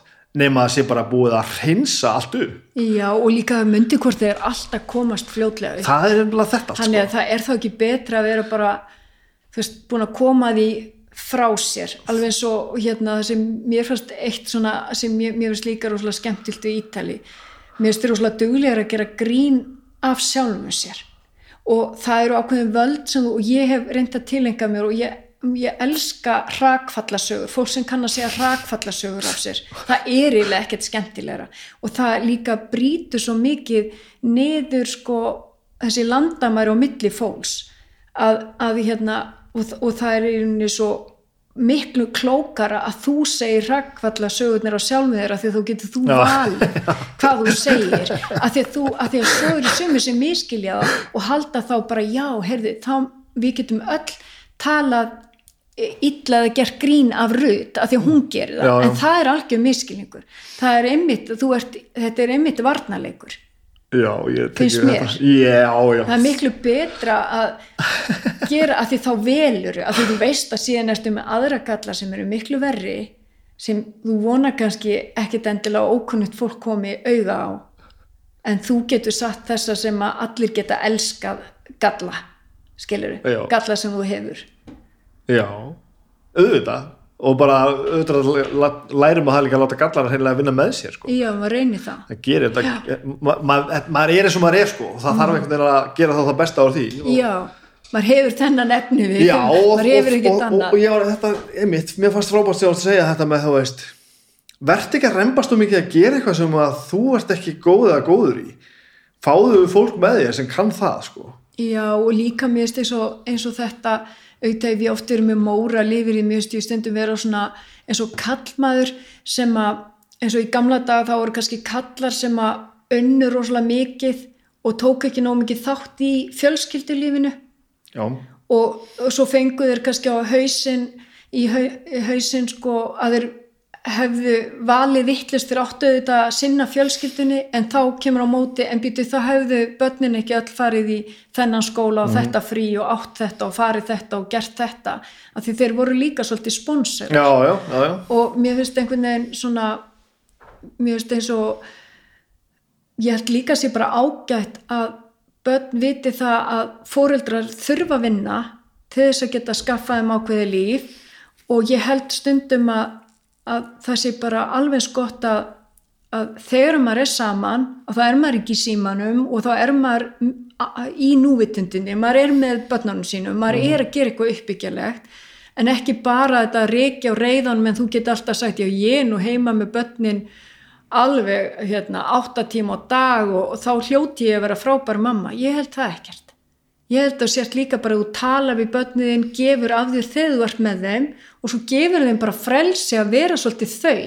Svo verða þau bara svolítið að fylla upp í eigðunar þú getur ekki verið bara alltaf einhvern veginn allir í einhverju hjörð saman. Ég held að þú veist, það mikið samast að fólki ekki endilega þeir sem er í samlitum göllum út á golf eða spila saman golf þú veist. Ekki sjálfkrafa allavega. Nei, Það- nei, ég meina, ég held að það er bara fínt fyrir þetta fólk, ég er ekki persónlega í einhverju anti-golf. En það er bara, þú veist að við eigum alltaf við erum svolítið svona, allir eiga að vera að gera þetta, ertu ekki byrjuð í golfinu, þú veist, þetta verður til þess að ég örugglega aldrei fara í golf af því það eru allir, ég þarf svona öfuga já. Ég bara nei takk þetta þá svona júlinga mótróa ekki Já, eða þú veist, mér veist maður bara, ég þarf bara að finna áhugan hjá mér, ég get ekki, þú veist, og ef allir eru svona, ég, ég stundum eins og ég var til að segja við manni minn, er ég ekki bara svolítið einfari og þú líka? Og sagði, nei, við erum ekki einfari, við erum tvífari. Og það er eiginlega alveg rétt, já, þú veist, maður þarf ekki alltaf að vera með hjörðin í kringu sig, mér finnst samt trillilega gaman að fara í gott matabóð sem er hleyið og bullað og ég elska bull, þú veist, bara svona spuna. En, en þú veist, það er bara annars slægi en ekki verið svoleiðis mörgkvöld í viku. Ég er bara búin á því. Við langar að tala um eitt áður, en að hérna, áður, en yfirlíkur ég fór allir með þess að, að, að skoða stöffið þitt svona svolítið kerfisbundið að vorum að tala saman. Og þetta er veist fullt af og, og fu- fullt af náttúrulega einhverjum ótrúlegum hugmyndum og litum og, og uppstillingum og dóti sem er geðveikt sko en þetta er svolítið fjarlægt. Fjarlægt. Þegar maður skoðar þetta Já. þá, þá hérna þetta er einhvern veginn, manni líður eins og maður sé að stíga aðeins út fyrir raunveruleikan ég, þetta verður bara eins og ég var að fara að kynna mér tónlistina þína, ég væri bara lost, já, ná, þetta er örgulega bara er svoleiðis þetta ekki pínu það sko? Jú. af því að þú svo fyrir ég bara að þú, maður sé myndir að heimilum og ég segi þetta er geðvikt og ég tengi við þetta en samt er maður svona bara þú veist minn raunveruleiki er bara það að eldavíli minn hún bila á lögadaginn sko, og hún kveikir ekki á sér Já. það er svona daglegt líf sko, ég er bara komið auðvitað núna að sko, skápurinn undir vaskinu með skökk sko, ég þarf að skrúa hann að fasta sko. Já. þú veist, og við fluttum inn fyrir rúma árið síðan og við erum ekkert búin að almennilega ákvað hvað erum að gera hérna og þú veist, og lífið er einhvern veginn þannig sko, Já. og svo fyrir maður að skoða þennan heim og þá er maður einhvern veginn bara hvað er hvað þú veist, þarf maður einhvern veginn að að því mér finnst þetta spennandi. Eh, það er einhver svona pínu snopp hérna, yfirbræða á þessu. Já. ekki endilega sem þið er að gera heldur bara svona þessi heimur einhvern veginn er svona tíska og svona hönnun og arkitektur og svona, maður fær maður svona pínu svona, já, þetta er rosa hérna, og svo og menningarlegt pínu eli, elitu fílingur í þessu sko. en ég já, ég, mér finnst sko, mér finnst í rauninni það sem ég svona sko mér finnst eins og innhámsarkitekt allavega sem í mínu starfi, þá er ég að reyna að skapa svona stemmingu. Mm og mér finnst að stemmingin fyrir mitt leiti, svo er einhver annar sem vil skapa einhver aðra og, og þú ert náttúrulega að skapa stemmingu í, í kringu fólk sem mér finnst aðalega að vera að sé notalegt og, og þetta sé fun, funkari vel eins og því að ég er svolítið fyrir að þessi venjulegi hverstagur sé notalegur og góður. Já. þú veist eins og það var eitt kennari úti í Róm sem saði til dæmis og ég er eiginlega svolítið sammálan en það hljóma kannski svolítið skrítið að segja það ég held að maður eigi fallegra líf í fallegu umhverfi. Já, þú veist, þetta er alveg svo ég vil að sængin mín sé góð og falleg og fallegt uh, utanum hana. Aha. og ég vil að rúmið mitt sé reynt og lofti vel út. Ég vil að sé glasi sem ég drekk úr kaffi mitt eða kannan eða allt þetta sé fallegt og borðið sem ég sitt við og ég sjáu fallega út að sé bara svona að mér líði vel bara svona í hversteginum mér veist, hérna, ég er ekki að svona, þú veist, að þræla alveg á fullu til þess að komast í siglingu á fimm ára fresti eða eitthvað svona, mér finnst það ekki ekki lífsgæði, mér finnst bara lífsgæði að vera í uh, góðum nærfötum. Þú veist, bara, þú ert ekki að eiga mikið á öllu, en þetta sé bara svona þú veist kvöldmaturinn er þannig að við sitjum öll við borðið og við tölum saman. Þú veist, eh, bara svona vandað líf finnst mér Þa, þú veist, ég, ég, ég er að reyna að búti svona umgjörð eins og mér finnst droslega gaman þegar maður lendir í að hanna fyrir fólk eins og ég var að hanna svona hús, svona second home eða ekkert almennilegt orðið þetta, er ekki sumabústæður en þetta var svona annað heimili fyrir hjón sem átti eitthvað hús í bænum og þá og þegar að þetta er út á landi og þau eru að gera húsi fyrir þau og þá voru drengirnir sinirnir á heimilinu, ungi strákar svo ánaður þeim, þeir fundu það þeir, ekki, þeir voru bara strákar í tölvileik voru ekki, ekki alveg lausir við allt snopp og allt það hver væri að hanna eða, eða hvort þetta væri eitthvað svona efni eða hitt, þeir voru bara svona, ó mamma, svo gaman og, og svo gott hérna á akureyri og þetta, þetta er svo fallegt hérna og líður svo vel. Getur ekki fengið þess að konu hérna hvað heitur hún hérna sem að hjálpa okkur til þess að laga heima? Þannig ég var inn í ráðin í vinnu af þeirra hálfu heimtið þeir í bænum til þess að gera stemmingu þar. Já, já. og mér finnst þetta svo þetta er svo langt yfir að hafið að vera eitthvað svona einmitt eitthvað að sé vera snopp fyrir einhverju. Að, að því ég trúi því náttúrulega start og stöðut og innilega og ég held ég sjá það alveg í gegnum allt sem að við erum að tala um að drifkrafturinn er það náttúrulega ekki sko. Snopp, snoppið er það náttúrulega ekki. En, en auðvitað náttúrulega horfum að svo bara á, á þú, en, þú veist, þú ert að tala um spa í kjallarunum og, og, og, hérna, og vinkjallara og eitthvað Já. við sko við hinn bara ég bara, ég var alltaf að tala um þetta sko. nei, en það er, það er mjög stöft eins og að því ég fekk að sjá svo margt hrikalega fallegt á Ítalíu þú veist, að því ég datt bara inn í annan heim mér finnst þetta ennþá hjálpa mér, það er einhver svona ákveðin vinkil sem maður fekk sem að hefði verið erfitt að fá bara ef, að, ef maður hefði tekið námið sitt allt á Íslandi. Já, já, já, veist, og það er svona eitthvað, nákvæmlega, nákvæmlega. eitthvað sem ítalir hafa, það er bara eitthvað svona sjötta skilningavitið á efnum og litasamsetningu. Það er bara með ólíkindum. Það er bara, það er einhverju flýsaframlegundur út um allan heimi, ég get verið sko gengi beint að flýs sem er frá bara, það er bara einhver annars klassi.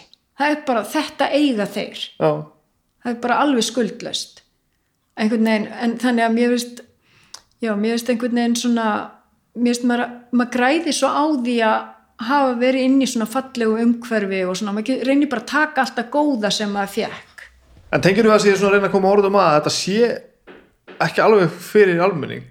Já, sko, það sem, mér, það sem mér finnst ótrúlega leðilegt í þessu að það er svona, það er eins og sömur halda þessi rosalega með hönnun bara eða kaupa rándýran stól í epal, Já. þá séður bara með þetta og það er bara þessi stóli bara svona eitthvað pís í stofinni bara eh, svona til þess að sína sko við erum alveg með þetta sko hjónin við erum ótrúlega flott sko Já. og mér finnst það ofsalegt snobb en það er samt, svo fyndi í sambandið þegar þú kaupir vandað það áttu það bara alla æfi og börniðin erfa það. Þannig að það er í rauninni bara gáulegt að fjárfesta í góðri hönnun og sérstaklega í dag þegar við erum að tala um svona neyslu. Það verður alltaf að kaupa nýtt ljótt sófabor sem líðast í sundur og ókislega ljótt í staðan fyrir að kaupa bara einu sinni fallegt og svo erfir batnið þetta þegar þú ferð að elli heimili þannig að það er líka sko, ákveði gáulegt það er eiginlega sko, í svona neyslu að hugsa vel hvað þú kaupir Já, já. en auðvitað er dýrt að, að ef þú ætlar að kaupa allt vanda þá auðvitað þú veist, getur fólk það ekki Já, en þetta er dýrt og vandað ekki að sama snobb sko. Það er náttúrulega svo nákvæmlega ekki að sama fólk, hérna, svolítið hérna hérna ruggla því svolítið saman og líka finnst mér oft þessi þættir sem er um hönnun þeir ganga svo oft út, að, út það hjá kannski þeir sem sjáum þáttin að vera bara, var þetta ekki dýrst kostaði þetta ekki Já, mikið? Og þetta, þetta gefur svo vittlösa mynd af okkar starfi og það sem við erum að reyna að gera. Ertu að miða, miðaður eitthvað út frá kostnaði þegar þú ert að vinna? Uh, yfirleitt er nú kannski fólk hver að stað með einhverju upphæfi og þú getur alltaf markvalda hana hver þetta endar. Þannig að það er nú, Íslendingar er nú ekki góður í kostnaðar áætlunum nei, þú veist, þú vinnur yfirleitt ekki, ekki út frá því sem nei, nei. fólk er bara með svona óljósa hugmynd Og hvað hefur við venjulega fólki að gera sem að veist, e, e, langar bara að líða vel og, og hafa fallegt í kringum okkur? sko, mér finnst að venjulega fólki þess vegna er svo brjálað að gera í því, þá er maður að nálgast venjulega fólki Innan Það- gæsalappa, það, það hljómar alltaf hræðilega. Já, en nei, að þá er maður eins og hef, ég til þess að bóði upp á ráðgjöf þá kem ég til fólks og er kannski tvo tíma og fer yfir húsið hjá því þú veist, að því það er alveg dýrt að mála í ljótum lit eða, eða fallegum Já, lit, skilur akkurat. og líka, og bendi þeim á kannski staði þar sem það getur farið og keift og það er í rauninni bara gati í markanum, ég hef komið 120 heimili og byðlista í svona ráðgjöfir Er það ekki bara þetta sem ég er að tala um? Að ég bara, ég komst ekki yfir það því að það er náttúrulega skemmtilegra fyrir mig að hanna pentás íbúð eitthvað svona. Þannig ég hef ekki komist í þessar ráðgjafir svo lengi að því að það er bara ef að fólk grenja sig inn á mig að þá, þá tek ég svona ráðgjafir. En fólk sko vantar oft bara svona praktísk ráð, ég meina það þarf hvort er að kaupa gluggatjöld, svo getur auðvitað keiftu rándýr, minn, miðlungsdýr og ódýr, en það það er svo dýrt að kaupa vittlust þannig Það er að það er svo sko. ódýrt að fá innanhansarkitekt í svona ráðgjöf að því að þá skrifa þú bara niður eða hann eða hvernig sem þið hafið það bara niður allt sem þið geti gert og svo getur þú verið með svona eitthvað langtímaplan að þetta er það sem ég vantar sko. en þetta finnst mér eins og vanti bara þú veist öllum bara sem eiga yfir höfuð bara heimil eða þú veist þetta væri svo ég, þetta er bara held ég akkur það sem ég er að tala um. Já, að ég horfi bara á myndirnar þar sem að þú er bara að hanna bara heilu húsin já, og mér finnst þetta frábært og ég skil þetta og ég væri til í þetta en þetta er ekki í mínu raunveruleika sko. nei, nei en þú getur alveg að því að maður kannski myndar það sem manni fannst fallegast en, en hérna, en maður er líka fullt af heimilum þar sem maður hefur kannski bara hjálpa fólkinu með lýsingu eða liti eða eitthvað slíkt. Og ég man einhvern tíma þá var ég að keira og, og stelpa mín satt aftur í pínu lítil og ég var eiginlega búin að gleyma og maður í bílnum og ég var eitthvað að keira um eitthvað hverfi að að suma götturna líka við maður eigi bara þú veist ég var eitthvað og ég var eitthvað að sjá svona hvernig eitthvað ljós og gluggatöl kom út og tók rúmt svona bara til að sjá hvernig það liti út. Og ég sagði nei hættu djöfull er þetta ljótt. Hugsa, segi ég bara óvart upp að þá er hún aftur í og hún er bara hún var svo smámalt þegar hún var lítið hún var bara, þóna, þóna mamma mín, þú getur þið ekki bjálgað öllu en þú ert með þetta sagt. þá var, alveg, þannig þá var ég bara að taka svona rúndum eitthvað hverf og sjá svona hvernig þetta kæmi út í myrkrinu sko. með batnið aftur í bílnum alltaf í vinnunni, alltaf í vinnunni já, en ég er, ég er að segja það við, við venjulega fólkið Já, svo, en það eru alltaf til ráð fyrir alla. Já. svo er bara, sumir eru mjög efnaðir sumir eru mjög efnaðir en tímaengu og þess að fá þeir sér bara ráðgjöf. Svo er einhver sem að vill bara splæsa í að gera allt en tekur það lengri tíma. Þannig að það, þetta er bara eins og ætlir í líkansrætt ætlar að fara á eitthvað mót ætlar að vakstarrætt á mót eða að bara komast hjá því að fá kransæðastýplu hvað hvað hva, hva, hérna tíma vel skilur en svo er þetta alltaf eins og alltaf að maður færi minni mátu kann líka gangast því sem maður kann ekki og þekkir ekki sko.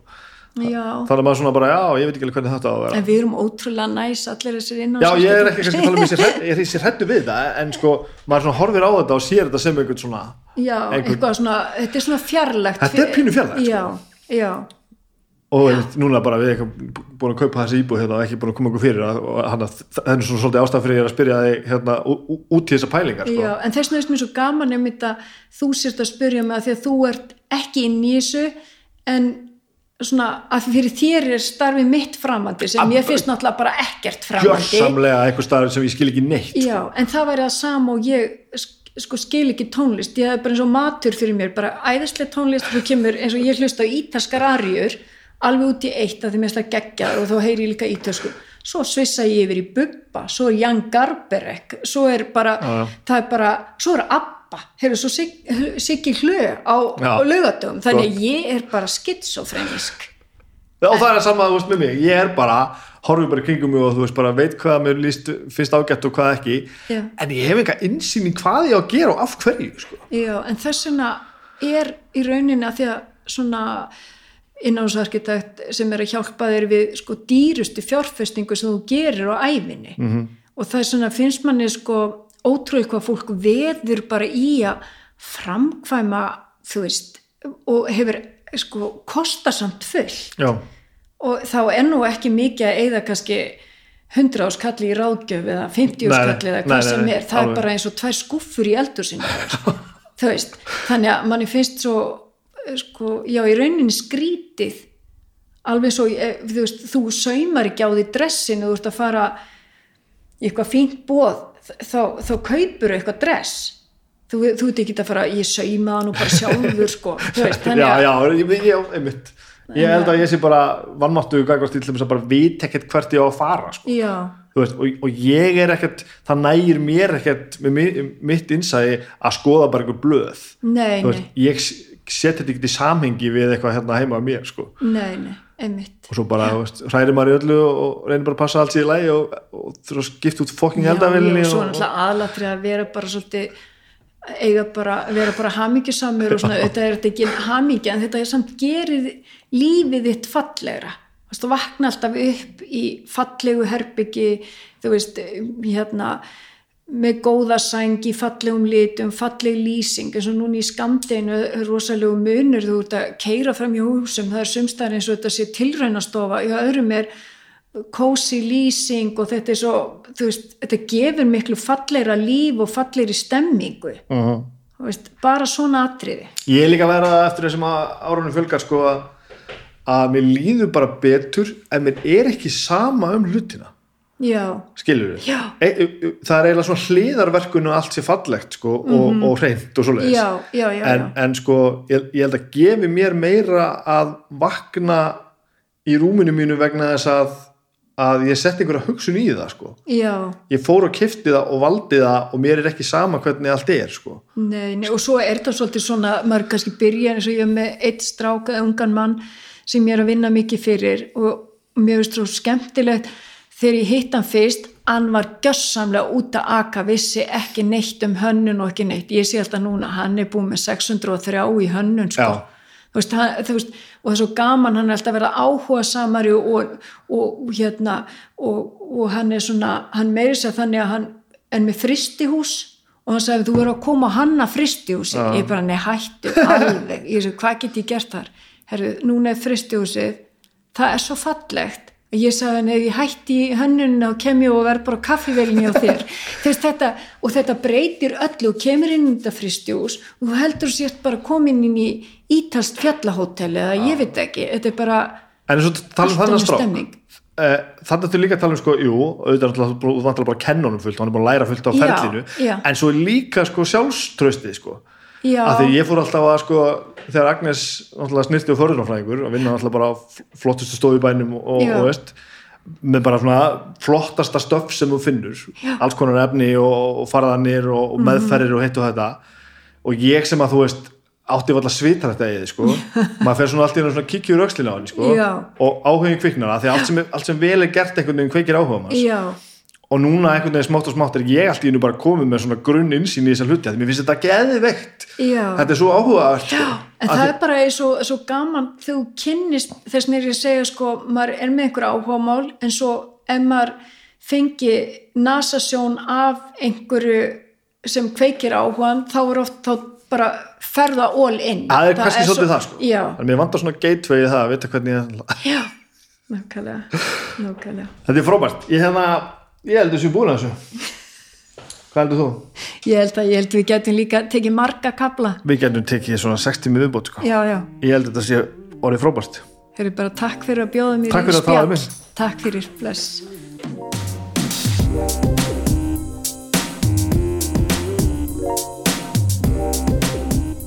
og þannig endaði það nú ég og Rödd Kára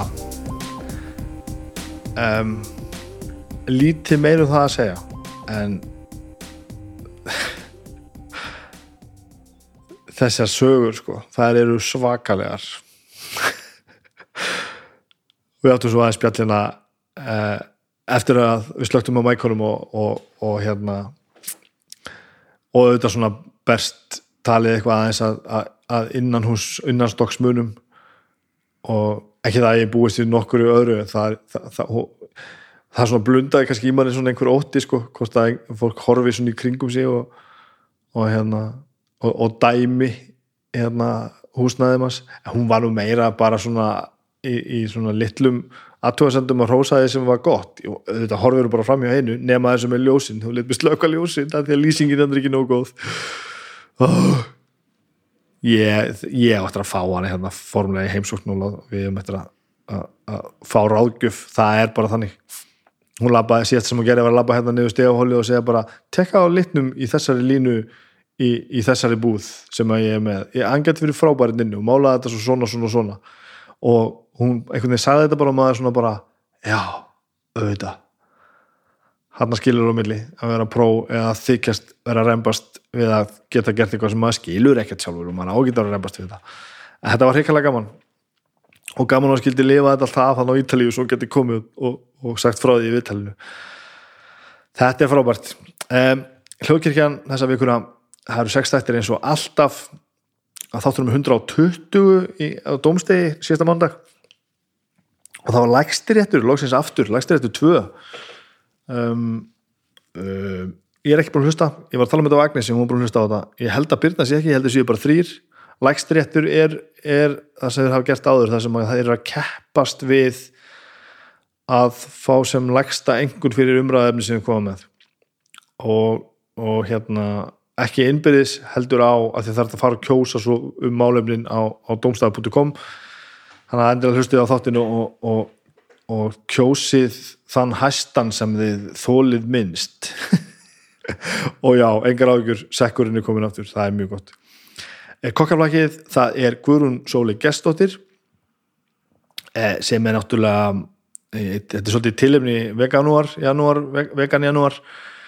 Hún er náttúrulega bara orðin eitthvað svona andlit vegan alls konar og hérna og það er mikið talað um vegan og, og lífstílinn þar og fordómana og allt þetta. Og, og hún náttúrulega þekkt um, andlit úr, úr fjölmjölum útvarpi og sjónvarpi hún er ekki þekkt andlit úr útvarpi reyndar meira svona sjónvarpi og hérna já og einhvern veginn, svolítið svona gaman að sjá uh, hvaða sín hún hefur á þetta sem þekkt manneskja úr samfélaginu. Það er svolítið, svolítið áhugavert að heyra hvernig hún talar um þetta. Og bara kokkarflakk skemmtilegt. Og, og ef þið er ekki búin að hlusta á kokkalvags þáttin síðan í síðustu viku þá gerir það, það, það líka það, það, er frábær þáttur líka. Um, Drauga fortíðar í gær þegar þið hlustið. Uh, góðir farþegar þetta er flugstjórun sem öskrar. Í þessum þætti tökum við fyrir alveg reynd ótrúlegt og skelfilegt atvik. Þetta er þó einnig frásögn af hetjudag og hreisti og best að vara fólk með flugsæslu við þættinum. Sem að þið geti valdið á hug þar að við það það er um, drauga fortíðar. Uh, Vili naglbítur það er sama sett upp þar sem þau reyra um sig í bak herbygginu og vinstúkunni og Óla Kokkaflags og, og það er svo fyndið sko að þetta hafi einhver tíma verið hérna verið spurningaþáttur að einhverju leiti, af því þetta er alls ekki spurningaþáttur. Og hann, hann var það náttúrulega aldrei nema að einhverju svona x leiti og svo restin var náttúrulega bara spjall sem þetta átt alltaf að vera. En svona í þessu COVID-drastleldu saman það sem það er ekki einu svona gestir þá er þetta bara spjall og svo svona vera læðreit og er spurningu. Og, og fyrir mína parta þá hefur þetta aldrei verið skemmtilegra. Þetta er algerlega frábært sko. Þannig að hlustið á það, það er mjög svona það tekur ekki mikið á skulum við segja að, að hlusta á, á, á, á Villa, nei hættu nú alveg með Villa. Og náttúrulega Vika og, og Önnusöfu og Baldur bróðum minni með mækarna líka. Um, og svo er besta platan líka morgun, besta platan og það er besta platan með Sköngan Ansi sem er, ég teldi fram fyrstu blöðunni Paranoidin Sunburnt sem er náttúrulega stórkostlega plata. Stórkostlega plata. Og þar með held ég að ég sé bara góður. Ég hérna finna þessi þetta jólafrí sem ég bjóð mér til með því að vinna mér í hæginn fyrir jól gerði mig greiðlega gott, ég er búin að sitja hérna við hann að mæk núna og tala og tala og tala og finn mér mjög vel í því. Hann er að það verður að passa að gera sig út það er nokkuð ljóst, þetta er allt gott uh, og það er gaman að segja frá því að hlustuna tölunar eru bara upp, upp, upp, upp. Þetta er allt saman ykkur að, að þakka. Um, og fyrir vikið gengur þetta allt saman miklu betur. Ég þakka náttúrulega Reykjavík Rósters og Flægur Æsland fyrir að taka þátt í þessu með mér og munið það að ef að þið viljið stýðja við mig og hljóðkirkjuna þá gerir því það með því að stýðja við uh, samstagsæðalinn okkar. Það er þannig þegar samstagsæðalinn okkar finna að samstarfið er að skilningur þá halda þau áfram og það hjálpar okkur. Og þannig gengur þetta ring og allir eru góður frábært, ég er ægilega góðu skapi. Ég, ég, það er kvöld og ég er tími ekki að vera að sofa. Það þýðir að ég hefur mögulega þreytur á morgun en ég leysi það, það er gott. Hafið það gott í vikunni. Bye